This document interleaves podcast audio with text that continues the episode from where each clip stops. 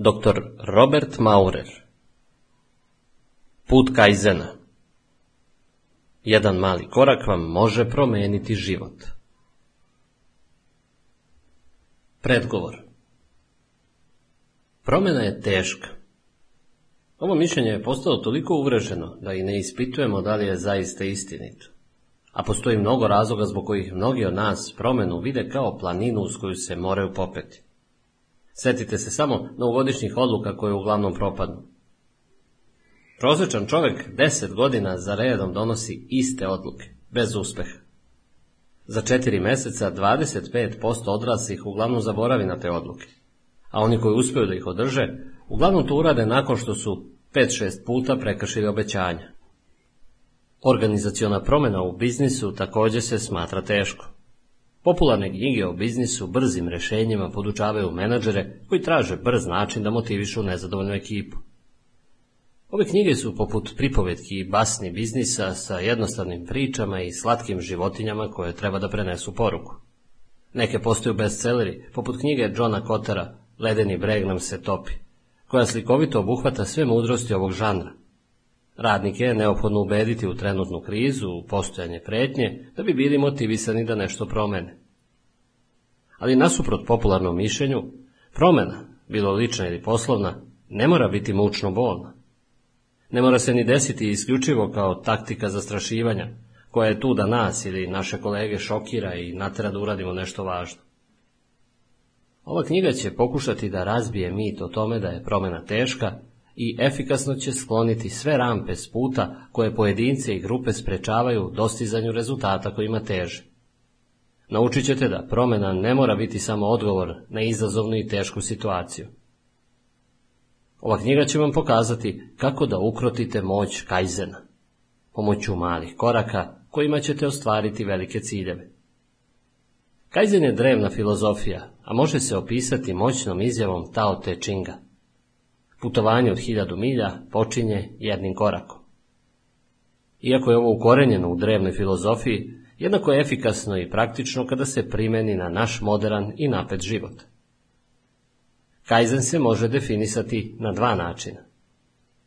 Korišćenje veoma malih koraka kojima se poboljšavaju navike, neki proces ili proizvod, i korišćenje veoma malih trenutaka kojima se inspirišu novi proizvodi ili izumi. Pokazat ću vam koliko promjena može biti laka kada se vrednuje moza koji želi promjenu. Otkrićete mnoge primjere koji opisuju kako se malim koracima mogu ostvariti i najveći snovi. Pomoću kajzena možete promijeniti loše navike, poput pušenja ili prejedanja, a možete stvoriti i dobre, poput vežbanja ili oslobađanja kreativnosti. U poslu ćete naučiti kako da motivišete radnike, ali tako da ih prvenstveno inspirišete. Ali najprije osmotrimo neka standardna uverenja o promjeni i način na koji Kaizen prevazilazi sve prepreke koje smo godinama stavljali sebi na put. Mit broj 1. Promjena je teška. Pogledajmo samo jedan primjer koji pokazuje kako promjena može biti laka, zahtevati malo vremena, samokontrole ili discipline. Niz nedanih studija otkrio je da ljudi koji veći deo dana provode sedeći imaju veći rizik od srčanog udara ili preuranjene smrti. Nekako paradoksalno, studije klinike Mayo otkrile su da odlazak u teretanu na sat vremena nije smanjio rizik povezan s više časovnim sedenjem u toku dana. Ali ovo delo je potpuno suprotno u odnosu na sve što mislimo da znamo o vežbanju. A opet, ovdje nije problem nedostatak vežbanja, već je problem u dugim periodima sedenja. Kada sedimo, naši mišići prelaze u oblik hibernacije, zbog čega telo prestaje da luči enzim KK1 koji rastvara određeni deo masti u krvi. Pored toga, naš metabolizam se usporava kao i proizvodnja dobrog holesterola. Objašnjenje za ova dramatična otkrića počiva na tome da je našem telu potreban tok gravitacije koji ide nadole. Bez toga srce je u opasnosti, gustina krvi je smanjena, mišići počinju da atrofiraju, a primetan je uticaj na strukturu kostiju. Rešenje za ovu strašnu sliku jeste kajzen. Jednostavno ustajanje iz sedećeg položaja osnažuje vaš metabolizam. Odete li u kratku šetnju, ponovo ćete poboljšati metabolizam. Pouka priče. Rešenje za zdravstvene rizike koji su prisutni zbog pojačanog sedenja nije ogromno i nemoguće, kao na primjer ceo sat u teretani svakog dana, već je malo i rešivo. Ustajanje od radnog stola na svakih sat vremena ili slično, hodanje, pa čak i vrpoljenje, mogu pomoći telu da funkcioniše efikasnije. U našoj kulturi filmova, ogromnih obroka i ekstremnih promena s krilaticom više je bolje, teško je verovati da mali koraci mogu voditi velikim promenama. Ali stvarnost pokazuje da mogu. Mit broj 2. Veličina koraka određuje rezultat, stoga pravite velike korake za velike rezultate. Mnogo poslovnih članaka govori o naširoko prihvaćenoj mudrosti da se možemo kladiti na male stvari, sitnije promene poput oni koje Kaizen zagovara, ili igrati na veliko, tačnije na inovacije. A ta inovacija je staza koja vodi do preživljavanja, rasta i kreativnosti. I u životu često idemo na veliko. Sav svoj novac ulažemo u inovacije, kratke dijete ili intenzivne programe vežbanja, u nadi da ćemo postići značajne rezultate. Ali ekstremne dijete i programi za vežbanje često ne uspevaju, jer zahtevaju ogromnu količinu snage volje, a ta snaga volje često ne traje dugo. Imajte u vidu da je Američko udruženje za zdravlje srca godinama preporučivalo da se vežba 30 minuta, barem pet puta nedeljno. Niko koga poznajem nema vremena ili baš darežljive poslodavce koji bi dozvolili da se ovaj predlog ispuni. Ko ima vremena tokom haotičnog dana da vozi u teretanu, preslači se, vežba, tušira se, oblači i vozi natrag na posao? Istraživanje iz klinike Meo pokazuju da kretanje tokom dana može pružiti odlične rezultate. Kada su analizirali nivoje aktivnosti subjekata meračima koraka koje su nosili, istraživači su otkrili da su se mršavi ljudi, koji nisu ni kročili u teretanu, jednostavno više kretali tokom dana. Šetali su dok su razgovarali telefonom, parkirali se dalje od ulaza u prodavnicu i ustajali više puta tokom dana nego osobe koje su bile gojazne. Ovo je u prosjeku rezultiralo razlikom od 300 kalorija, pa bi razlika na godišnjem nivou mogla da iznosi 13,5 kg. Kaizen pouka, iako je bolje vežbati više nego manje, manje količine mogu koristiti. Jedna tajvanska studija sprovedena na 416.000 odraslih osoba otkrila je da su oni koji su vežbali 15 minuta dnevno živeli tri godine duže od onih koji su vežbali manje. A tih 15 minuta ne mora biti odrađeno odjednom. Vežbajte recimo pet puta po tri minuta i to može doprineti vašem dobrom zdravlju. Ove strategije ne zahtevaju ogromno zalaganje, energiju, mnogo vremena, discipline i snage volje. Vidjet ćete u daljem tekstu kako je jedna od mojih klijentkinja, Julie, samohrana majka s velikim odgovornostima, uspjela da ubaci vežbanje u svoj raspored. Vežbanje je bilo toliko lako i bezbolno da je Julie znala da nije mogla da ne uspe. To je Kaizen na delu. Mit broj 3. Kaizen je spor, inovacija je brža. Možda je najbolji primjer onoga što se može desiti kada se inovacija koristi, pa i previše, slučaj s Toyota, kompanijom koja Kaizen naziva svojom dušom. Tokom većeg dela svoje istorije, nakon drugog svjetskog rata, Toyota je bila primjer za kvalitetnu proizvodnju automobila. Potrošači nisu kupovali Toyota zbog stila ili prestiža, već zbog pouzdanosti bez konkurencije. Ali 2002. godine menadžment Toyota odlučio je da nije bilo dovoljno praviti samo automobile najveće kvalitete i profitabilnosti. Želi su da budu najveća automobilska kompanija na svetu. I kompanija je uspela. Brzo su sagradili fabrike i dovoljno povećali kapacitet da za samo šest godina naprave dodatnih 3 miliona automobila. Ipak, ta produktivnost je imala veliku cenu. Dobavljači nisu mogli da održe kvalitet po kom je Toyota bila poznata, a nove fabrike nisu imale vremena da stvore kulturu Kaizena. Rezultat se ogledao u 9 miliona opoziva i u dobro zasluženom lošem publicitetu. Ovo je interna poruka koja je postojala pre nego što je kriza postala javna stvar. Pravimo toliko automobila na toliko različitih mesta sa toliko ljudi. Naš najveći strah je da će, kako rastemo, naša sposobnost da održimo disciplinu Kajzena nestati. Teruo Suzuki, generalni menadžer u odeljenju za ljudske resurse. U to vrijeme Toyota je prepoznala da je udaljavanje od Kaizena odvuklo kompaniju od posvećenosti osnovnim principima. Od nastanka krize Toyota je usporila s proizvodnjom, lokalnim menadžerima u Americi dale više odgovornosti kada je reč o kvalitetu kontrole, a nove radnike podučavala je Kaizen kulturi. Toyota se vratila s kvalitetom, ne kvantitetom kao glavnom misijom, sa akcentom na ispravljanju grešaka u proizvodnji, dok su greške male i dok ih je lako popraviti. I reputacija Toyota se povratila. Priča ove kompanije je sjajna ilustracija načina na koji Kaizen stvara naviku koja može trajati ceo život i kako pomaže da se izbjegnu bolne posljedice koje bi u retrospektivi mogle biti previše velike da ih progutaju čovek ili cijela poslovna grupa. Kaizen, duhovna strana. Pre nego što vas pozovem da počnete putovanje kroz ovu knjigu, zahvaljujući kojoj ćete doživjeti moć i mogućnosti Kaizena, želio bih da pokrijem još jednu temu, duhovnost. Pritom ne mislim nužno na veru u Boga, već na osjećaj ispunjenosti. Kaizen u jednakoj meri predstavlja filozofiju ili sistem uverenja, kao i strategiju za uspeh u promjeni ili poboljšanju ponašanja. Postoje dva elementa duha ili svrhe u kojima Kaizen igra suštinsku ulogu, a to su služenje i zahvalnost. Kao što je John Wooden, legendarni košarkaški trener, rekao, ne možete imati savršen dan ako niste uradili nešto za nekoga ko nikada neće moći da vam se oduži. I drugi misioci govorili su o ovom suštinskom elementu služenja. Martin Luther King Jr. Najupornije i najvažnije pitanje života je šta radite za druge.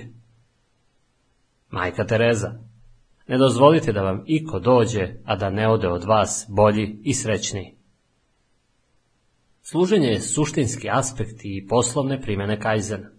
U Kaizen kulturi od svakog radnika se traži da svakodnevno razmotri načine koji će mu pomoći da poboljša proces ili proizvod, smanjenje cene, povećanje kvaliteta i uvek, ponavljam, uvek u službi potrošača. Često uspešne kompanije poput Amazona, Starbucksa i Southwest Airlinesa cilj definišu prvenstveno kao posvećenost usluzi. Kao što Colin Barrett, bivši direktor Southwesta, kaže Mi smo u poslu usluge, a nudimo usluge aviotransporta. Smatramo da su nam zaposleni kupci broj 1, putnici broj 2, a deoničari broj 3. Kaizen zahtjeva da svaka sitna promjena bude u korist potrošača. Ono što su John Wooden, majka Tereza i Martin Luther King Jr. govorili jeste svakodnevna praksa i iznalaženja malih načina da se utiče na život čoveka. Sjetite se posljednja dva dana svog života. Svih ljudi s kojima ste se sreli, onih pod vašim krovom, u automobilima na autoputu, Ljudi koji su se za vas pobrinuli u restoranima ili prodavnicama. Ljudi u hodnicima zgrada kojima ste prolazili i oni koji su razgovarali telefonom. Ako biste bili sto posto sigurni da možete da im promenite dan, možda popravite život, da li biste jednu ili dve stvari učinili drugačije? Skoro svako od nas odgovorio bi potvrdno. Mogu li da vas ubedim da, ako pustite vozača da uđe u vašu traku ili zahvalite prodavcu ili se nekome osmehnete u prolazu, možete promeniti njegov život? Naravno da ne mogu, ali ako kroz život ne idete s mišlju da ćete sitnim gestovima uticati na život ljudi, koja je alternativa? Svi imamo odnose koje smeštamo u kategoriju inovacije. To su ljudi koji u najboljim danima našeg života dobijaju dobrotu koju zaslužuju. Kako tu dobrotu možemo preneti da obogatimo svoje srce i srce zajednice? Zahvalnost se često smatra elementom duhovnosti ili svrhovitosti. Ali na čemu treba da budemo zahvalni? Šta se očekuje od nas? Inovacija podrazumeva finansijsku dobit, unapređenje i materijalna dobra koja mogu raspiriti vatru zahvalnosti. Ali Kaizen nas poziva da budemo zahvalni za zdravlje, za sljedeći udah, za trenutke s prijateljima ili kolegama. Kada je čuveni tekstopisac Warren Zevon bio u terminalnoj fazi raka, David Letterman ga je pitao kakvu je mudrost izvukao iz bolesti. Zevonov odgovor bio je pun kajzena. Uživajte u svakom sendviču. Evo nekih citata o služenju i zahvalnosti uz koje se može početi putovanje prema Kajzenu. Želim da ostvarim velike i plemenite stvari, ali je moja glavna dužnost da ispunjavam i sitne stvari kao da su velike i plemenite. Helen Keller Moramo naučiti da živimo srećno u trenutku, da dodirnemo mir i radost koji su nam sada dostupni. Tič Nat Han, budistički zen majstor. Nemojte žudeti ka uspehu, već ka vrednosti. Albert Einstein Radije bih da se kaže živeo je korisno nego umro je bogat. Benjamin Franklin Uvod Jedan mali korak Japanske firme od davnina koriste blage tehnike Kaizena u dostizanju poslovnih ciljeva i održavanju standarda. Sada ova elegantna strategija može pomoći vama da shvatite svoje snove. Najveći deo psihologije i medicine posvećen je proučavanju uzroka zašto se ljudi razboljevaju i ne funkcionišu dobro u životu. Ali tokom svoje karijere psihologa oduvek sam bio intrigiran onim suprotnim od neuspeha. Kada osoba zahvaljujući dijeti izgubi kilograme i uspe da održi kilažu, želim da saznam zašto je to tako. Ako neka osoba pronađe ljubav posle niza loših veza, radoznao sam da saznam koje su strategije omogućile tu sreću. Kada je neka korporacija 50 godina na samom vrhu, želim da razumem ljudske odluke koje stoje iza tog uspeha. I zato su dva pitanja bila prisutna u mom profesionalnom životu kako ljudi postižu uspeh i kako uspešni ljudi ostaju uspešni. Naravno, postoji mnogo načina da se postigne uspeh, kao što ima i mnogo uspešnih ljudi. Ali za 32 godine prakse imao sam zadovoljstvo da posmatram brojne klijente koji koriste neobične metode za postizanje ciljeva koji traju. Primenili su iste, jednostavne principe da poboljšaju svoj život u različitim segmentima. Smršali su i održavali su kilažu. Počeli su program vežbanja i nisu odustali. Ostavili su poroke, zauvek. Stvorili su snažne odnose, one koji traju. Postali su organizovani, bez vraćanja na staro kada stvari postanu haotične. I unapredili su svoju karijeru. I nastavili to da rade dugo nakon što je potvrđen njihov uspeh. Ako želite nešto da promenite trajno, Nadam se da ćete nastaviti da slušate. Ova metoda je nešto poput javne tajne, one koja je među japanskim biznismenima decenijama kružila i koju građani svaki dan koriste širom planete. To je prirodna, suptilna tehnika za postizanje ciljeva i dostizanje uspeha. Može se ugurati u najzgusnuti raspored. I u ovoj knjizi ću podeliti strategiju s vama. Ali prvo želim da upoznate Julie. Julie je sedela u ordinaciji spuštenog pogleda. Došla je u medicinski centar UCLA da traži pomoć za visok pritisak i vrtoglavicu, ali lekarka opšte prakse i ja smo primetili da se dešavalo još nešto. Julie je bila razvedena, majka dvoje dece, po sobstvenom priznanju malo depresivna i malo više ophrvana obavezama. U najboljem slučaju, socijalni sistem bio je klimav i jedva se držala na poslu. Mlada doktorka i ja bili smo zabrinuti za Đulino zdravlje u budućnosti. Težina imala je više od 15 kg viška i strahovit nivo stresa dovodili su je u rizik dijabetesa, hipertenzije, srčanih bolesti i dublje depresije. Bilo je jasno da će, ako nešto ne promeni, ići samo nizvodno putem bolesti i očajanja. Znali smo jeftin, dokazan način da pomognemo Đuli, a nije se nalazio u tabli lekova ili godinama psihoterapije. Ako čitate novine ili gledate vesti, verovatno možete da pogodite o čemu govorim. Vežbanje. Redovna fizička aktivnost mogla je poboljšati gotovo sve džuline zdravstvene probleme, omogućiti joj veću izdržljivost da se probije kroz naporne dane i da joj pojača duh. Nekad bih možda ovu besplatnu i efikasnu terapiju ponudio sa žarom nove promene. Idite na trčanje, vozite bicikl, gledajte video o vežbanju. Možda bih rekao, preskočite ručak, probudite se sat vremena ako morate, ranije ali samo ustanite i obavežite se svom zdravlju pet puta nedeljno.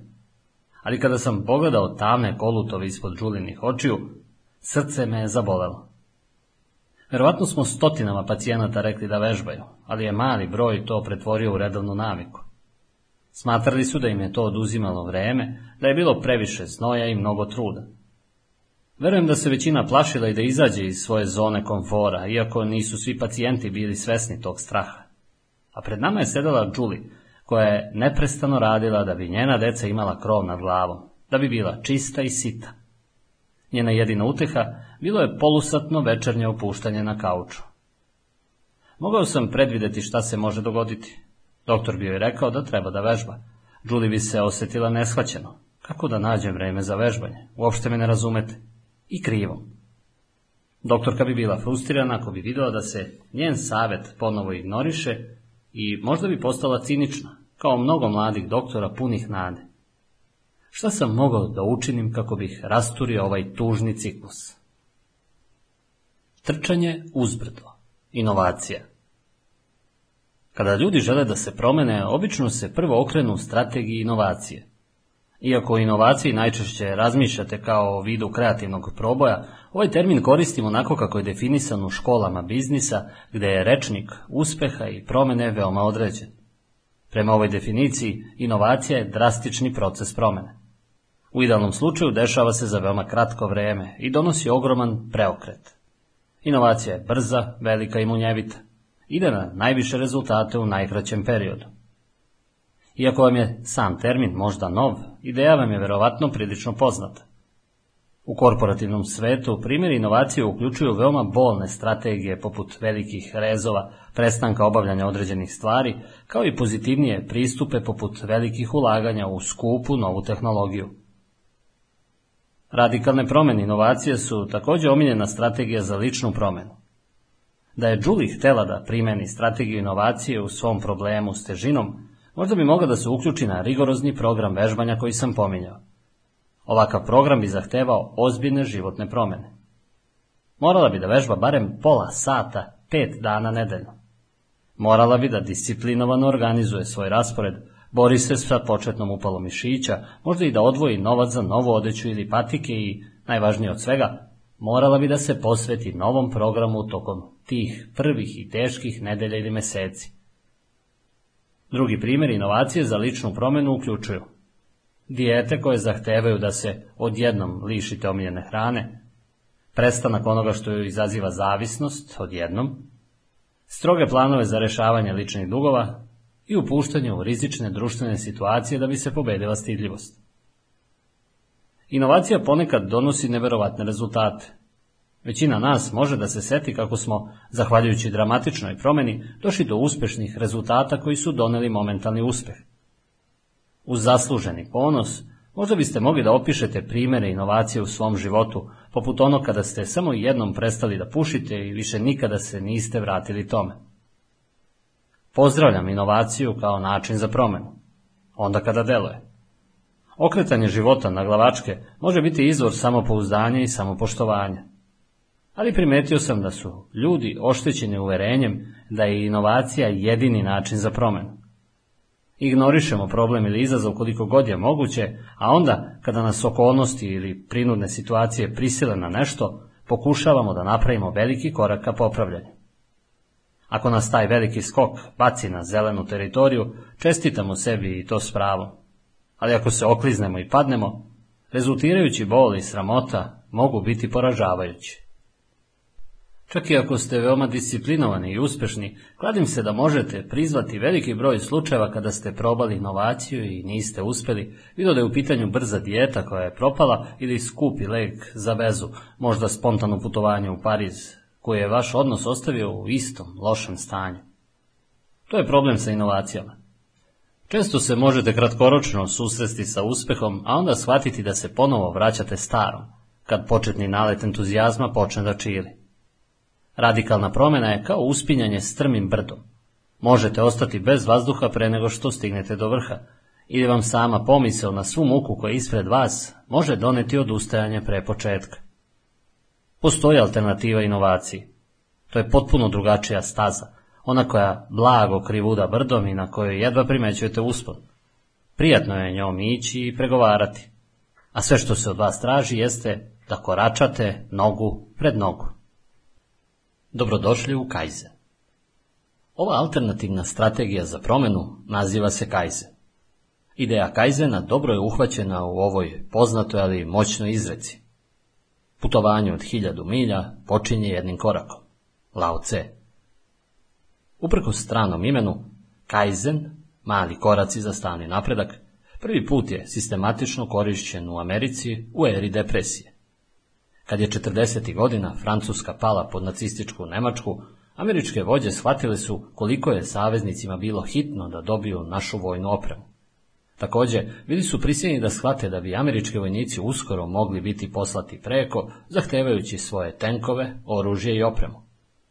Američki proizvođači morali bi da poboljšaju kvalitet i kvantitet proizvodnje opreme, i to brzo. Ovaj izazov bio intenziviran gubitkom mnogih kvalitetnih nadzornika fabrika koji su pomagali američkim oružanim silama jer su bili zauzeti pripremama za rat. Da bi se prevazišao ovaj vremenski škripac kao i problem s ljudstvom, američka vlada napravila je kurseve upravljanja, trening u industrijama i nudila im je korporacije širom Amerike. Na jednom od ovih kurseva začelo se seme onoga što će kasnije, u drugom vremenu i na drugom mestu, biti poznato kao kajze. Umjesto da se ohrabruje radikalna inovativna promjena kojom bi se dolazilo do neophodnih rezultata, kurs treninga u industrijama hrabrio je menadžere da idu putem koji se nazivao stalni napredak. U upustvu kursa stajalo je da i nadzornici moraju tražiti stotine sitnih stvari koje bi mogli promijeniti. Ne pokušavajte da planirate potpuno novu postavku odeljenja i nemojte ići na velike instalacije nove opreme. Nema vremena za krupne stvari. Gledajte poboljšanja u postojećim poslovima sa opremom koju posjedujete. Jedan od najglasnijih zagovornika stalnog napretka u to vrijeme bio je dr. Edwards Deming, statističar koji je radio u timu kontrole kvaliteta, koji je pomagao američkim proizvođačima dok su pokušavali da pronađu svoj položaj u ratnom periodu. Dr. Deming je dao upustvo menadžerima da svakog radnika uključe u proces poboljšanja. Napeti vremenski pritisak preobrazio je elitizam i snobizam u luksus koji se nije mogao priuštiti. Svi su, od onih iz najnižih redova do muškaraca na najvišim položajima, bili ohrabrivani da pronađu manje načine kojima će podići kvalitet proizvoda i efikasnost pravljenja. Na podovima fabrike nalazile su se kutije u koje su radnici mogli da stavljaju predloge koji bi uticali na produktivnost, a nadređeni su bili obavezni da svaki od tih komentara pregledaju s velikim uvažavanjem. U početku ova filozofija je sigurno delovala šokantno i neadekvatno u tim okolnostima, ali nekako su ovi mali koraci doprineli sjajnom podizanju kapaciteta američke proizvodnje.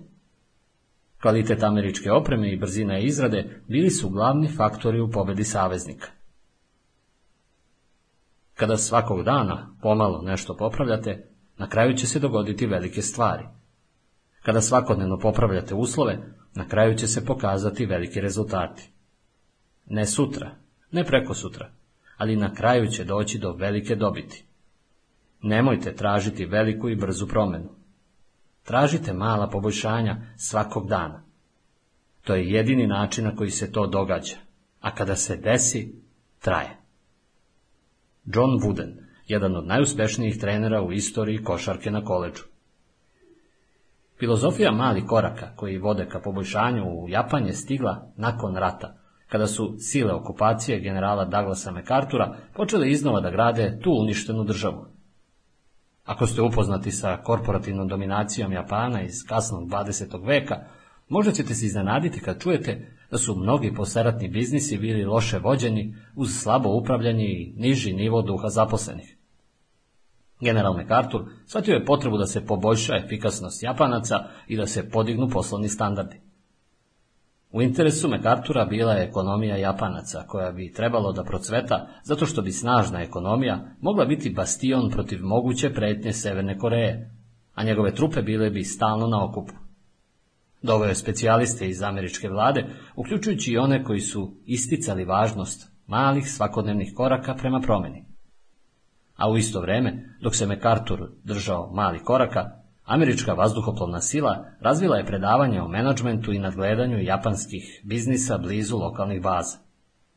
To predavanje nazvano je program upravljanja, a pravila treninga bila su gotovo identična kao ona koje su razvili dr. Deming i njegove kolege početkom rata. Bilo je uključeno na hiljade japanskih biznis menadžera. Japanci su bili neobično prijemčivi toj ideji. Industrijska baza bila im je uništena, nedostajali su im resursi za reorganizaciju. I nije im išlo u korist što je njihova država bila poražena američkom superiornom opremom i tehnologijom, tako da su pažljivo slušali lekcije Amerikanaca o proizvodnji. Radnici kao izvor kreativnosti i poboljšanja i učenje da se prihvataju ideje podređenih činili su nepoznatu novinu, kao što je bilo i za Amerikance, ali polaznici ovog programa želili su da probaju.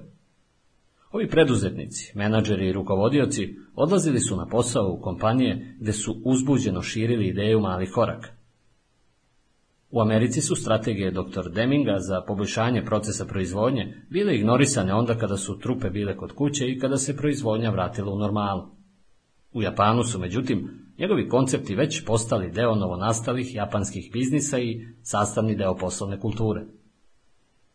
Kasnih 50. godina Unija naučnika i inženjera Japana pozvala je doktora Deminga, zagovornika kontrole kvaliteta u doba rata, da se konsultuju s njim o daljim koracima u ekonomskoj efikasnosti svoje države. Kao što verovatno znate, japanski biznisi koji su izgrađeni na temeljima malih koraka ubrzo su došli do nečuvenih nivoa produktivnosti. Ti mali koraci bili su toliko uspešni da su im Japanci dali i svoje ime – Kaizen. Kaizen naspram inovacije. Kaizen i inovacija su dve glavne strategije koje ljudi koriste radi promene. Dok inovacija zahteva radikalnu promenu punu šoka, Kaizen traži samo male, prijatne korake prema poboljšanju. Kasnih 80-ih Kaizen je počeo da se vraća u Ameriku, mahom u poslove visokotehničke prirode. Prvi put sam iskusio praksu Kaizena u industriji kao korporativni konsultant. Kao učenik uspeha bio sam intrigiran ovom filozofijom i počeo sam da je proučavam detaljnije. Sad već decenijama istražujem primjenu malih koraka Kaizena na lični uspeh.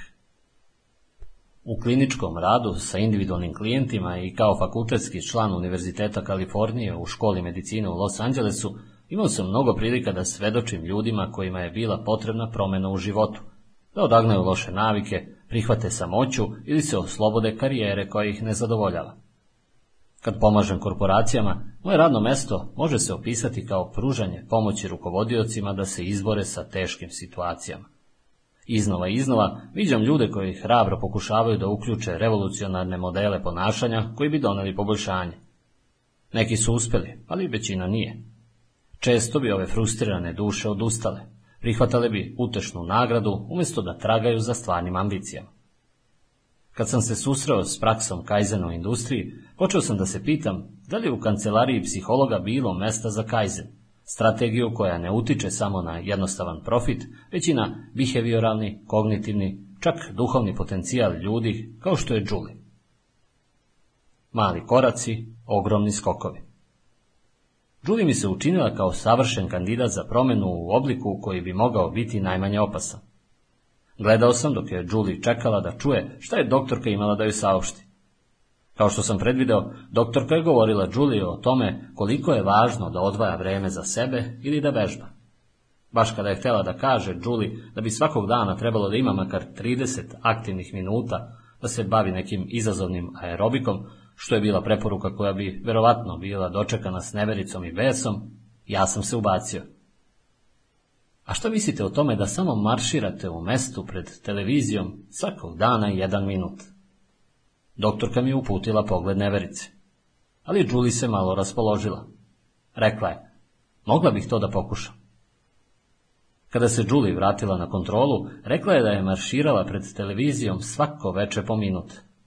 Svakako, znao sam da neće biti mnogo zdravija sa samo 60 sekundi laganih vežbi, ali tokom sledeće posete primetio sam da se Julin stav promenio. Umjesto da se vrati obeshrabrena, kao što se vrati mnogo neuspešnih ljudi koji vežbaju, Julie je bila radosnija, a u držanju i govoru bilo je manje otpora. Šta još mogu da uradim za minut dnevno? Želala je da zna. Bio sam oduševljen.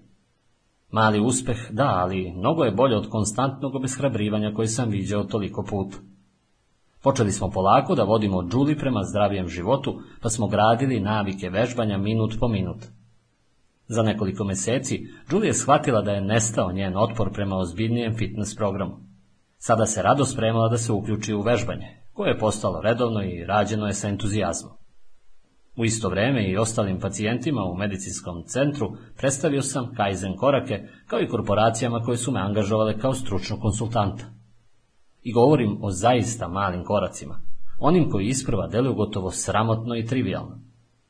Umjesto da ohrabrim klijente da odustanu od karijere koja im ne donosi radost, govorio sam im da svakoga dana provedu nekoliko sekundi maštajući o poslu i snova. Ako bi pacijent želeo da prekine s kofeinom, počinjali bismo s gutlje manje svakog dana. Frustrirani menadžer bi možda mogao da pokuša da daje manje nagrade radnicima da bi povećao njihovu motivaciju. Lična primjena Kajzena promenila je svoju prirodu. Poslovi fabrike dopuštaju manjim koracima ka poboljšanju da se akumuliraju u znatnu promjenu. Ali psihologija pojedinačnih osoba je malo drugačija. Zapravo, iznenađujući broj mojih klijenata intuitivno percipira ono za što je meni bilo potrebno više godina da uoči. Male promjene pomažu ljudskom umu da prevaziđe strah koji blokira njihov uspjeh i kreativnost. Baš kao što osoba koja uči vožnju vežba na praznom parkiralištu i prvo samo sedi u automobilu isprobavajući delove tog vozila, a onda tek prelazi na vožnju od nekoliko minuta. Tako i moji klijenti uče da ovladaju najmanjim koracima promjene u sigurnom okruženju koji im ne izaziva strah. Često ljudi smatraju da im mozak razvija želju za novim ponašanjem, bilo da je u pitanju redovno vežbanje, kao u Đulinom slučaju, dijeta čišćenje stola ili provođenje vremena s partnerom punim ljubavi i podrške umjesto s agresivnim i destruktivnim. Na kraju su moji klijenti počeli da otkrivaju da su dostigli svoje ciljeve, a da sa njihove strane nije bilo dodatnog svesnog truda. Kako se ovo dešava? Verujem da je Kaizen metoda veoma efikasna za građenje novih neurotskih veza u mozgu, što je ideja koju ću u narednom poglavlju posvetiti više prostora. Kao što mi je jedan klijent često govorio, koraci su bili toliko mali da nije bilo moguće da ne uspem. Baš zbog toga što većina ljudi želi da poboljša svoje zdravlje, odnose ili karijeru, ova knjiga veliki prostor posvećuje tim temama. Ali principi koje ovdje objašnjavam mogu se primeniti na bilo koji projekat za promjenu, bilo da je cilj prestanak grickanja noktiju ili učenje da kažete ne praznim zahtjevima koji vam nagrizaju vreme. Dok razmatrate planove za promjenu, nadam se da ćete u mislima zadržati prvobitnu namjeru filozofije malih koraka. Kaizen je efikasan i prijatan način za postizanje određenih ciljeva, ali se širi i na mnogo dublji izazov. Stalne životne zahtjeve za promjenom zameniti traženjem stalnih, ali uvek malih poboljšanja.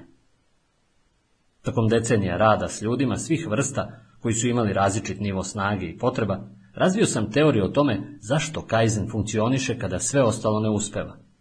Ovu teoriju iscrtavam u prvom poglavlju. Poglavlja uspeha posvećena su ličnoj primjeni Kaizena i pregledu šest različitih strategija. Ove strategije uključuju postavljanje malih pitanja koja teraju strah i inspirišu kreativnost, razmišljanje o malim stvarima koje treba da razviju nove osobine i veštine bez mrdanja malog prsta, preduzimanje malih koraka koji garantuju uspjeh, rješavanje malih problema, čak i kada ste suočeni s velikim krizama, obezbeđivanje malih nagrada za sebe ili druge da biste dobili najbolje rezultate i prepoznavanje malih, ali ključnih momenata koje svi drugi ignorišu.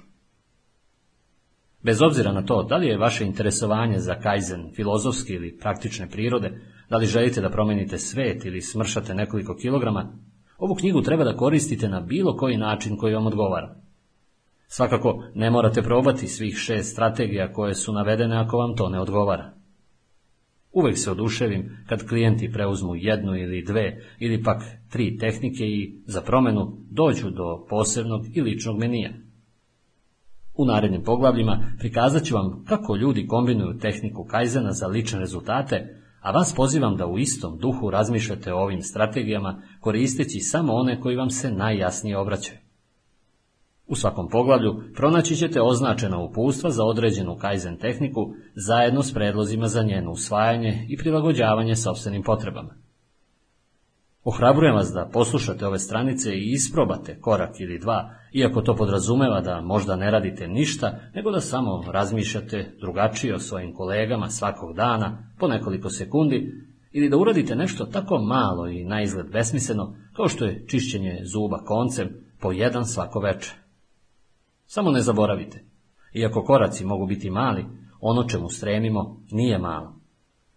Da biste svoj život posvetili poštovanju i održavanju fizičkog zdravlja, strasti, riziku i zahtjevnoj karijeri, da biste uspjeli u vezi s drugim ljudskim bićem ili da biste bili u stalnoj reviziji ličnih standarda, morate stremiti moćnim ciljevima koji su ponekad zastrašujući.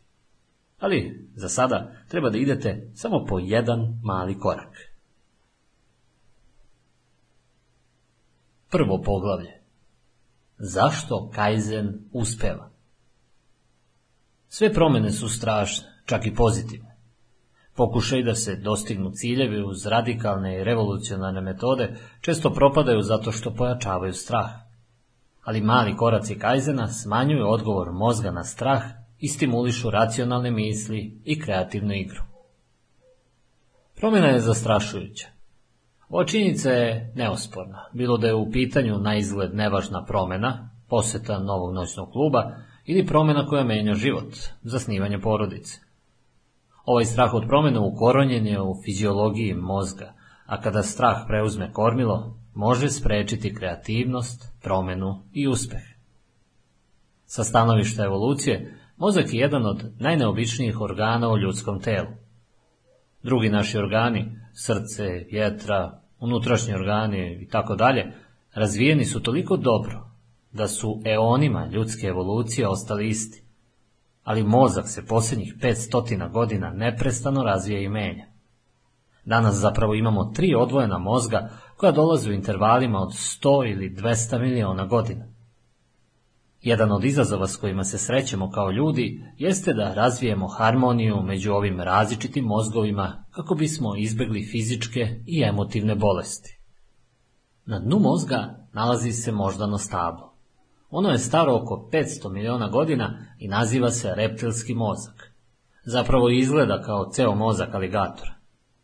Reptilski mozak vas budi ujutru, šalje vas noću na spavanje i podsjeća vaše srce da kuca. Na vrhu moždanog stabla nalazi se srednji mozak, poznatiji kao mozak sisara. Star je, grubo rečeno, oko 300 miliona godina i posjeduju ga u ovom ili onom obliku svi sisari. Srednji mozak reguliše telesnu temperaturu čoveka, čuva naše emocije i zadužen je za reakcije u trenucima opasnosti koje nas održavaju u životu u opasnim situacijama. Treći deo mozga je moždana opna, koja je počela da se razvija pre otprilike 100 miliona godina. Moždana kora koja omotava ostatak mozga odgovorna je za to čudo što smo ljudska bića. Tu počiva sve civilizacija, umetnost, nauka i mozak. Tu se nalaze naše racionalne misli kao i kreativni impulsi. Kad želimo nešto da promenimo ili da pokrenemo kreativni proces, moramo se obratiti moždanoj opni. Ovaj sastav od tri dela mozga ne funkcioniše uvek tako glatko. Naš racionalni deo mozga govori nam da treba da smršamo, ali onda pojedemo kesicu čipsa u sekundi ili pokušavamo da smislimo kreativni detalj za projekat na kom radimo, a mozak nam je prazan kao beli papir. Kada želite da promenite nešto, a suočavate se s blokadom, najčešće možete okriviti srednji mozak što vam usporava rad. Srednji mozak je mesto na kom se nalazi amigdala. Ona je veoma važna za naše preživljavanje. Kontroliše našu reakciju u slučajima opasnosti i to je mehanizam upozorenja koji delimo sa ostalim sisarima. Napravljena je tako da upozorava druge delove tela i tera ih na akciju u trenucima opasnosti. Jedan način na koji to radi jeste usporavanje ili zaustavljanje ostalih funkcija kao što su racionalno i kreativno mišljenje koje bi moglo uticati na fizičku sposobnost da se borimo ili trčimo. Odgovor u trenucima opasnosti i tekako ima smisla. Ukoliko vas slav napada, mozak ne želi da gubite vreme na detaljno razmišljanje o problemu. Umjesto toga, mozak jednostavno gasi funkcije koje nisu ključne, kao što su varenje, seksualna želja i misaoni procesi, i telo usmerava direktno prema delanju. Pre više hiljada godina, kada smo išli kroz džungle, savane i šume s drugim sisarima, ovaj mehanizam bio je koristan svaki put kada bi se ljudska bića našla u kritičnoj situaciji i kada bi bila van sigurnog i poznatog mesta. Budući da posjedujemo telo koje ne može veoma brzo da trči, kome nedostaje snaga drugih životinja koje nas vrebaju i koje ne vidi i ne čuje dovoljno dobro, ova plašivost je bila ključna. I dan danas je ova reakcija ključna, na primjer, u trenucima kada automobil ide pogrešnom trakom prema vama ili ako bi bilo potrebno da pobegnete iz zgrade koja gori. Danas je stvarni problem sa amigdalom i reakcijom u slučaju opasnosti taj što se aktivira alarm kad god želimo da uradimo nešto što je izvan naše uobičajene, bezbedne rutine. Mozak je dizajniran tako da svaki novi izazov, prilika ili želja mogu aktivirati neki nivo straha. Bilo da je izazov novi posao ili samo upoznavanje nove osobe, amigdalo upozorava određene delove vašeg tela da se pripreme na akciju i pristup našoj moždanoj kori, mislećem delu mozga, zabranjen je, ponekad i ugašen. Sjećate li se moje klijentkinje Julie, one koja je svake večeri pred televizorom marširala po jedan minut? Julie se sasvim jasno brinula za svoje zdravlje, zato i došla kod lekara ali njene ogromne odgovornosti vodile su do drugih, manje očiglednih strahova koji su se borili za njenu pažnju. Plašila se da će izgubiti posao, brinula se za bezbednost svoje dece. Plašila se da nije bila dovoljno dobra majka i, kao što je kasnije priznala, imala je strah da će razočarati svoga lekara ako ne bude pratila i ispunjavala naređenja. Zapravo, kad joj je prethodni doktor naredio da žestoko vežba nekoliko puta nedeljno, strah da neće uspeti da vežba i da će ga izneveriti, nastupio je zajedno sa svim drugim brigama, pa je bila toliko obhrvana da uopšte nije uspela da vežba. Što je bilo još gore, budući da je bila posramljena što nije poslušala upustva lekara, prestala je da traži pomoć stručnjaka. Umesto toga, utehu je potražila u gledanju televizije i u brzoj hrani. Bilo je moguće da ste ovaj fenomen iskusili kao anksioznost pred neki važan test. Što je test važniji, po vašem mišljenju, što je važniji ishod, više straha ćete osjećati. I onda vam je teško da se koncentrišete. Odgovor to koga ste došli prethodne noći, kao da vam je ispario iz sećanja. Neki ljudi koji imaju sreće mogu da reše ovaj problem tako što strah pretvaraju u drugu emociju, u uzbuđenje. Što je veći izazov, postaju sve uzbuđeniji, produktivniji i rade s više oduševljenja. Verovatno i vi poznajete takve ljude. Oživljavaju kada je pri njima izazov. Ali za nas ostale, veliki ciljevi aktiviraju i veliki strah.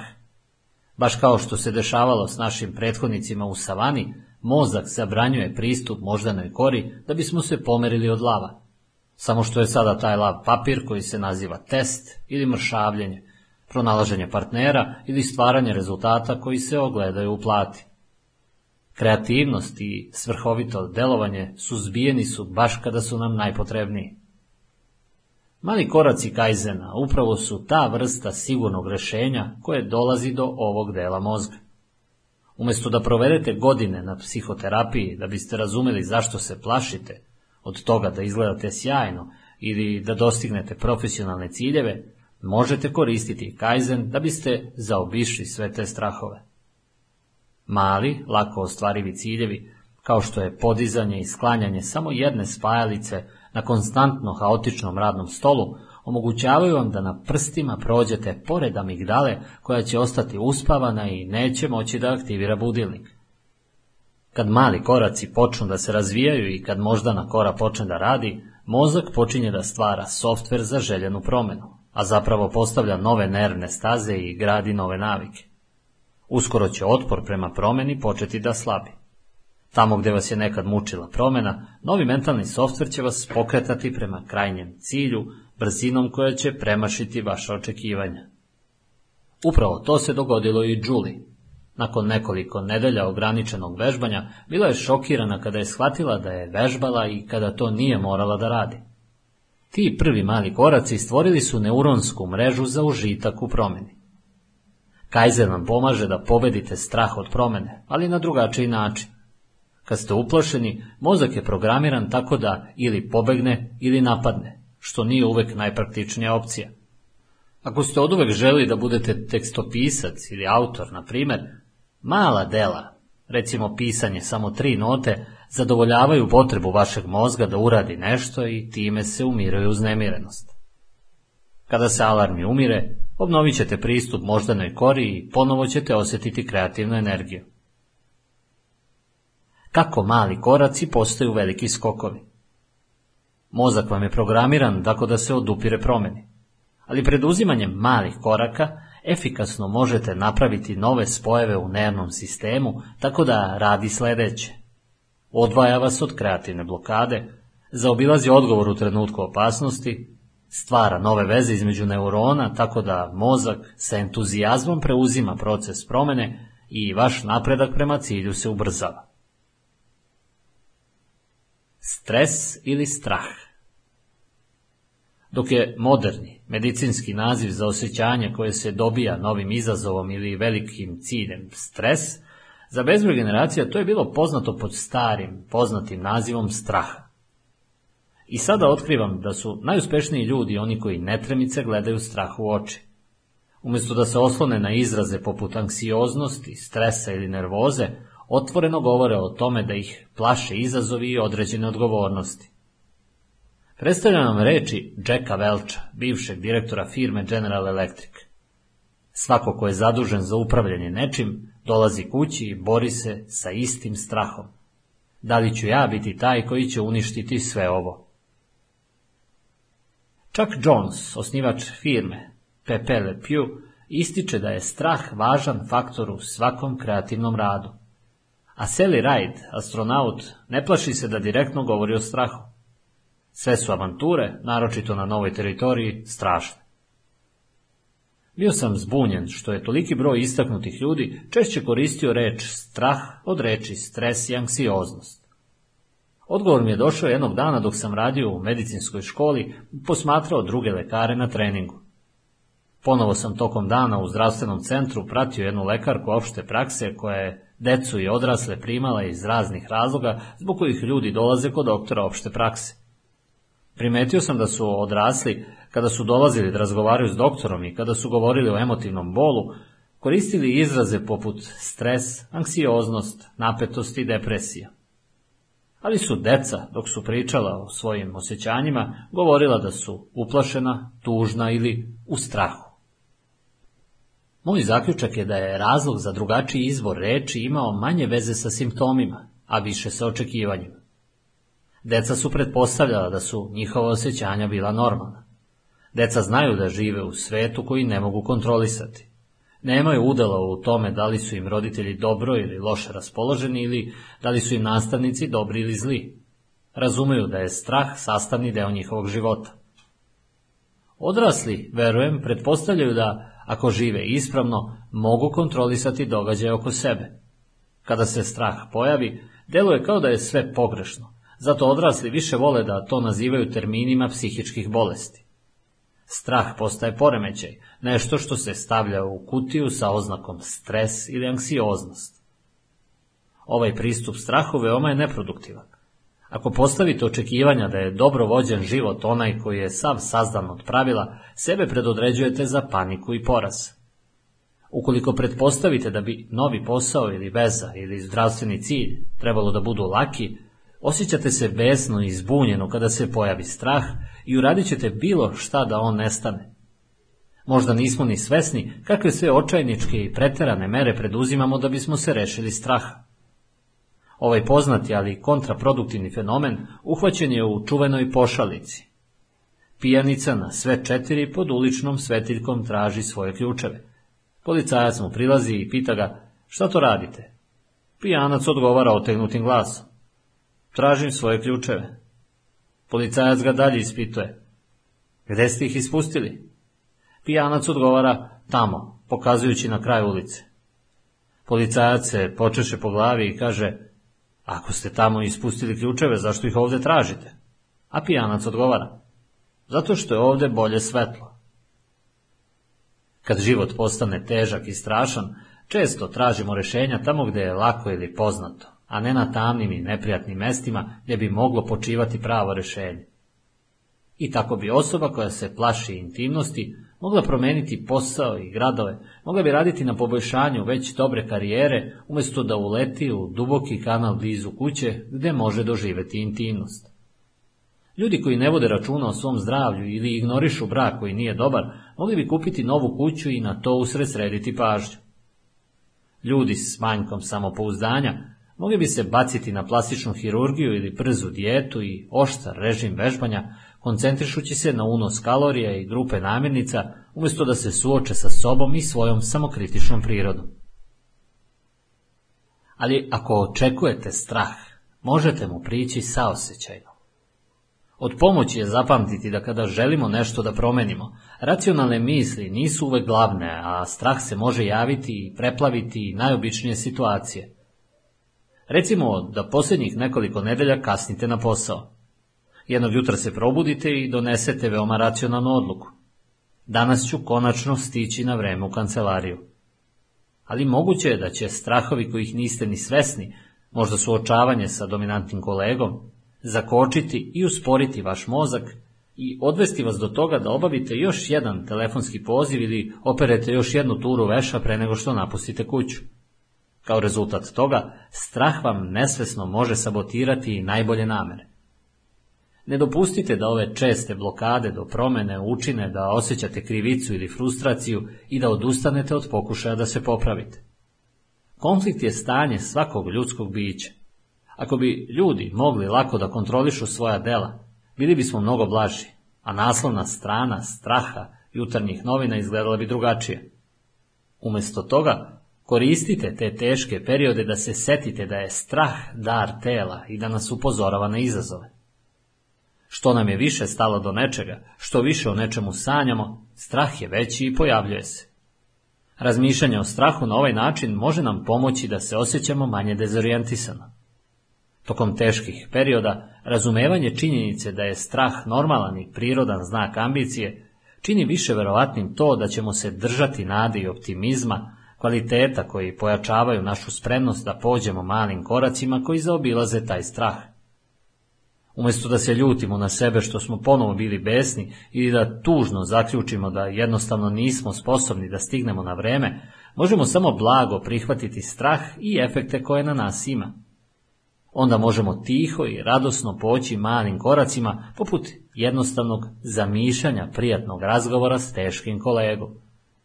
Na kraju će mali koraci poput ovih u našem mozgu stvoriti nove navike. U narednim poglavljima pokazat ću vam detaljno male korake Kajzena. Pomoću njih moći ćete da se suočite sa strahom, pa čak i da se promenite. Drugo poglavlje. Postavljajte mala pitanja. Mala pitanja stvaraju mentalno okruženje koje prihvata nesputanu kreativnost i zaigranost. Kad drugima postavljate takva pitanja, usmeravate kreativnu silu prema timskom cilju. Kad od sebe tražite male stvari, postavljate dobre temelje za lični program promene. Jedan od najmoćnijih načina da programirate svoj mozak jeste Kaizen tehnika postavljanja malih pitanja. Ovu ideju sam primenio u praksi kada me je angažovala firma za proizvodnju da pomognem menadžerima u poboljšanju rada nekih grupa koje su slabo radile. Gledao sam supervizora jedne od ovih grupa, nazovimo ga Patrik, kako vodi sastanak. Patrik je panično hodao napred-nazad pred svojim radnicima, glasno i silovito postavljao pitanje. Šta će svako od vas uraditi da bi naša kompanija bila najbolja u industriji? Ispitivanje je za Patrika postao čest ritual na formalnim sastancima, ali i u neobaveznim okupljanjima. Patrik se nadao da će osoblju uspeti da ubaci osjećaj odgovornosti i ponosa.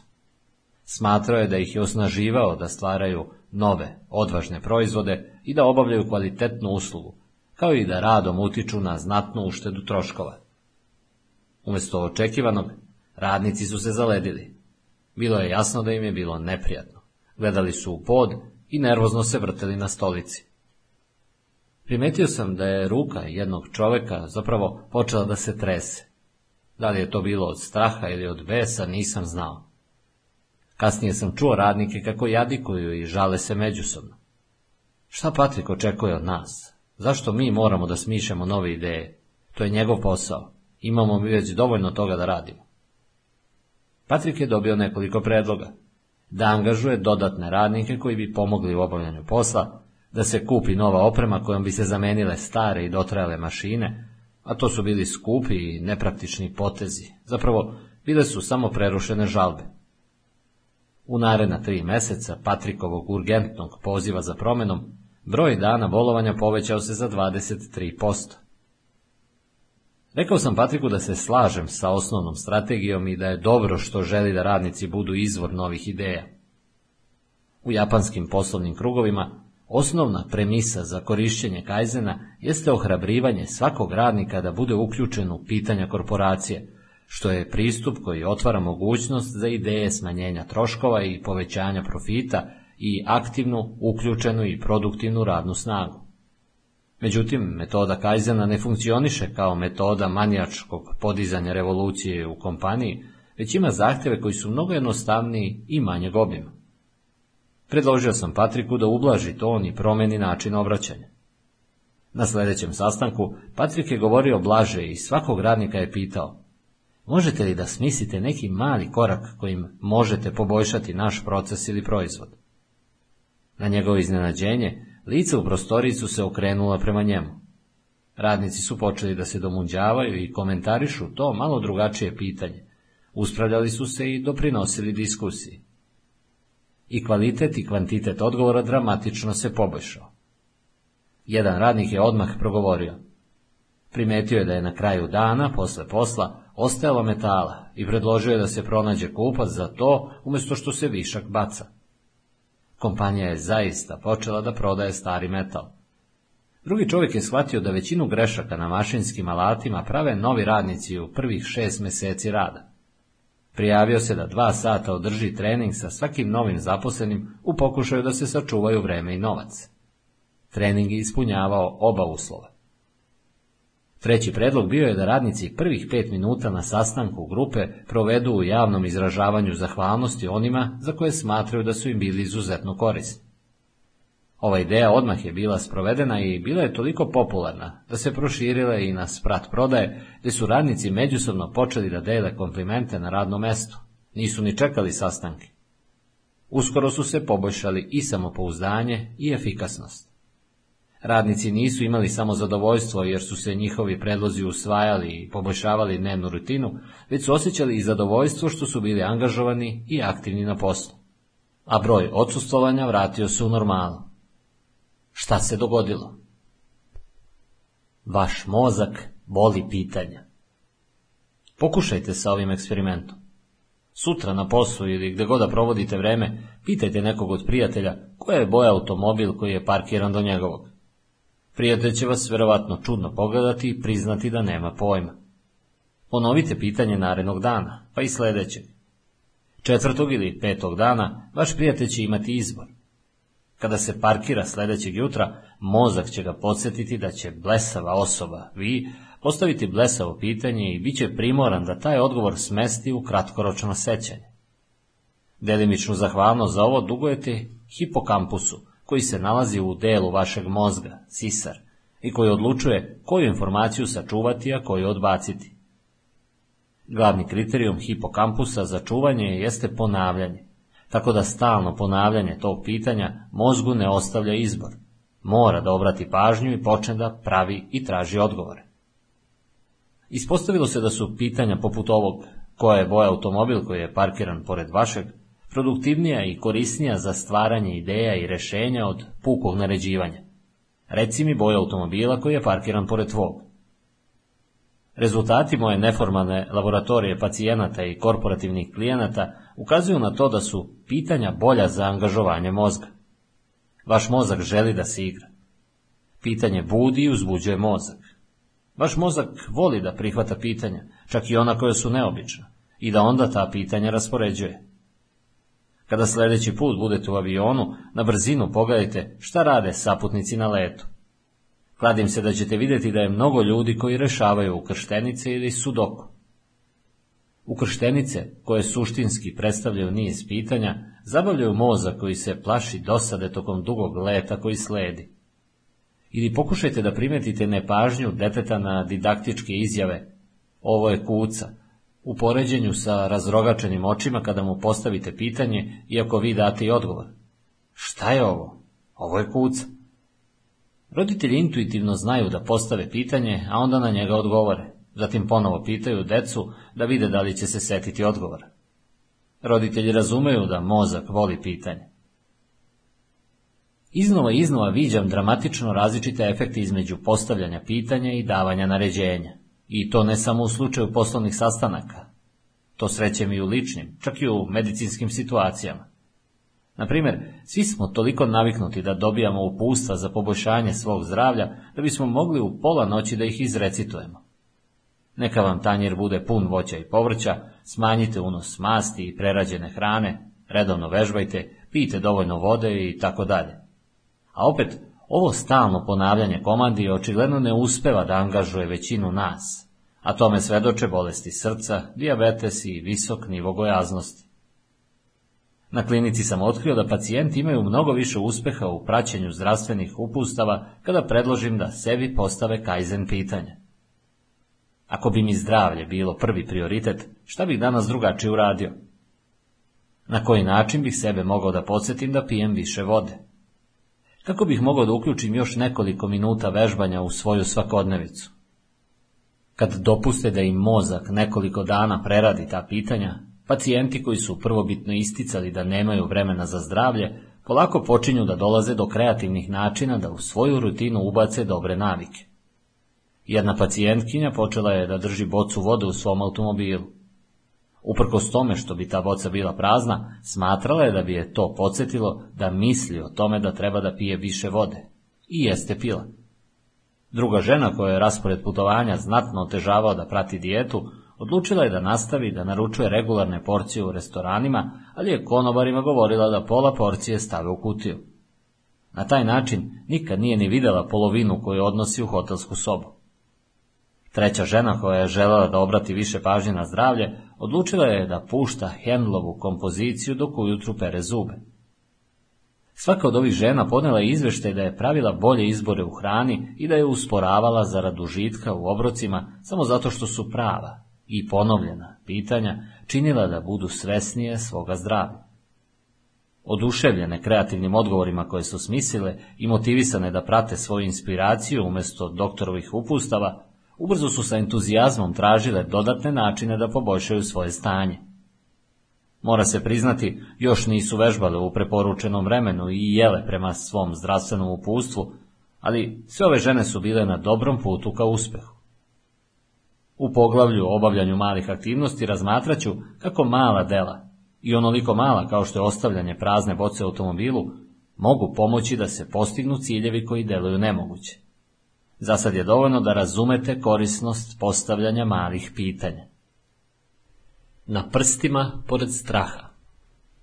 Naš mozak voli pitanja i neće ih odbiti, osim ako pitanje nije toliko krupno da izaziva strah.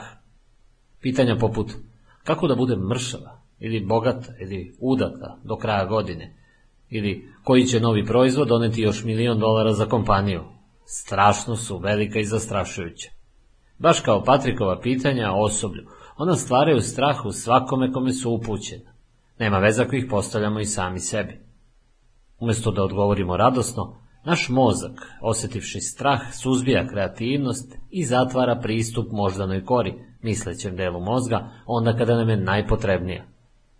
Jedna od korisnih strana mozga, sposobnost da u trenucima opasnosti pređe u zaključivanje koje treba da štiti, ovdje postaje ogroman nedostatak. Postavljanjem malih, blagih pitanja, reakciju bori se ili beži držimo ugašeno. Kaizen pitanja poput koji je najmanji korak koji mogu načiniti da budem efikasniji ili šta mogu da uradim tokom dana što mi oduzima samo pet minuta da smanjim svoj dug na kreditnoj kartici ili kako bih mogao da pronađem izvor informacija o obrazovanju odraslih u svom gradu, omogućavaju nam da zaobiđemo svoje strahove. Ovakva pitanja dopuštaju mozgu da se fokusira na rešavanje problema i, na kraju, možda i na akciju. Postavljajte pitanja dovoljno često i shvatit ćete da vaš mozak ta pitanja čuva, okreće ih i na kraju dolazi do interesantnih i korisnih odgovora. Iako mehanizmi kreativnosti, kako mozak proizvodi novu misao, u nauci ostaju prilično neistraženi, imam decenije iskustva u pomaganju ljudima da se pokrenu i udalje od zone komfora i da se kreću prema kreativnosti. Verujem da je sam čin redovnog postavljanja pitanja i strpljivog čekanja odgovora dovoljan za pokretanje moždane kore. Pitanje nije zahtevno, nije ni strašno, zabavno je. Tako da kada postavljate takva pitanja, vaša amigdala, mesto gdje se dešava reakcija bori se ili beži, ostaće uspavana, a moždana kora, uvek gladna dobrog provoda, probudit će se i preuzeće kormilo procesuirat će i usvojiti pitanje i na svoj čarovan način će, kada bude spremna, stvoriti odgovore. Koji mogu doći u trenutku dok se tuširamo, vozimo ili peremo sudove. Albert Einstein je jednom pitao, zašto mi najbolje ideje dolaze ujutru dok se brijem? Pitam se, da li je sebi postavljao mala pitanja, mislim koliko god mala pitanja o univerzumu mogu biti, danima, nedeljama ili mesecima, pre nego što su mu došle najbolje ideje. Neka vaša pitanja budu neprimetna. Tako ćete smanjiti šansu buđenja amigdale i podizanja straha koji parališe. Kada je strah miran, mozak može primiti pitanja i izbaciti odgovore na svom rasporedu. Mala pitanja i kreativnost Ako ste ikad imali posla s velikim, kreativnim projektima poput pisanja govora, znate koliko to može biti nezgodan i težak zadatak. Ubacite papir u štampač, sipate vrelu kafu, otvorite program za pisanje i pitate sebe kako bi otvaranje očaralo moju publiku ili kako mogu ubediti sto sumnjičavih radnika u plan koji nameravam da predstavim. I onda zurite u prazan ekran, vrpoljite se, suše vam se usta, počinje da vam se vrti u glavi. Iako niste svesni toga, vaša reakcija, bori se ili beži, ključuje se a to osjećanje koje biste mogli da nazovete kreativnom blokadom, u stvari predstavlja strah. Pitanje koje ste sebi postavili previše je krupno i zastrašujuće. Probudili ste svoju amigdalu, a vaša moždana kora se jednostavno ugasila. Michael Ondači, autor engleskog pacijenta, koristi mala pitanja kada se sprema da piše svoje romane. Nemam u glavi nikakve velike teme, kaže on, izjava koju ste možda čuli od drugih velikih pisaca. Nepočinjeni strahovito velikim pitanjima poput onih kakav bi lik fascinirao čitaoce. Umjesto toga uzima nekoliko situacija, poput avionske nesreće ili ideje da pacijenti i medicinska sestra uveče razgovaraju i sebi postavlja pitanja poput ko je taj muškarac u avionu, zašto je tamo, zašto pada, koja je godina. Od odgovora na mala pitanja, kaže on, dobija male fragmente, fragmente mozaika koji se spajaju i počinjete da otkrivate prošlost ovih junaka i pokušavate da im izmislite prošlost. Odgovori na njegova mala pitanja na kraju ga odvedu do zaokruženih, realističnih junaka i do romana koji dobija nagrade. Uprkos tome što možda niste romanopisac, mala pitanja mogu vam pomoći da smirite strah koji utišava kreativnost u drugim oblastima života. Razmislite kako je, recimo, napravljena mikrotalasna rearna. Perry Spencer nije sedeo u kući, kuckao prstima i lupao se po čelu razmišljajući kako, kako mogu da izumem uređaj koji će doneti revoluciju u kuhinjama širom sveta. Spencer, inženjer u Raytheonu, bio je na poslu jednoga dana kada je ostavio čokoladu blizu neke opreme. Užina se istopila i on se zapitao zašto bi ovaj radar imao takav efekat na hranu. Mala pitanja odvela su ga do drugih malih pitanja, čiji su odgovori na kraju promenili način na koji vi i ja spremamo i grejemo večeru. Savet za Kaizen Želite da uradite nešto kreativno, da napišete priču ili pesmu, naslikate nešto, smislite savršenu karijeru ili dođete do rješenja za određeni kancelarijski problem, ali nemate predstavu odakle da počnete. Mozak vam je stalno prazan. Tokom takvih perioda Kaizen nam može pomoći da povratite inspiraciju ili da do nje dođete. Iako ne možete naterati mozak da po zahtevu iskašlje kreativne ideje, Možete ga programirati da dolazi do procesa imaginacije tako što ćete sebi postavljati mala pitanja. Evo nekih najpopularnijih pitanja koja moji klijenti koriste za brži dolazak u stadijum kreativnosti. Slobodni ste da smislite i svoja. Kako god pitanje da postavite, imate izazov da to činite blago i strpljivo. Kada koristite oštar ton koji je previše strog, strah će zagušiti kreativni proces. Koja je to stvar kojom želim da doprinesem svetu svojim delom, knjigom, pesmom, poezijom ili slikom? Od koga bih mogao potražiti pomoć ili inspiraciju? Što je posebno povodom kreativnog procesa, mojih talenata, poslovnog tima? Kakav posao bi me uzbudio i ispunio? Ne zaboravite, ako tokom nekoliko dana ili nedelja, koliko god je potrebno, ponavljate pitanje, hipokampus, deo mozga zadužen za čuvanje informacija, neće imati izbora, morat će da mu posveti pažnju.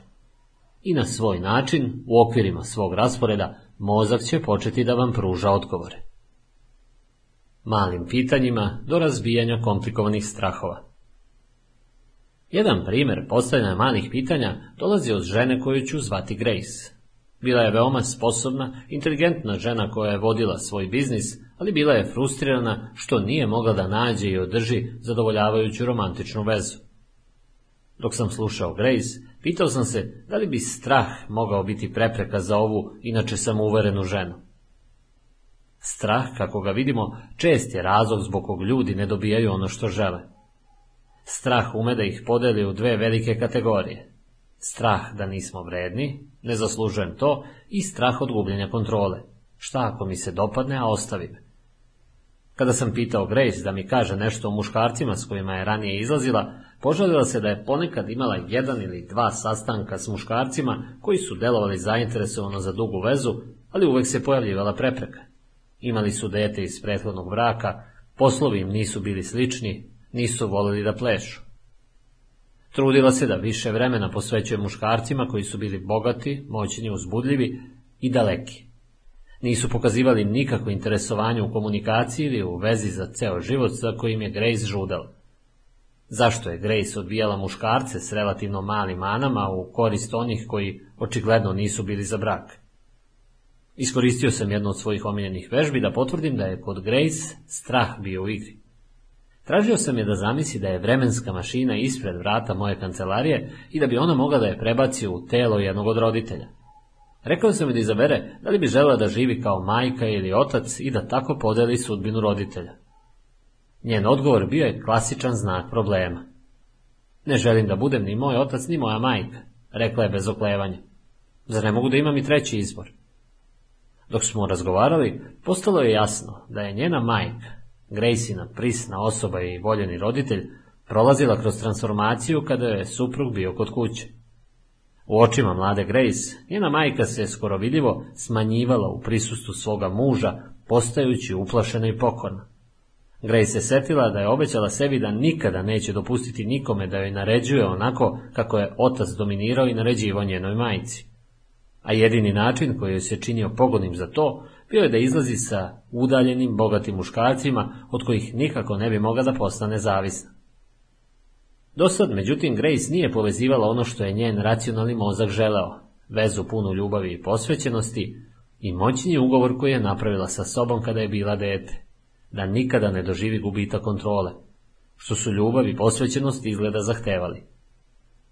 Počela je da uviđa da je njen problem bio mnogo komplikovaniji nego što je mislila i plašila se više nego što je bila spremna da prizna.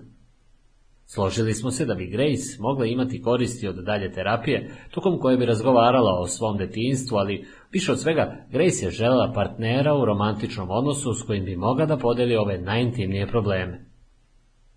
Da bi se to dogodilo, objasnio se me, moramo preduzeti male korake kojima bismo Grace pomogli da savlada svoje strahove. Veliki koraci bili bi previše strašni i sve bi joj se moglo vratiti. Kao poslovna žena, Grace je bila intrigirana idejom poboljšanja malih stvari i pristala je da prati moje predloge, iako su zvučali besmisleno trivialni. Tražio sam od Grace da mi opiše svoj savršeni posao i šta bi voljela da radi za tri godine kada je reč o karijeri. Spremno je odgovorila i imala je potpuni opis svojih ciljeva, snova i metoda za postizanje svega. A onda sam joj tražio da opiše idealnog muškarca i kako bi se odigravao savršeni dan s njim. To nije mogla da uradi. Strahovi joj nisu dopuštali, a da dopusti sebi da bude ranjiva u ljubavnom životu, bilo je toliko strašno, da nije mogla čak ni da zamisli srećan dan s nekim muškarcem koji bi je stvarno volao. I tako smo počeli postavljanje malih pitanja, oni koja nisu bila toliko strašna, a koja bi joj pomogla da dođe do definicije dobrog muškarca, dok izbegava svoju snažnu reakciju straha. Prvo je trebalo da dva minuta dnevno sebe pita kakav bi bio moj idealni partner. Ovo je za Grace u početku bilo teško, na njeno iznenađenje, i morala je mnogo da vežba da bi uopšte došla do nekakvih odgovora ali dok su joj se pitanje usađivalo u maštu, dobijala je više samopouzdanja i mogla je da dopre do iskrenih odgovora. Zatim sam je tražio da mi jednom dnevno pošalje glasovnu poruku koja sadrži odgovor na još jedno pitanje. Kakav biste mali znak pažnje voljeli sad da dobijete od svog idealnog partnera? Za ovo ne bi bilo toliko teško pronaći odgovor da se radilo o osobi koja je odrasla u porodici s roditeljima koji su joj svakog dana davali primjer brače dobroti i poštovanja, ali za Grace je to bio izazov. Želeo sam da pružim Grace moć maštanja u muškarcima kako bi mogla da razvije zdrave želje. Nastavila je da se pita dok mozak nije počeo da radi prekovremeno radi pribavljanja odgovora. Otkrila je da je, pored ostalih stvari, željela neko ko misli da je lepa i ko bi joj to i govorio. Neko ko bi volao da ide s njom kući za Božić i ko bi pio umereno ili ne uopšte. Dok joj se mozak privikavao na tu igru, odgovori su postajali bistri i sređeniji. Mogla je da identifikuje kakvu vrstu pohvala je želela za svoj izgled ili ostvarenja i kad ih je želela. Postala je svesna toga kada je želela da idealna muškara sluša, a kada je želela da bude udaljena od njenih trenutnih briga. Kad je počela da zamišlja bolje veze i da istražuje svoje žudnje, počela je i da gradi specifične namere kako bi ostvarila svoje potrebe. Složili smo se da bi mogla da počne malim koracima koji bi povećali njene šanse za upoznavanje nekog muškarca. Umjesto da jede samo u kancelariji, odneće svoj ručak tamo gde svi jedu. Neće flertovati ili pokušati da sedi pored privlačnog muškarca. Samo će sebe staviti u promet. U isto vreme tražio sam joj da razmisli odgovoru na ovo pitanje. Ako bih bila sto posto sigurna da mi princ dolazi za mjesec dana, šta bih danas radila drugačije? Grace je oduvek održavala visoke standarde kada je u pitanju fizičko zdravlje, ali sada je počela da se oblači s dodatnom pažnjom i da se hrani još zdravije. Suštinski pripremala se za svog idealnog muškarca. Još jedno pitanje pomoglo je da pokrene interesovanje i napusti sigurnost svoje kancelarije i svog stana. Ako pretpostavimo da idealan muškarac deli tvoje interesovanja, gdje bi želela da ga upoznaš? Grace je odlučila da bi volila da ga upozna u teretani, zato što bi to bio odraz interesovanja za zdravlje. Na poslovnoj konferenciji, zato što je želela da izlazi sa muškarcem koji deli njene ambicije, ili u crkvi, zato što je želela nekog kome je stalo do duhovnih potreba. Kaizen savet Neki od mojih klijenata, uključujući i Grace, cvetaju kada se od njih traži da ostavljaju odgovore na mala pitanja. Ali nemaju svi terapeut, niti svaki terapeut voli pretrpanu govornu poštu. Ovi ljudi bi mogli da pokušaju da pozovu prijatelja ili rođaka. Ako je to previše strašno, postoji opcija da se odgovori zapišu u dnevnik ili da se ostavi poruka na svojoj govornoj pošti. Šest mjeseci posle početka terapija, Grace je u crkvi upoznala divnog muškarca. Davao je komplimente, volio je da razgovara i bio je spreman da se veže. Venčani su pet godina i, sudeći po božićnim razglednicama koje dobijam svakog praznika, stvari se dobro odvijaju. Naravno, život ne donosi uvek ovako jasne i čiste rezultate. Ali iznova i iznova vidim kako mala pitanja utiču na sreću i idu u korist ljudima. U slučaju Grace, mala pitanja omogućila su joj da zaobiđe strah i da dovoljno jasno definiše šta želi, a da joj to donese sreću i radost kada se pojavi. Negativna pitanja. Toksična mentalna mešavina. Moć pitanja da oblikuje iskustva i ponašanja nije ograničena samo na dinamičnu i produktivnu stranu. Bezbroj puta sam čuo svoje klijente kako sebi upućuju bolno, teška i stroga pitanja. Možda ste se nekad našli u situaciji da izgovarate nešto poput Zašto sam toliki gubitnik? Kako je moguće da sam toliko glup? Zašto je svima život lakši nego meni? I ovakva pitanja imaju snagu da uključe mozak i da bespoštedno obasjaju užarenom, belom svetlošću mane i greške. One stvarne, ali i one umišljene i preterane. Ovakva pitanja rasplamsavaju intelektualnu energiju, da, ali ta energija onda služi da istakne nedostatke i rasprši slabosti. Kad čujem klijente, naročito one kojima sasvim očigledno nedostaje samopouzdanja kako sebe muče i kinje ovako, tražimo njih da iskoriste drugu kaizen tehniku. Da jednom dnevno pozovu moju govornu poštu i kažu mi jednu pozitivnu misao koju su imali o sebi ili jedan pozitivan čin u kojem su učestvovali, bez obzira na to koliko to bilo malo. Za mjesec dana većina klijenata rekla je da su problemi koji su ih isprva i doveli na savjetovanje postali manje opterećujući. Isto tako počinju da posmatraju terapiju u pozitivnijem svetlu kao putovanje za koje je potrebno hrabrosti i izdržljivosti, a ne kao proces u kojem neko treba da ispravi njihove mane. Kaizen savjet. Ukoliko imate običaj da mučite sebe negativnim pitanjima, zašto sam tako debeo, pokušajte da ih preformulišete. Koju stvar danas volimo u vezi sa sobom? Svakodnevno postavljajte ovo pitanje, odgovor zapisujte u dnevnik ili na papir koji držite na posebnom mestu namenjenom tome. Mala pitanja za druge. Jednom sam otišao u srednju školu u Los Angelesu sa grupom stažista medicine koji su učili da postanu kućni lekari. Istina je da adolescenti mrze da idu kod doktora i do tog trenutka smo svi prepušteni borbi sa nekomunikativnim i nadurenim tinejdžerima. Ovo je bilo naročito frustrirajuće doktorima koji su želi da s decom razgovaraju o veoma važnim pitanjima poput korišćenja droga, seksa i pušenja, ali su osjećali da njihovi mladi pacijenti nisu bili dovoljno koncentrisani i uključeni u diskusiju. Ali to su tinejdžeri, svi smo mislili. Tu se ne može ništa uraditi. Ali onda sam shvatio da tu decu niko nikad nije pitao kako da posete lekarima budu manji deo obaveze. I onda smo otišli u okruženje koje je bilo poznatije njima nego nama, u njihovu učionicu.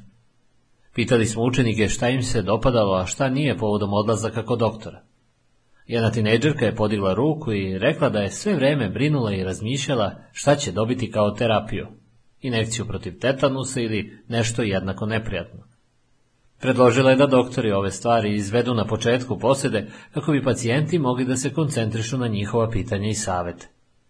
Kad su deca oko nje počela da saglasno klimaju glavom, odlučili smo da prihvatimo ovaj predlog i pokazao su uspješnim. Doktori stažisti su bili malo iznenađeni i postiđeni kada su drugi učenici rekli da više vole da roditelji budu s njima. Doktori su pretpostavili da su tinejdžeri prisustvo roditelja smatrali sramotnim i da bi mladi doktor bio cool kao alternativa. U još jednom preokretu koji otkriva večno kontradiktornu prirodu adolescenata, drugi učenik želeo je da im doktori daju broj telefona kako bi deca mogla da ih pozovu ako imaju pitanje, da ne moraju to da rade preko roditelja. Svaki od medicinskih stažista u grupi bio je, neupitno, posvećen tome da adolescenti postanu zdravi i čili odrasli ljudi. Ali veoma mali broj njih video je članova ove grupacije izvan medicinskog konteksta. Njihova spremnost da se s njima nađu u školi i postave i mala pitanja suštinski je sastojak osnove kajzena. Poštovanje prema drugima, čak prema onima čije odgovori i ponašanja mislimo da ne razumemo. Kajzen pitanja možete koristiti na sličan način. Znam jednu direktorku škole koja redovno traži od sekretarice da je obavesti kada god neko napusti njenu kancelariju na mrgođen ili nezadovoljan. Ova veoma cijenjena direktorka zna da mnogi ljudi, učenici kao i njihovi roditelji, mogu biti ranjivi kada su poslati u kancelariju i ne otvaraju se i ne pokazuju uvek osjećanja. Rade to tek kada izađu. Time što je sekretaricu uključila u svoj tim, direktorka može imati bolji uvid u stanje te dece i odraslih. Mnogo uspešnih šefova voli da postavlja ovakva pitanja asistentima ili recepcionerima. Postoji li neko malo poboljšanje koje bi klijenti, kupci, osoblje želeli od mene? Da bismo bili sigurni da ćemo dobiti iskren odgovor, važno je odmah nagraditi iskrenost i uvek sprovoditi diskreciju. Poznajem čak jednog advokata koji redovno okuplja radnike koji rade na održavanju i koji voli da čuje njihovo mišljenje i predloge. Ispitivanje drugih može biti od koristi kada imate problem da odredite svoje potrebe. Jedna žena koju poznajem bila je nezadovoljna svojim brakom, ali kada se me pitao šta je želela od svog muža, samo me je bledo gledala. Ova žena podigla je dvoje dece koji su sada bili na koleđu, čuvala je i negovala svoje roditelje u njihovim posljednjim godinama i podržavala svog supruga u karijeri. Mnogo toga je učinila, ali je bila fokusirana na to šta njena deca i suprug i roditelji žele od nje, toliko da je sebe skinula s dnevnog reda. Bila je besna zbog načina na koji se suprug odnosio prema njoj, ali jedva da je mogla opisati kako bi želela i volala da je tretira. I zato je svoje prijateljice koje su bile srećno udate pitala sledeće. Recite mi jednu stvar koju vaš suprug čini, a koja vas usrećuje. Napravila je spisak opcija zahvaljujući njihovim odgovorima i na kraju je uspela da pronađe i svoje. Naleteo sam na mnogo ljudi koji su bili nesrećni u svojoj karijeri, ali koji nisu mogli da ospise šta bi radili. Mnogi su bili odgajani tako da misle da je posao samo način da se zaradi novac i ništa više. Mozak im nikada nije bio programiran da odgovori na pitanje kakav posao bi mi mogao doneti ponos i zadovoljstvo. U ovom slučaju predlažem da pronađete prijatelje koji uživaju u svom poslu i da ih pitate koji vas aspekt posla čini srećnim. Odgovori mogu stimulisati misli o izvorima zadovoljstva na poslu. Nadam se da ćete stvoriti kajzen naviku postavljanja malih i pozitivnih pitanja. Kada započinjete, ne zaboravite da vam je mozak programiran za kreativnost, stoga izaberite neko pitanje i neprestano ga ponavljajte nekoliko dana ili nekoliko nedelja. Umesto da zaledite svoj mozak krupnim naredbama i besnim zahtevima, iskusit ćete produktivnost mozga koji osjeća prijatnost izazova. Ako vam je cilj da dođete do nekakvog kreativnog prodora ili do samo jedne ideje za poboljšanje, možda ćete biti gotovi čim dobijete željeni odgovor. Ali ako pokušavate da ostvarite težak ili zastrašujući cilj, malo pitanje moglo bi predstavljati samo korak prema promeni. U ostatku ove knjige predložit ću još mnogo strategija, sigurnih i blagih za ostvarivanje snova. Kaizen tehnika Vežba malih pitanja. Naredna pitanja kreirana su tako da stvore kajze naviku postavljanja malih pitanja. Neka su konkretno vezana za ciljeve. Neka vas vode do prakse stalnog traženja poboljšanja u različitim kategorijama života. Kada počnete, ne zaboravite da radite na reprogramiranju svoga mozga i da je potrebno vreme da se razviju nove mentalne staze. Stoga izaberite pitanje i neprestano ga nekoliko dana ili nedelja postavljajte sebi. Pokušajte da redovno postavljate sebi to pitanje, možda svakog jutra dok pijete kafu, svaki put kad uđete u automobil ili svako veče pre spavanja. Uzmite u obzir mogućnost da svoje pitanje napišete na papiru koji ćete zalepiti na noćni stočić ili na tablu ili aparat za kafu. Evo nekoliko ideja koje vam mogu pomoći da počnete putovanje. Slobodni ste da smislite i svoje verzije. Ako ste nezadovoljni, a niste sigurni zašto se tako osjećate, pokušajte sebe da pitate. Ako bih imao garanciju da neću propasti, šta bih drugačije uradio? Neobičnost ovog pitanja garant je da će vam mozak odgovoriti iskreno i mogao bi stvoriti iznenađujuće odgovore koje bi vaše ciljeve učinili jasnim. Neko ko je u problemu na poslu mogao bi otkriti da zaista želi da da otkaz i da se umjesto do tadašnjeg posla bavi arhitekturom. Neko bi mogao biti šokiran jer je sve što želi samo hrabrost da svom šefu traži da se ujutru javlja, da kaže makar zdravo. Ukoliko pokušavate da dođete do određenog cilja, svakoga dana postavljajte sebi sledeće pitanje. Koji je to jedan mali korak koji bih mogao učiniti kako bih se približio svom cilju? Bilo da ovo pitanje postavljate naglas ili u privatnosti sobstvenih misli, molim vas da budete blagi, Govorite onako kako biste to rekli voljenom prijatelju. Setite se Patrika, menadžera u proizvodnji, koji je otkrio da preterani, naglašeni nastup nije doneo koris niti proizveo kreativne odgovore. Činjenica je da u svetu biznisa korporacija nikada ne sme upasti u stanje spokojstva, već uvek mora tragati za načinima koji bi je poboljšali. Često žudim za tim da više ljudi primenjuje ovu filozofiju na veze, karijeru i telo, umjesto da ove darove uzima zdravo za gotovo. Ako ste zadovoljni svojim životom, ali biste voljeli da budete u pripravnosti kada je reč o boljitku, možete sebi postaviti malo drugačiju verziju gore navedenog pitanja.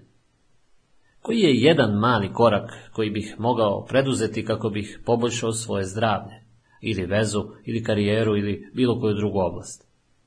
Ovo pitanje je takvo da ostaje otvoreno, daje mozgu dovoljno prostora za igru.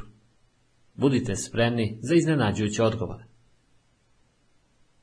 Često svoju pažnju usmeravamo na ljude za koje mislimo da su najvažniji, na glavne zaposlene, problematično dete, partnere, što nas vodi ka tome da ignorišemo druge koji bi mogli imati dragocen utjecaj na nas. Pokušajte sebe da pitate, postoji li osoba na poslu ili u mom životu čiji glas ili komentar odavno nisam čuo? Koje bih malo pitanje mogao postaviti toj osobi? Ovo pitanje je za svakoga ko ima nezgodan konflikt s nekom osobom, bilo da je u pitanju šef, zaposleni, rođak ili komšija i ko pokušava da prevaziđe taj problem. Svakoga dana pitajte sebe, koja je jedna dobra stvar u vezi sa ovom osobom? Možda ćete uskoro uočiti dobre strane s jasnoćom i istom preciznošću kao što vidite i njihove slabosti.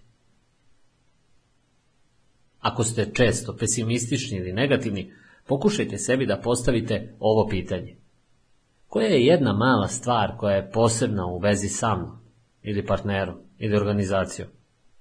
Ukoliko neko vreme budete sebi postavljali ovo pitanje, programirat ćete svoj mozak da traži i gleda ono što je dobro i ispravno, a možda na kraju rešite da zablistate u novim aspektima, možda u novoj marketinškoj kampanji na poslu ili nudeći ideje za porodične aktivnosti kod kuće. Treće poglavlje. Imajte male misli. Lagana tehnika vajanja uma koristi male misli, koje vam pomažu da razvijete nove društvene, mentalne, čak i fizičke veštine, samo time što ćete zamišljati sebe kako ih obavljate i izvodite. Često nam govore da je najbolji način za promenu prvo krenuti stopalima i zaleteti se napred, u nadi da će nas inercija preneti pored straha i otpora. U fitnessu ova ideja preuzima oblik popularnih opomena. Samo to uradi. U izlascima, vezama, prezentacijama kažu nam pokušavaj dok ne uspeš. Ali zamislite stidljivu osobu koja pokušava tako što odlazi na koktel žurke sama, pozdravlja se sa neznancima i pretvara se da je šarmantna i puna samopouzdanja.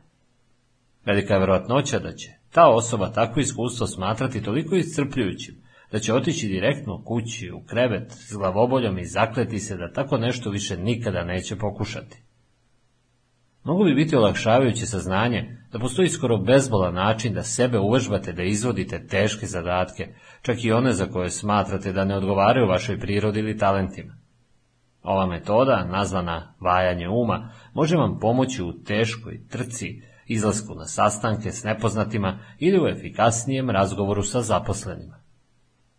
Vajanje uma koristi posljednju i najmoderniju nauku neurologije koja govori da mozak ne uči najbolje u velikim i dramatičnim dozama, samo to obavi, već kroz male porcije, manje nego što bi neko poverovao da je moguće.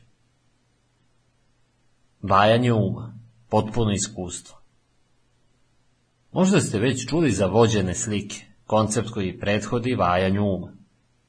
Tradicionalno, psiholozi koji pacijente uvode u vođene slike traže im da zatvore oči, duboko dišu i zamisle sebe u bioskopu, pred ekranom. Pacijenti bi onda trebalo sebe da vide na ekranu, kako sa samopouzdanjem i perfektno izvode veštinu koju žele da poboljšaju, bilo da je u pitanju mahanje štapom za golf ili prezentacija. Takva vrsta vođenih slika postigla je ograničene rezultate. Kasnije su rezultati pozitronske emisione tomografije potvrdili da je ovakva praksa aktivirala samo mali deo mozga, vizualni korteks, gdje se dešavaju vizualne informacije.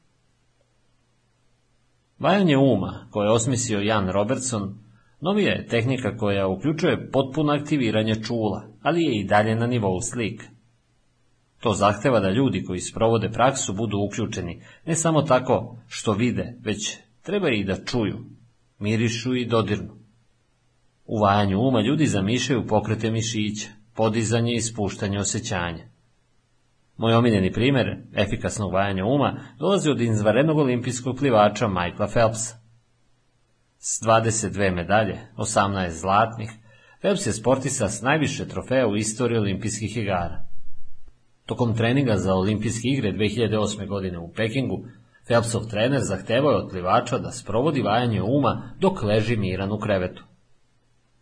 Upućivao je Phelpsa da zamišlja sebe kako počinje, kako čuje signal, odguruje se od ivice, kako moćno i lagano prolazi kroz vodu i na svakom zidu se savršeno okreće.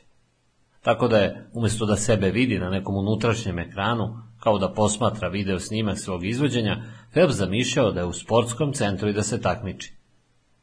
Kao i oni koji su pre njega koristili vođene slike, koristio je vizualnu imaginaciju. Možete pokušati nešto slično odmah.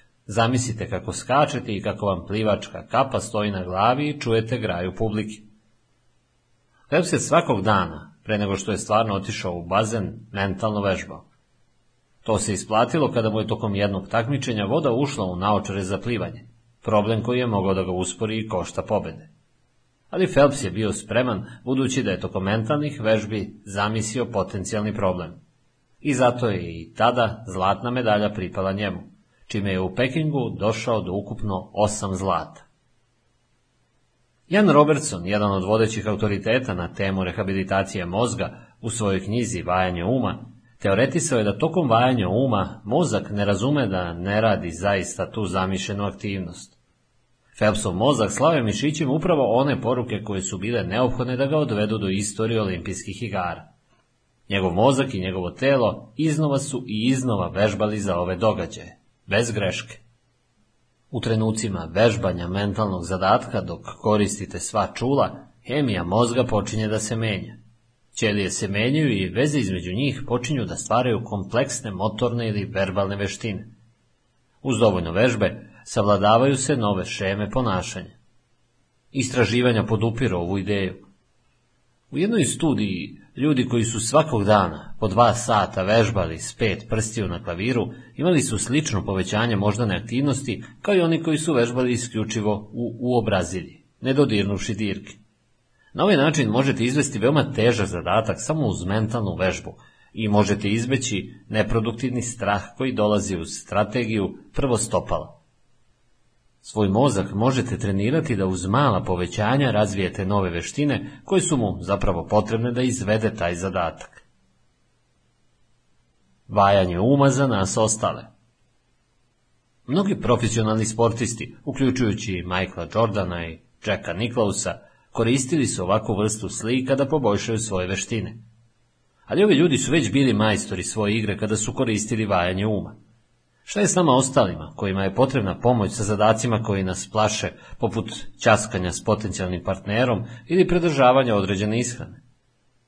Ova mala Kaizen strategija u stvari je savršena za svako ko se borio da postigne cilj koji mu je van domašaja. Razlog leži u činjenici da je to tako siguran, prijatan korak koji vam omogućava da prođete i zaobiđete sve mentalne prepreke koje su vas inače zadržavale.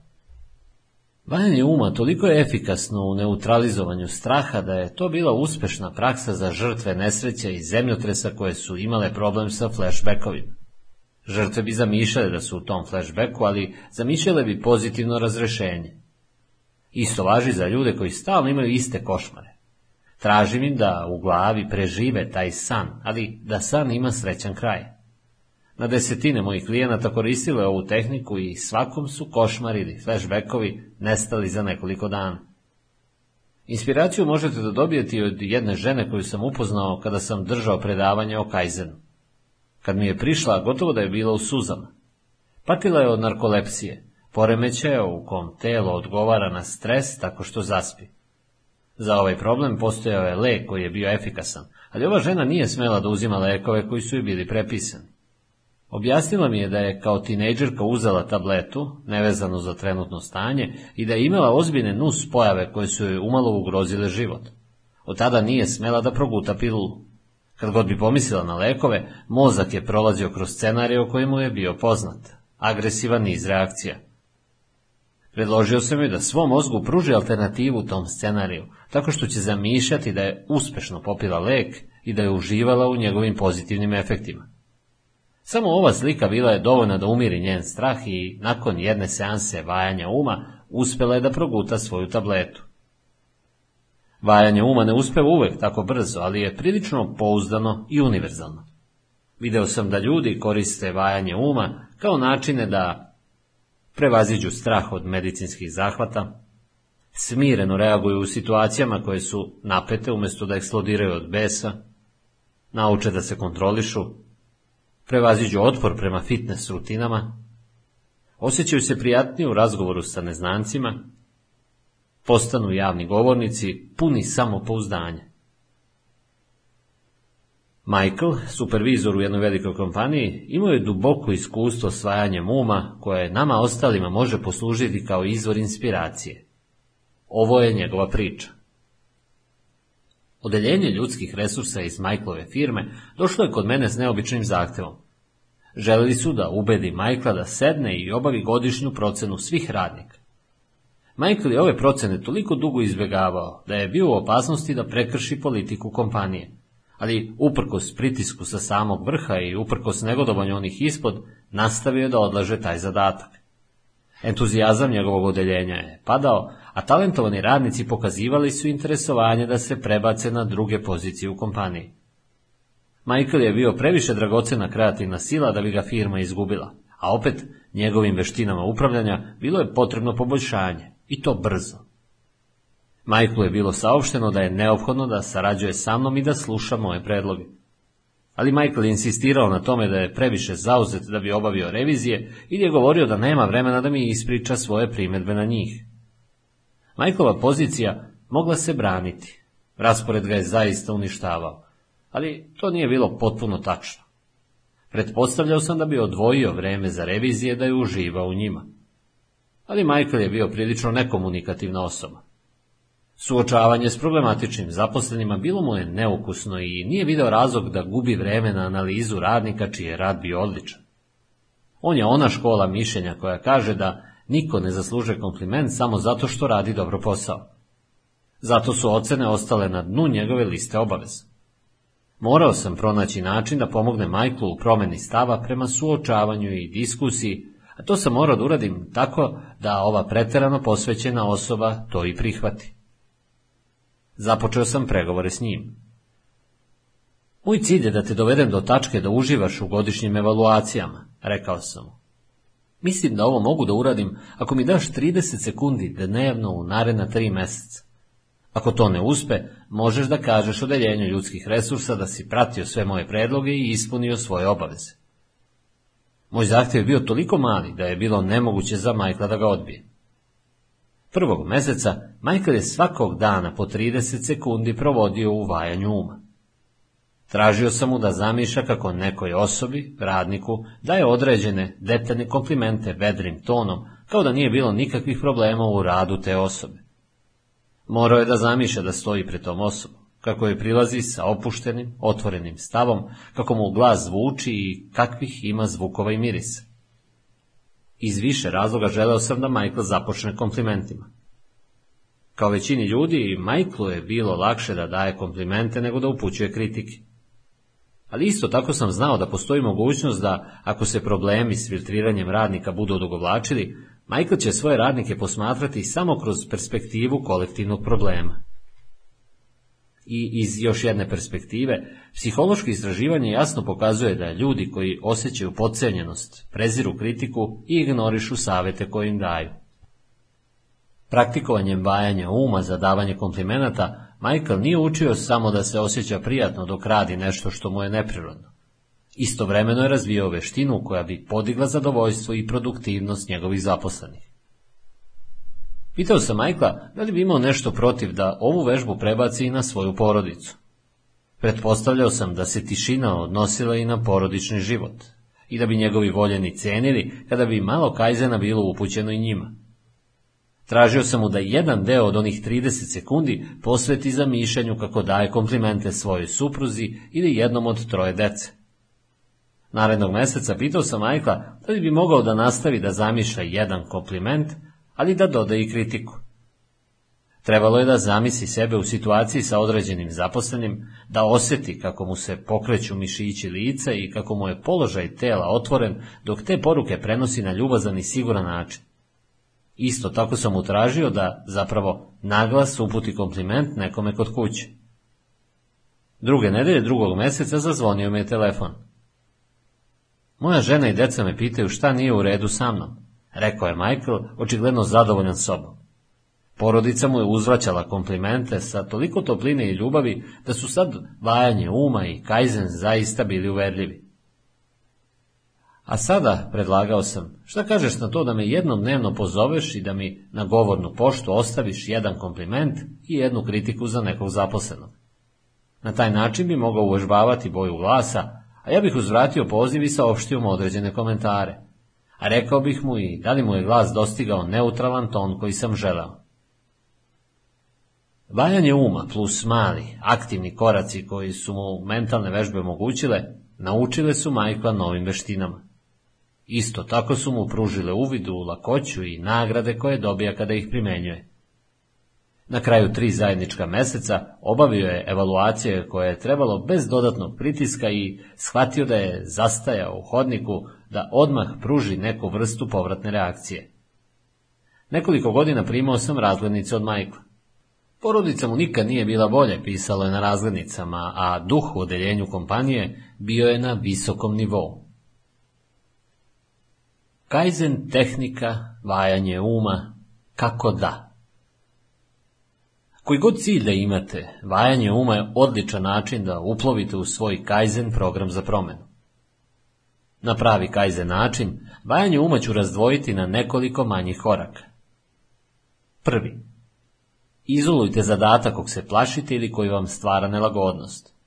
Pokušajte sebi da pružite makar mesec dana pre nego što zaista sprovedete ovu aktivnost. Drugi. Odlučite koliko ćete sekundi biti spremni da posvetite svakoga dana vajanju uma za taj zadatak. Morate zadatku odrediti sekunde, ne minute ili sate. Vremenska odrednica trebalo bi da bude toliko mala da možete svakodnevno da ispunjavate zadatak. Ponavljanje je ključno, šta god da radite stalno, makar i samo nekoliko sekundi dnevno, mozak odlučuje da je to sigurno važno i tako počinje da uključuje ćelije u novo ponašanje. Treće, kad budete spremni da vežbate vajanje uma, sedite ili lezite na neko mirno mesto i zatvorite oči. Četvrto, zamislite da ste u teškoj ili neprijatnoj situaciji i pogledajte oko sebe. Šta vidite? Kakvo je okruženje? Ko je tamo? Kako izgledaju ti ljudi? Vidite izraze na njihovom licu, odeću koju nose, njihovo držanje. Peto. Sada maštu prebacite i na ostatak čula. Kakvi su zvuci i mirisi, ukusi i teksture oko vas? Šesto. Ne pomerajući mišić, zamislite da izvodite taj zadatak. Koje ćete reči koristiti? Kako vam glas zvuči i kako se provlači kroz vaše telo? Koje fizičke pokrete pravite? Sedmo. Zamislite pozitivan odgovor na svoju radnju. Ako vajate um za javni govor, na primjer, vidite kako se publika pomera prema vama u sedištima, kako izgleda zainteresovano i spremno sluša. Čujte zvuk pomeranja olovke na papiru, jer neki entuzijasti beleže najzanimljivije detalje vašeg govora. Osmo. Kada vreme određeno za vajanje uma postane rutinsko, čak zabavno, možda ćete shvatiti da automatski i sa entuzijazmom izvodite aktivnost koja vam je bila teška. Ali ako niste spremni za pravu stvar, to je potpuno u redu. Nikada nemojte siliti proces Kaizena. Funkcioniše samo ako dopustite da se promjena desi prirodno i nesputano. Umjesto toga, mogli biste povećati vreme koje posvećujete vajanju uma, ali i to bi trebalo da bude lagano, možda samo 30 sekundi. Trebalo bi ritam i dužinu da povećate samo kad prethodni stupanj vajanja uma postane toliko potpuno prirodan da se i ne trudite. Ukoliko počnete da pronalazite izgovore da ne vežbate vajanje uma ili shvatite da to zaboravljate, morate skratiti vreme. Deveto. Kada se budete osjećali lagodno za obavljanje ovog zadatka, a možda će biti potrebni dani ili nedelje, čak i duže, zamislite najgori mogući scenario i kako biste na taj scenario reagovali. Govornik bi mogao da osjeti kako nervozni znoj curi niz lice kada primeti da se publika dosađuje i kad čuje da međusobno razgovaraju. Onda bi mogao zamisliti kako bi želeo da govori, gestikuliše i kako bi se u takvoj situaciji osjećao. Deseto. Kad budete spremni da izvedete pravi zadatak, prvo pokušajte malim koracima. Da nastavimo s primjerom javnog obraćanja. Razmislite da prvo naglas govorite, ali u praznoj sobi ili pred jednom saosećajnom osobom. Prvi korak ili bilo koji korak.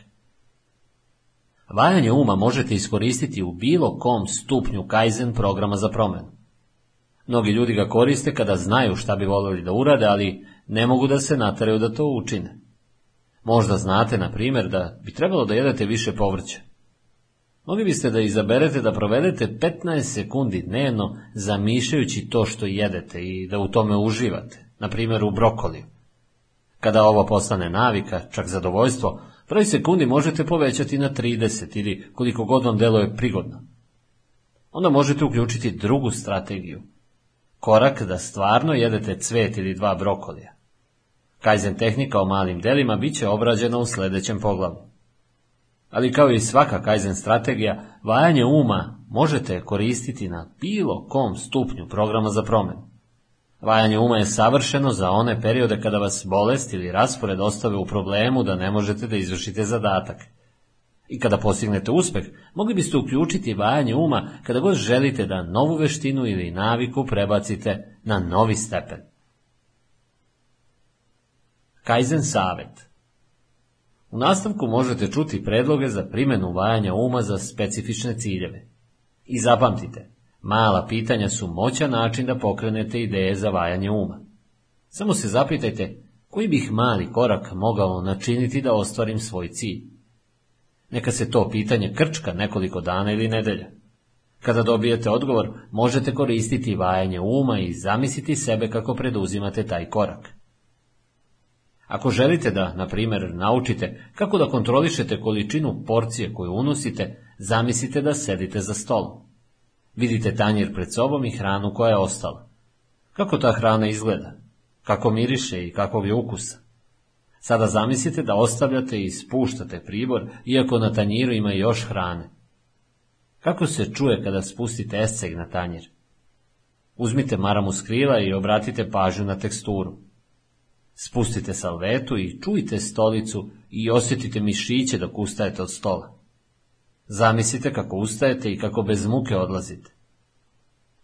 Ako vas bes prema sebi blokira na putu promjena, pokušajte ovako.